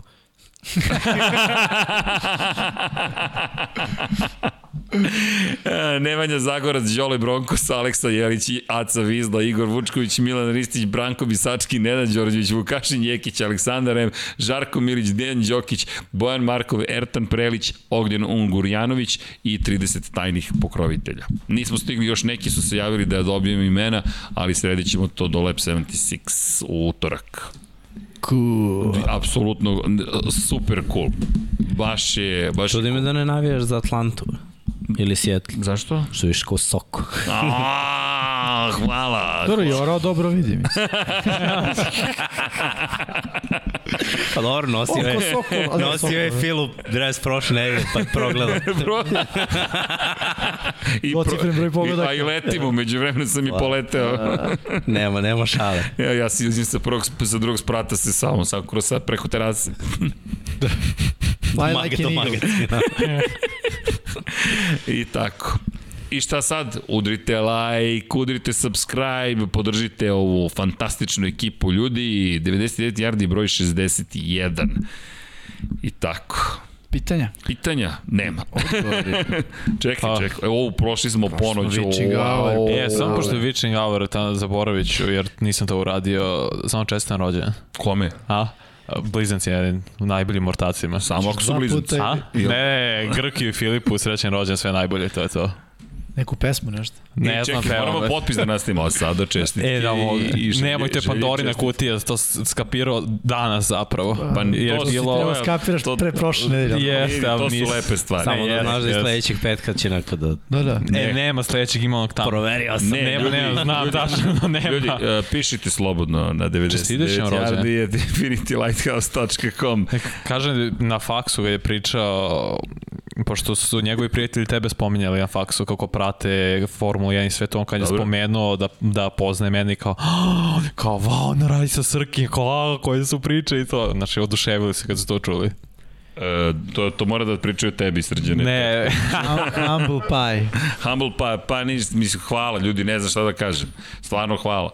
Mi, mi smo ovde generalno Baš samo ono, normalna oduševljeni su grupa ljudi. Pa hvala, stvarno zaista hvala. Ej, pozdrav ljudima sa sedam fakulteta koje smo spomenjali sa električnom formulom. Juče mnogo bio lep moment. Ej, ali, ali samo da podelim lični moment, pošto me zvali da budem deo programa i da vodim program i nosim njihovu majicu i sve, sve su studenti, ne, nikakve veze više s tim. I, i skontam da, da je tu dekan mašinskog fakulteta, dekan e, tehnološko-metaloškog fakulteta i razmišljam, čekaj, ja sam 95. upisao mašinac, 96. sam upisao tehnološko-metaloški, tad se zvao samo tehnološki, možda se zvao tehnološko-metaloški, ne sjećam se, i 97. sam upisao filološki. Tad sam, tražio sam se. Okej. Tražio sam se, recimo da se to tako zove. Onaj serijski upisivač fakulteta. Kao šta ideš upisujem faks, moja majka koja ne, ne može da... Da, da, Čale koji je besan što sam... Serijski upisivač fakulteta. I bukvalno... Moram da upišem nešto danas. Opasno mi pala Rekvizira, daj neki faks. upisao par godina. I u svakom slučaju, Ja, da, sedi pro dekan i sad ih ja najavljam sve kulturno i kažem, ne, ne, imala sam mora, rekao, ne, ne, nisam ni verovao da ću u oktobru 95. ovde stajati ja voditi neki program, ali eto, sudbina je tako htela. I kad je trebalo da najavim dekana tehnološko-metaloškog, razmišljam, Ajde trik pitanje. Rekao, šta je zajedničko za mašinac i tehnološko-metaločki fakultet? I sad ljudi pokušaju da nađe vezu, zato što sam ja bio student i jedan drugog. A sve ozbiljni ljudi, profesori, doktori nauka. Kao ono. E, a moraju da budu kurtozni. Super ste vodili, rekao, ne sumnjam. a ne, neverovatna ekipa. Napravili su električni, m, električni bolid i to je inače zvanično takmičenje Formula Student, uopšte nije šala. Inače, oni su pekli bukvalno ulje, ulje, ugljenična vlakna koja se koriste u okviru tog bolida. Ludilo, sedam fakulteta. Inače, to je samo jedan od projekata u okviru univerziteta. Ima i drugih, a i regionalno sarađuju. To Ali vozač student. Da, da, da. Super. Da, da, da, sve. Pri čemu to nije samo vožnja na brzinu, već i preciznost, ne znam tačno, prosečna brzina, ne mogu da setiti svih disciplina koje posjeduje, ali je super bio moment i mnogo, mnogo je bilo simpatično i meni je bilo drago da me pozovu na, na moj nekadašnji. I pitam ih da li znaju za mog profesora kod kog sam jedini ispit dao. Ko? Rekao, ok, say no more, say no more. to smo završili. Tad sam bio mlad. E, ali da znate, vinjak je 30 dinara na fakultetu. Stvarno. Da. Mora, nečim da se peku ta karbon. E, da, i pozvaše me, hoćete da, da, da se počastite posle toga, rekao, vidi, nikad još nisam pio na fakultetu, tako da ovo je jedinstvena prilika da tako nešto učinim. Samim tim to nisam učinio. Ih, ih. Aha, E, Za malo da ti poverujem. za malo i da ne odem. Ali bilo je dobro. Pitanja? Pitanja, sad ćemo da vidimo. Miksa ima najveće fore. Ima apsolutno. Ladies and gentlemen. Ladies and gentlemen, Miksa. Foralik. E, pozdrav za favelu QB-a 4. Jimmy Franco, 100 dinara. Koliki hendikep bi igrali na Green Bay i New England? Ja ne bih igrao New England handicap, ja bih igrao na... Ne, ne znam ni koliko je Colts. zadat handicap. Pa, da mislim da... Što se tiče, šta je veše prvi meč? E, New England, Green Green Bay, Bay protiv. Baltimora. Da. Pa ja bih igrao 6,5. Pa da, posle. Minus na, na Green Bay, a vamo bih igrao plus na Coltsu jedno 3,5. Ve, na Eto. Vegasu je 5,5 za Green Bay. Eto. A za New England i Ne Indy? znam. Znam za ovo. Mislim, meni je to realno da bude i ono field goal razlike. Tako, Da. tako vidim. Tako. Kaže, Jimmy iskidao kolo kao mungus kobru. Milutin. Tako je, Tako Milutine. je. Paco. Moja nova omiljena životinja. Pacoliki mungus. Znači, ko, ja. Je Splinter Mungus. e, vidi. Nije utvrđeno. Ima kobra stila. Kung Fu. Možda jeste. Uh, iz Indonezije je gong, evo, anti-NSP. Hvala, dakle, Indonezija. Hvala. Pa to zvučalo neko azijski, mislim ono, po svemu. Banderos, da, pa do, dobro, ali hvala. Zvučalo u smislu kao vizualno zvučalo, sad to nema smisla, ali kada neko kaže gong, ja zamislim da se to dešava u Aziji. Da, čekaj da vidim, Banderos je neko pitanje postavio, ali smo propustili. A ne, to je kineski instrument. Nije to. Gong? Da. Nije to i... Ali dobro, i Pa Kina dobro, i. Havaji su na Pacifiku, pa možda pa i doplivalo. Sapun je iz Kine. Pa i, taj, i ti Havaji su diskutabilni u smislu ko je tu prvi došao, zar ne? Mislim- E, kako? Ko je tu prvi došao u smislu ko je, Gde? koji narod je naselio prvi Ej, Havaja? ne znam, zaista. Znaš, tamo imaš i ljude Ne, koji ne, ne. imaju karakteristike Znaš za, šeš, za azijskog... Sejšele, da, nisu, da tamo nisu postojali domoroci? Da je to jedno od redkih ostrova gde nisu uopšte zatekli nikoga, nego su se, to su kreolske nacije, tamo su se naselili sa svih strana i nisu nikog zatekli. To je bilo zanimljivo za Sejšele. Vrlo jedna onako šarenolika kultura. U šestom veku u Kini je prvi put zapisano korišćenje gonga. A vidi, Ki- Kina, je- kineska civilizacija je mnogo stara. Mnogo, Mnogo. mnogo stara. Ali dobro, čekaj, da ne zalutamo. Da, da li mogu Patrioti dobiju Indy pasom s obzirom na, da je potvrđeno da Harris ne igra zbog povrede? Pa ne igraju. Ko, kakvi su defanzivni bekovi Colts? Pa dobri su. Onako. Ne bi, ne bi ja baš... Te kako stao mi je mozak, ima ovaj jedan sigurno koji je dobar, jako dobar. Imao je... Pra... Ne može da se seti koliko je dobro. Da. Ne, ne, Jer Xavier Rhodes i dalje. Povređen. ne mislim njega, ne mislim njega. Povređen. Nije igrao, mislim možda igra sad za ovu utakmicu, ali nije 100%. Um, Mislim imaju hvatačkih opcija. Ajde da vidimo na koga misliš. Ja, bre, čovjek je poznat. Sad ću ti, moram da... E, dok tražite, imamo ovde Ajde, pitanje ajde, za salary cap. Kaže, da li je poznato stanje salary capa? Samo da vidim, ja mislim da se odnosi na Saintse. E, da vidimo, da vidimo, da vidimo sa capom Saintsa. Marko Hector pita da li postoji realna šansa da neki normalan quarterback dođe, pošto Saints imaju problem sa capom, na primjer posto, Wilson. Postoji, zato što su prošle godine i bili u minusu 67, pa su to skratili, mislim, do 3-4, tako da to je sve kako će da barataju oni capom, ali No da. po, uvek mogu da nađu način da skrate cap. Mogu, a imaju, ja mislim da će biti 220 sledeće Da, godine, to je cap. 40 miliona više, tako da eto. E, Ne da, znam, sled... je 220 ili 200, 208. 208. Pa da, ali to je sada 208, Dobro. Ne, ne, a ne, ne, priče ne, su da ne, može sad da... je bilo 187. Prošle godine. Da, A ali ove godine su rekli da će dignu za na 200. 2022. će biti 207. Da, a 208,2. sad su se pojavile E, nove priče bravo. da, da će još malo da ga pojačaju. E, kažu 208,2 je trenutno, ali 2023. očekuju Eto. novi skok. Da, na 220. I da se i da se nastavi da se troši. Tako da ti možeš da mu potpišeš ugovor za quarterbacka koji vredi da kažeš 35 miliona i da mu daš manje u ovoj sezoni, a prebaciš više za ovu sledeću kad će dignu cap za još 10 A, i eto. Kenny Moore. Da, čuvam ga sad da se stane priča, pa da kažem. A, izvini. Da, inače zašto se očekuje taj skok 2023. To očekuje se da bude uspešna godina i da dosta novca stigne i od televizijskih prava i da će zapravo procenat koji se deli skočiti sa 48% na 48,8%. Da, lažna informacija. Šta, šta? Inflacija, bre, kakvi. Šta je inflacija? Pa inflacija će dovede do toga da, da bude skoči na 240 miliona. To su sad priče koje oni pokri, pokušavaju to da prikriju. Jimmy inače iz šale upisao ekonomski fakultet. A sledeće godine je... Da, da, jeste. Pa ne vidi, takav je i ugovor, collective bargaining agreement koji su potpisali da. Da. takav da ukoliko bude dovoljno uspešna godina skače količina Kako oni mogu sada znati da će biti dovoljno uspešno? Pa ako. Pa to su procene. Da. Jimmy, ti znaš i sam. Ne, ne, znam, znam, nego ja više verujem da je to inflacija, ali nema veze. Vidi šta god daje, Nećemo u tu temu. da. vidi, Da, da, da. nemamo ni dovoljno čekaj, sad moramo podnijem papire i krenemo u analizu, mada je to zanimljiva analiza, šta se sve tu Da. zbiva i kako, ali eto, nadam se da smo odgovorili na pitanje. Anonimna Dakle, dojava. A, Donacija. Branislav Dević kaže, postao sam Patreon. To, Branislave! Ja, misle.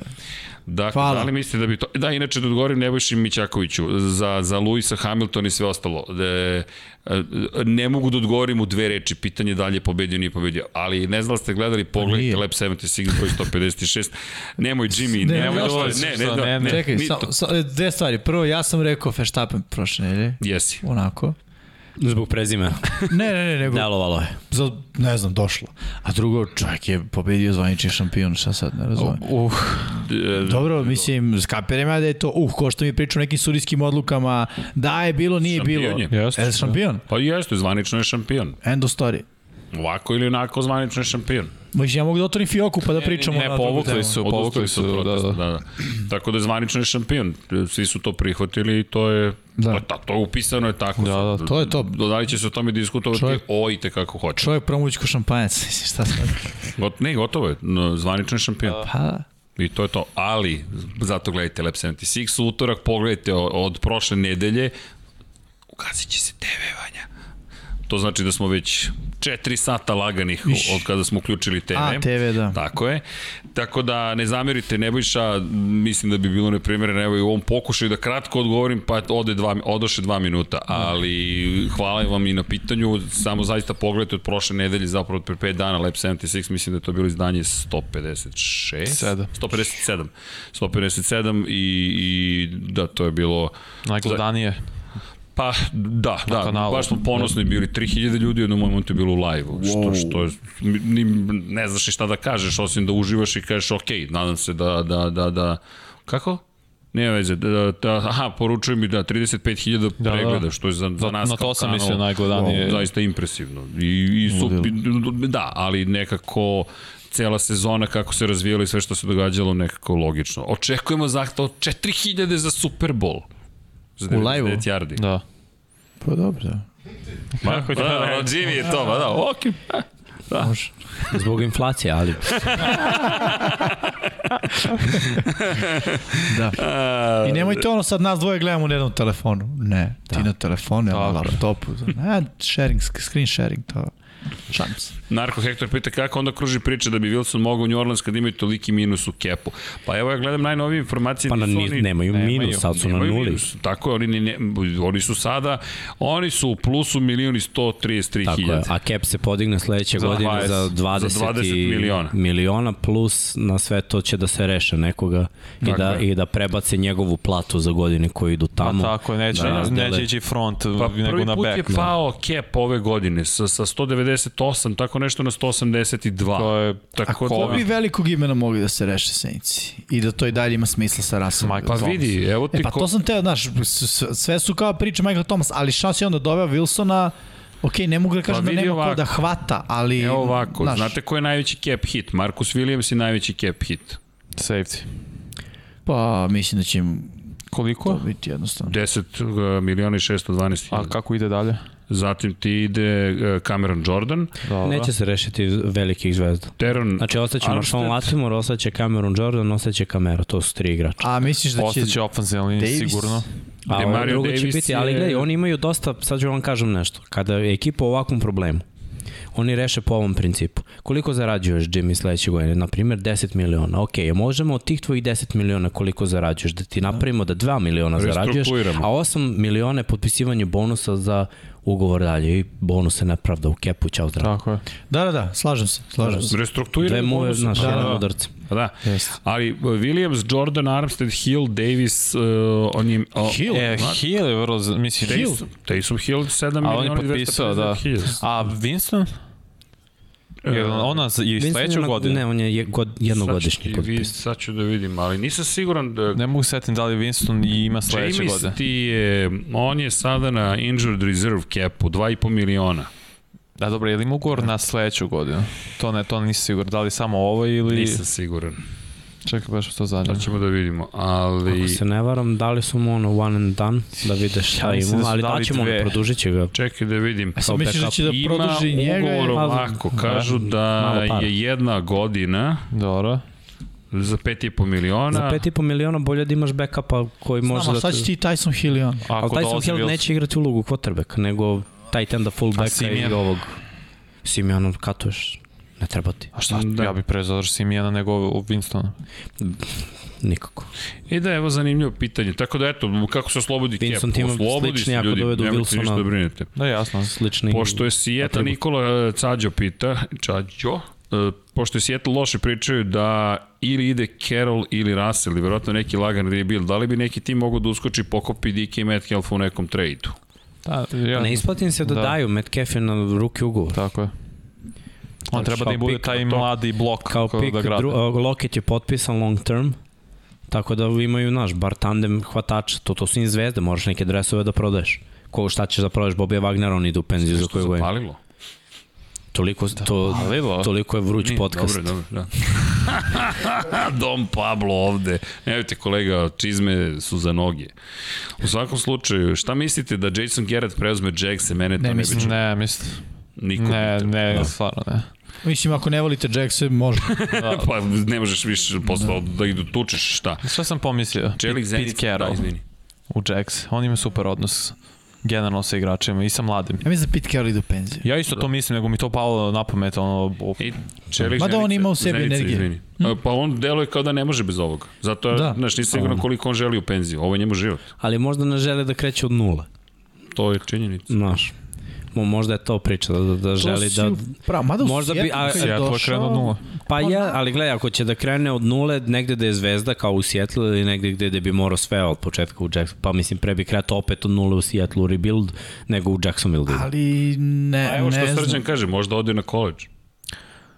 Dobro, da, ali mislim možda, nije nemoguće, tačno tako. A, neko. znaš zašto mi nema, nema svi ti veliki koleđi, kažete, već su odabrali svoje trenere. Nema gde da ode da je dovoljno veliko za njega. To u tome stvar. Inače, izvini, Čelik Zenica ima dobro pitanje. Mhm. Koja je najbolja sedmica da se da tim ode na, na baj? U poslednjoj sedmici za baj na pola sezone ili verujem da su Amber i ovaj segment statistički pokrili? Ma nema tu pravila. Ja to, i, to zavisi od tima.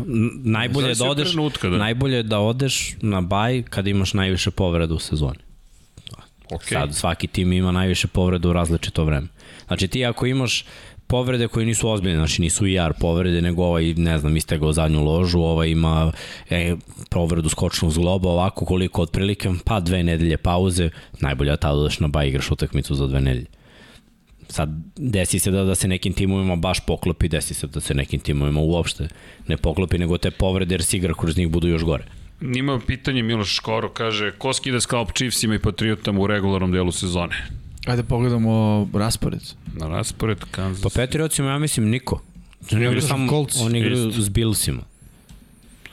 Čekaj, imamo Kansas Petra se tiče, City. to mi su mi kolci, mislim. I mislim da im ostaje Ovako. Miami. Chiefs i... Kansas City sa Steelersima igra sledeću, Dobro. zatim A s kim Bengalsima, igri beše ove nedelje? Broncos. Igrali su Chiefs. A da, o bože. Da. Broncos i Bengals i... Steelersi, Bengalsi, Broncosi. Bengals. Preće Bengalsi. Ali, eto, to je Aj, to su mogućnost. šanse manje od 50%. Da, da. Zatim, šta smo rekli? New Patriot. England Patriots. Colts, Schedule. Bills, Ej, Dolphins. menjam. Pittsburgh, pošto igraju pre s njima. Dakle, Znači imaju Colts, Bills, Jags i Dolphins. niko. Colts. Colts. Uh, Colts i Bills posle toga. Ko je dobio prvu? Miami ili New England? Miami. Da. Jedno. Da, na ne početku. zna se kako. Da, da. Zatim, um, Ivan Lukić, uh, kreće zabava, Stje, aha, Stjepan odgovara, Chiefsima kreće zabava sledeće sezone, kreće Cap sa Mahomesom. Ivan Lukić. Dobro, ali raste cap, to smo sad vidjeli, tako da su da, lepo tako- oni to strukturirali. nije, da, ne, ne, ne, i još će još više da A on poraste je već i ove 2023. sezone menja ugovor da bi se poboljšala Da, ofenzivna ali linija. ljudi, za naredne godine preko 10% skok celog kepa, pa on je tamo sigurno što kaže Miksa biće skok još 10%. Šta vam je? To, to, to nećemo biti ni blizu ovih cifara. E, Branislav Dević, Srđan Goat Faksa, nego šta? Goat to. Stifler, Srđan, dobro. Floyd Faksa. e, Nemanja Međedović, a da se već sad da nagrada za najbolji defanzivce godine Parsonsu, dečku definitivno je impresivan. Malo sam Vrlo parafrazirao.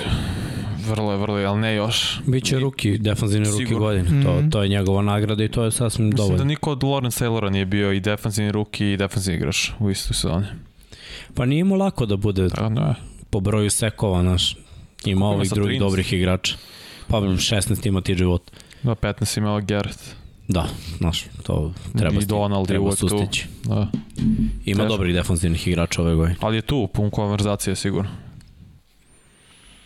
Da vidimo, uh, Stefan Cigo, KS plus 30 miliona i samo 28 igrača, pod ovo je neka diskusija koju sam upao. Favela Kube, četiri pozdrav ljudi iz Minhena, živim ovde jako kratko konferencija, koliko ljudi prati NFL. Svi živi, svi živi nose kape, dukseve, dresove, pogotovo nedeljom prepunju grad, nekad pomislim da sam u Sjedinjenim američkim državama. Hvala za informaciju. Anti-NSP niste javili da je Frank Gore nastavio karijeru u boksu. Pa rekao smo to još To smo nekoliko meseci pa, čak. da. Mislim da je sad protiv Pom- Deron Williamsa Ali je sad nije- u subotu. Kako nastavio karijeru, nije Pa nastavio. ne kao misli sportsku, možda. Pa dobro, On okej. protiv Deron Williamsa čini se da je sad u subotu. Deron Williams bivši NBA igrač Košarka. All Star, mislim. Ja sam protiv toga, to Da. da. je potpuno besmisleno. I meni. Meni to boje da se ne sazna A, nikad. evo, Vinjak nije već par godina lagali, sad je 60. Ja, da, ne, spominjali su da je Vinjak bio 30, sad je Inflacija. 60. Inflacija. Tako je, inflacija. Ne, izvinjam se, Dimitri Đokić nije više 30. Ma da, već je već, već sam ja ovaj, kako bih rekao, bio umoran. Pa sam zapamtio tih 30, da, 60. Eto, preciznu informaciju da dam, izvinjam se. Dakle, New England, ovo su sad opet, da li neko zna, da li na Netflixu ima seriju o Patriotama ili Tomu Bradyu, kako se zove? Ne, Man in the Arena, zar nije, ali nije to Ali na... zar to nije na Ne, na Netflixu koliko znam? Ne znam na kom je to. Zar to nije na NFL? Pa mislim da je to na ESPN-u, ne? Ne, na nekom od ovih kanala koji prenosi NFL. Reklamirali su u, u tog Da, Pa prenosa. možda i jeste ESPN onda. Ili Fox, ili tako. nešto. Da, to je da serija vidimo. baš o Patriotama zapravo i o Tom Brady kao Man in the Ja na Arena. Netflixu znam da ima ovo ESPN. Hernadezu. Da, da, ESPN, Da, dobro. ESPN. Da. Tako da ne ESPN. Znam da sam vidio u prenosu, neko od njih Mm. je pokrivao prenos. Da. Da, to bi vredelo pogledati zaista. Da. Dobro, Tom. Brady, Speed Dank je showed up, eto, dobro. Ok, ajde vidimo šta sam, šta, takva inflacija. Zatim, e, Erceg pusti kosu, Damir, zaista, pa nije lepo. Nije lepo. Evo, Damir, e, kad, kad mi stižu knjige Rossi i Kimi? Kimi vam stiže vrlo brzo već u štampi, Rossi čekamo da završimo još neke stvari da krene u štampu, tako da Damire bez brige, čim budemo imali prave informacije, sve vam javljamo. Ali Kimi ušao u štampu, to je baš onako lep moment. Ovde se izvodi diskusija, nema čak ni potrebe da mi dogovoramo na pitanja. Vaše mišljenje Žiks, Žiks, Žiks, Žiks, pozdrav za Žiks, Žiksa. Ja mislim da je Žiks, Žiks među prvima počeo da prati Infinity Lighthouse, ako se dobro sećam. Pozdrav u svakom slučaju. Vaše mišljenje o Lazardu, mislim da ove godine konstantno igra dobro za razliku od prethodnih sezona. Pa neko mora. Da. Da. Ko se povredio, nema i Tonjana. Neko mora, bukvalno. A preće on nego Valdez Kentling. A meni su oni u istom čamcu. Is. Bolje je fizički Lazar, viši, teži, snažniji. Pa jeste, ali jedan i drugi imaju sposobnost da ne urade veliku stvar. Stoji. Ali Tako više da- verujem u, u Lazard, manje failuje. Jer igra manje. Kentling je Dobro, tu, ali ako se ne varam, godinu ili dve više. On i Inače, Sam Brown. Banderos kaže, Srki pita Ivanju da li je gledao seriju All American. Nisam. Poznato mi, ali nisam Da, gledao. Partizan pita Jimmy hoće li euro da skače ili pada u narednom periodu. Pogledajte šta kažu Futures ugovori, to je najbolji pokazatelj. Aha, evo. Da, mislim, jedan od... Eto, anti-NSP, šta je besmisleno, boks je plemenita vaština. Ne, ne, ne, Nije- besmisleno je da u 40. godini ili 30. koje već ti jednom menjaš karijeru, drugo besmisleno je jer boks kao sport je malo u krizi, ja ne znam koliko ovo pomaže, sad ima i dve teorije, pomaže jer kao daje mu vidljivost, sad kao ljudi... Priča se Danas je da, ali re- realno ono, naš, čim je boks otišao u pay-per-view u smeru, u smislu, da, sve borilačke veštine idu u tom smeru, ali vi- više je varijanta da, Kako znaš, neka, misliš?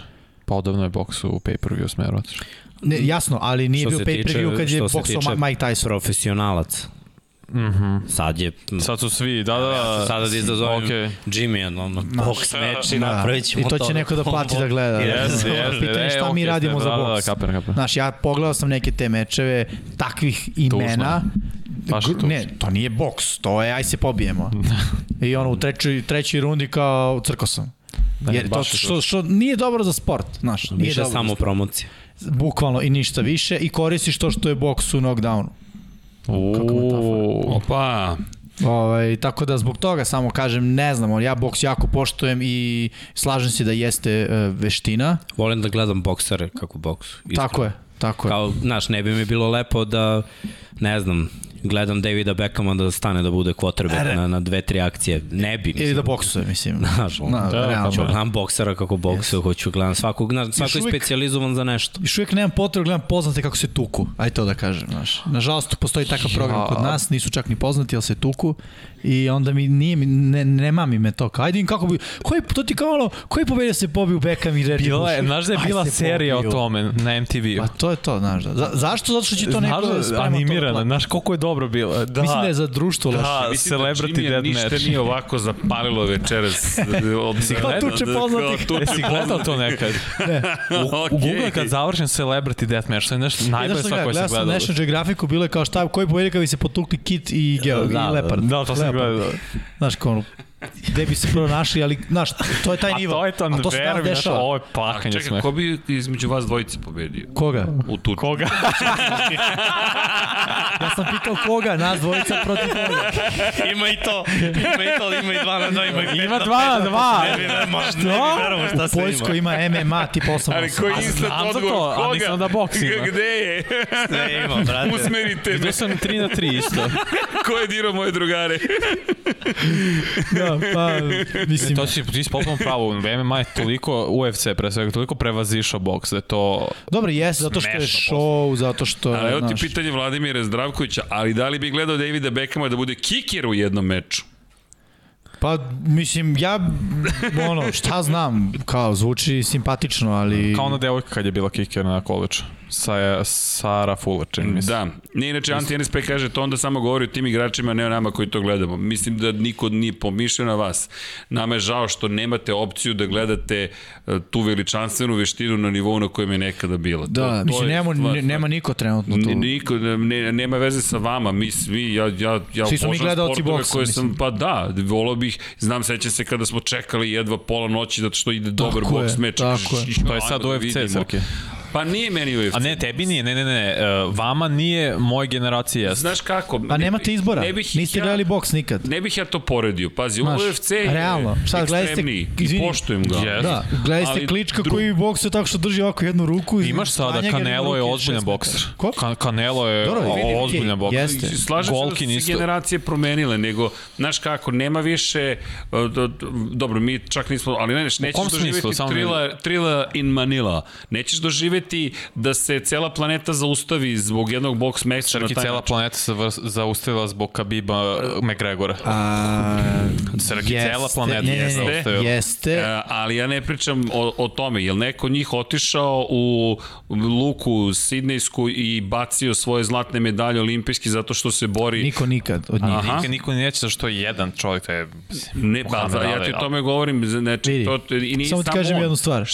Drugo vreme, Ko? izvinjavam se, Tako je. Znaš, i to je u redu, ne, ne, ali hoću ti kažem, taj, taj, taj, taj čovek je toliko bio veliki, i taj, On je toliko prevazišao sport. Tako je. Pa naravno. Znaš, ali ti znaš, ne, ne pričam, uh, sam koncept je tako postavljen da mi ne govorimo više o tome. Mi čak se ni ne trudimo da guramo te vrednosti, mi guramo potpuno neke druge vrednosti kao Jeste. planetarno društvo. Znaš koji je moj najveći problem sa, sa recimo UFC-om i generalno danas celom to pričam, zašto ne vidim da gledam kako se poznati tuku? Pa nije Zato što se prvo, ne, ne, ne pričam u UFC-u, to je, nabrao sam kategorije da kažem. Uh, zato što, znaš ono, ej, Tyson je nekom odgrizo uvo, jer neće da izgubi. Znaš, i taj neko je njega zamrzeo za ceo život. Kapeš? Oni sad kao mrze, mrze, mrze na kraj meča grljenja. Ja te poštujem, ti si mnogo dobar borac. ne. Kao nisi znao, nisi pogledao njegovih 50 borbi pre toga, pa Ne, ne, ne, sad saznao da dobar borac. Jesi gledao Ne, nije i isto. Da. Dobro, okej. Okay. Dustin! Okay, a pored toga, a pored toga, ne, ne, ne, to ostali kad- ne, ne, ne, se grli ne, ljubi na nije, meča. Ima stvarno, kažeš ti... Ja nema ka- problem da su oni grli ljube se poštuju, to mi je cool. ali Nemoj da ga psuješ, pljuješ i praviš cirkus pre meča, moraš da bi da kao pobegao. Ne, ne, A ne moraš, ali nekad nisi ovi morao. Se, ovo je mr, samo- ovi se mrze. Ti, Ovaj nije rekao da išli tu. Khabib i Conor se mrze. I dan danas. To, to nije bilo uh, show. Ne, Jimmy, stvarno, to nije bio show. To je Ne bila... Mr, ne, veruj mi. Znači, to je Dobro, duboka okej. mržnja. Mene nisu ubedili, eto. Jer ovaj njega je vređao na verskom Verskoj nivou. osnovi, da. I porodično. I ovo je to, on, ubio bi ga bukvalno da mu je bilo dozvoljeno u oktagonu. I posle, bilo je bilo bukvalno da ga udavi Do, tamo. dobro, mislim, okej, opet ste mi nabrali dve situacije, znaš. Da, ne, naravno, I- procentalno mnogo više Procent- ima a da, ali ima. cirkusa. Danas je, pazi, danas je sve cirkus. Pa, Jeste, nije bitno šta je, nego kako izgleda. Tako je. I ovo su prilike, gle, ovo su prilike za sve da, da se naprave neke pare, jer, Don Pablo, daj kečap na glavu, svi sad da sipamo. para vrti, para vrti da Burgija neće. I, i iskreno, znaš, više volim da gledam, ja volim da gledam profesionalce, nek profesionalci prave pare, ne smeta mi cirkus ako prave profesionalci, jer sam svestan da sve mora da se proda naročito borilačke Znaš veštine, zašto- svaki meš se prodaje. je. Uh, uglavnom mislim da je to ti je ovako, kao na primjer povući ću paralelu sa, sa hip-hopom. Razumeš, znaš kako su krenuli bifovi i sve to. Spravi pare. Razumeš, ja isprozivam tebe da bi ti napravio mene. I, i tako Jasno je uvek bilo. Onda mi Pa, pričamo i svi prate E, šta si ti rekao, šta odgovor- sam ja rekao, evo šta ti si ti rekao, odgovor šta sam i ja rekao. apropo Formule 1. Cela sezona je pletena tako da na kraju dođe do kulminacije. Kakve kulminacije? Takve da se 5 dana kasnije priča i dalje o Formuli 1. I to je bio najgledaniji, vjerojatno, sportski događaj koji smo imali da, u prethodnih ne znam koliko meseci. A se pravi cirkus. Ne, Medijski pravi- cirkus se pravi da, s razlogom. I da onda se- se ono što meni smeta, inače u UFC borci su neverovatni. To je Ne, ne, apsolutno, apsolutno. Samo da se razumemo. Ali oni su profesionalci. Tako je, Da, tako je. Oni se bore dugi niz godina. Znaš šta, ja bi Tako je. ovako, da igraš košarku ceo život. Da li si, ja ne znam da li je neko od njih trenirao do, ne znam, 12. godine boks. Onda okej, okay. znači izabrao si košarku pa se sad vraćaš na. Ali ovo je uglavnom ono, boksujem s ortacima u kraju Nešto- i ti boksaš s ortacima u kraju. to Znaš šta još poznati. smiješno? Da, ajde, ajde sad malo se da, kao, pošibamo. ja sam atleta, ja mogu sve. I to je stanje uma njihovog. Da, vidi, nisam siguran. Ja mislim Dobro, da je- budem više iskren- Show biznis. Ali, ali samo, Ja sam- samo bih jednu bitnu stvar da kažem, ovo što ste vas dvojica rekli, pa i ti, Vanja. Samo mislim da je to uvek važno, zato što to ono što nekako Infinity Lighthouse stalno govori. Nema ovde nepoštovanja prema UFC-u ili prema bilo Ne, ne, ne, ne, nikako. Dakle, to su ljudi koji su ozbiljni profesionalci. Ono što se meni sviđa, mi se sviđa što si rekao, to poštovanje prema profesionalizmu, koliko je teško uspeti. Zašto, na primjer, i ovo pitanje za kikera je zanimljivo kako bi se on snašao, ali to nekako mi izdu- zvuči pocenjivački prema profesionalnim šuterima Tako u NFL-u, jer šutnuti tu loptu je vrlo teško. Bilo bi mi zanimljivo da vidim Beckham koji nikad to nije radio, šta može sa... Ej, neki halftime show. Ok, tako je. Neki Zašto da ne? na pro bolu, neka ga, nek šutne. E, pro bol je tu idealan, eto, Da. to je lepo, na primjer, hajde dođe Beckham šutne da vidi. I onako je cirkus. I onako je cirkus, pa, Pa da. ubaci samo još mečku koja će da svira. Pa nije, nije, nije, da, pandan razumem te, razumem to, te, to ali pandan, dobro, ali bilo bi to lepo, Da. ali, ali iz te druge perspektive, znaš, poštovanje prema profesionalizmu, to je ono što ja volim i što vi pre svega radite, znaš, detalji koji ti otkrivaju ko je kakav profesionalac. Misliš, školice, futbol, ko nije pogled, ljudi, pogledajte školice. Poslušajte priče o tome kako stoje stopala, gde su usmerena, ko na koju stranu krenuo rame, kuk. To su detalji koje je samo poznajete ako zaista razumete ovaj sport, ako ste pravi profesionalci. Mi, mislim da ne odemo sad jer smo otišli Da, ne, ja bih samo pojasnio, znači Naravno. nikako nepoštovanje prema MMA borcima, apsolutno, ni Pa bilo, pogotovo u bilo, kom, bilo kom profesionalnom Da, sportu. ja samo kažem, meni je upravo nepoštovanje kada neko ko se bavi košarkom odluči da malo boksuje. To je po meni njegov način da pokaže nepoštovanje prema tom drugom sportu. Da, Jer upravo što, što si ti rekao, sad neko šutira da bude kiker ili da bude quarterback 20 godina i kao dođem ja, e, hoću ja malo probam. Znaš, to je baš Upravo, nepoštovanje upravo to. prema tome, ali kažem, mač je sa dve oštrice, s druge strane ti kao njihova priča je mi pomažemo u boksu da malo se pročuje da ljudi ponovo žele da ga gledaju, sve to tačno, ali de facto ljudi vole da gledaju profesionalan i ozbiljan boks. Odmah bi dao respekt za sve to, da sve pare idu u humanitarne svrhe. Odmah. A ne idu. Lagano. Na kraju taj neko ko je poznat u nekom drugom sportu zaradi od boksa ili čega više para nego neko ko trenira boks Što nije 15 fair. godina Da, i da. pokušava da dođe do, do šanse I da, recimo da se bori. olimpijac i predstaje svoju zemlju, ne može da bude profesionalac, tako, tako amater je, a uložio ceo život u to. Nije fair. Pravi ste sportisti i idealisti, znao sam. Runda je završena. I ko ovde koja pitanja? Dobro, ovde sad e, komentari, komentari, komentari, e, da vidimo, odosmo na boks, gasi sve to, tu smo Damire, polako to, pa, F sezona, od. McGregor, hmm, da, game changeri sa drafta, Jokić Nikola, game changeri sa drafta, sa, alo, Kog draft? Pa, Ovog tek- sada? pa da, što će- Ili što dolazi? e pa ne, možemo Ajmo ajde sa ovog drugo, ajde sa ovog. Kad Pitts, definitivno, iako sam ga ja pocenio, rekao sam, mislim da se neće naći kao taj ten, našao sam ulogu na slotu. Sean Slater. cool. Jamar. Jamar. Jamar. A šta- je, da, Šta? zaboravio sam trenutku šta je bilo pitanje. Game Game changers. Game changeri. Jeste Jamar Barrymore. Defensivni tackle. Dobro. Jeste. Mac Jones. E, Kaže Srki. Dobro, da, nije da nije, da. Nije, pa bio Da. super je, uklopio Jeste, se, njegov tim ređe Skor pobede. Patriota prošle godine, ove da će godine. biti možda prvi u AFC-u, to ljudi... Majka. Majka. Uf, Patrick. Sutain. Patrick Sutain isto. Da. Jeste, realno. Mislim, Derisov isto jako dobar. jeste. Jokić Nikola kaže, mislio sam na ovaj što tek ide, Ja. ali, izvini, samo pre toga, Branislav Dević pita pitanje, Branislav, ja cenzurišem Vanjin odgovor. Pitanje je da li je dobar novi Spider-Man film. Pišite Vanji lično, pa ga pitajte, a ovde ako spojluje, ja sam rekao, vraćamo ga u srednju školu, svi se vraćamo u srednju školu. Eto, rečeno. Tako Ne. da nema spoil, nema ništa spoilera. Samo da znam. jedno ime koje zabori, Najee Harris. Za malo pre. Da. I ajde, šta očekujemo od ali draft je još A i si možda nabraviš klasike, ovo, Thibodeau, Hutchinson, to su edge koji će biti prva dva, tri pika. E, Steen, on je Pickett. Jel on ide na draft? Pa ide, ali ne sviđa mi se on kako kvota. Samo pitam, da. Da, ide. Ima ovaj Stingley. Neće igrati sad i Da. da. ide, izlazi. Neće igrati bol utakmicu. Stingley, cornerback, isto je brutalan sa LSU, Hamilton, safety sa Notre Dame, bolesno dobar. Tako ima... A onaj Michi sa Alabama receiver, on nije na za Ide. draft. Ide i on na da će draft. on ići, da, ali pre gledam ovog drugog što je bio najbolji sad receiver, stavim mozak, uh, Jameson, mislim se prezio, nisi siguran bio najbolji u belju. Ali ima linebacker sa Alabama, posle vidi Willie Anderson, Mhm. Junior, no, broj 31. A, mislim, on znam. je sophomore, on je dečko, treba sad bude defensivni igrač godine. Kako igra, ono je ne, neverovatno. Igra baš kao Parsons i kao Simons, to je taj tip. Da. Baš je Da. dobro. Inače, par pitanja, Tampa, uh, Leclerc Jovanović, Tampa, New Orleans, da, da, New England, da li će se desiti u Super Bowlu i ukoliko se desi, ko ima prednost? Može da se desi. To bi bilo za NFL kao što je bilo ovo za formulu poslednje A da. trci. Bukvalno, to nema većeg toga.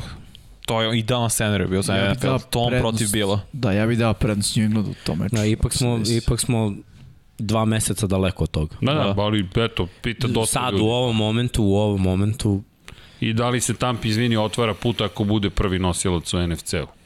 no, svakako im. Da. Ja Ja, mislim Tampa da- ti je ekipa koja igra od ono, od nedelje do nedelje. Neće oni pravi game plan za, za dve nedelje ako dobijemo ovog ili ne, ne. S kim igramo pa idemo polako, dobijemo mi ovu prvu.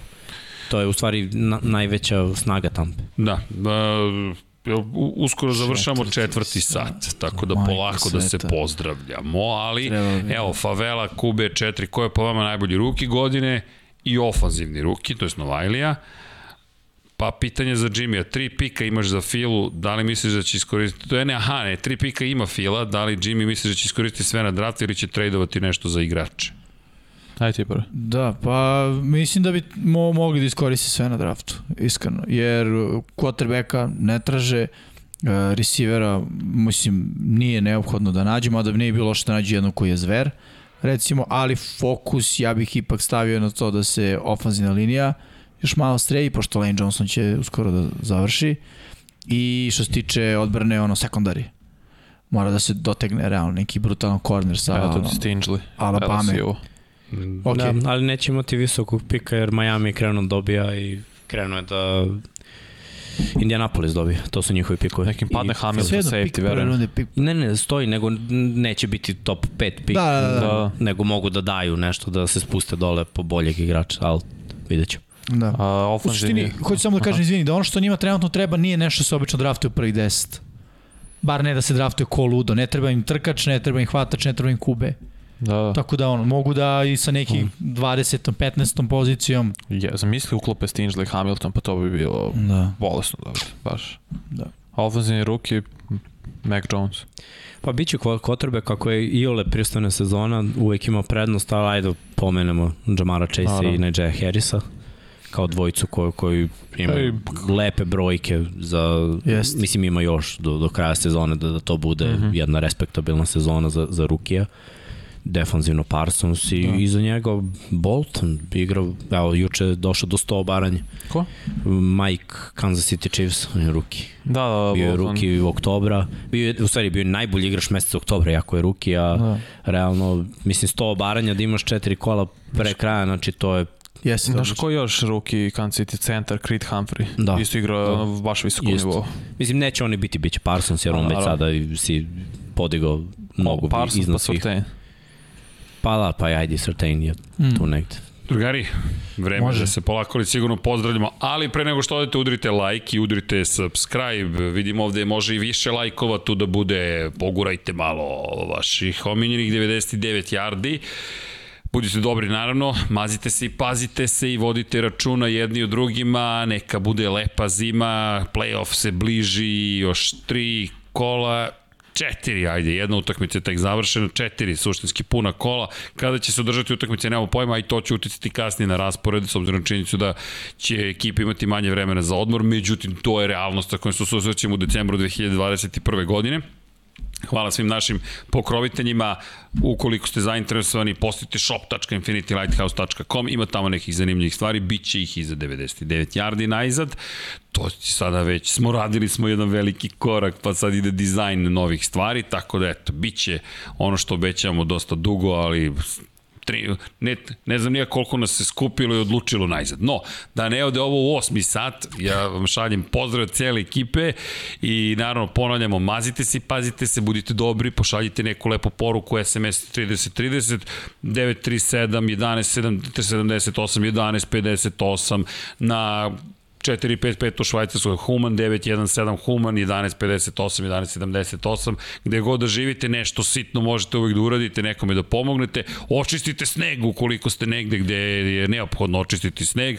Imamo najstarijeg komšiju koji je to očistio dok smo mi stigli, on je već završio, samo nas je značajno pogledu, mi smo rekli, ali sledeći put kada padne sneg, potrudit ćemo se da mi budemo ti koji čisti ispred naše zgrade.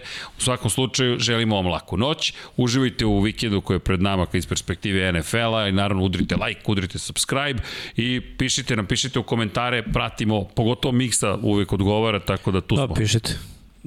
Pišite. To su moje društvene mreže. Tako da. Dopisujem se s vama. Tako da, ukoliko želite se dopisati, dopisajte s Miksom na društvenoj mreži zvanoj YouTube, udrite like i subscribe, pa onda, naravno, etujte Miksu, da se izrazimo mladalački. Možda i upišem privatni fakultet. Pa Prvi put sam čuo to, znači kako učim. Edu, etujte. Etu, etu, pa to. Da. To, to, to. Na svaku stranu reći dodaš uj i dobiješ glad. pa, pa bojler je Sumnjao si na, na džukuješ. Do, dobro, da, nije samo uj, da, da. Aduj. Aduj me. Ad, aduj me. Si me frendovao. A, ok, ljudi, laka vam noć, nadam se da ste uživali, Witching Hour je uveliko počeo, mi nastavljamo dalje samo bez kamera. Budite dobri i zdravi, pravi i naravno, čao svima.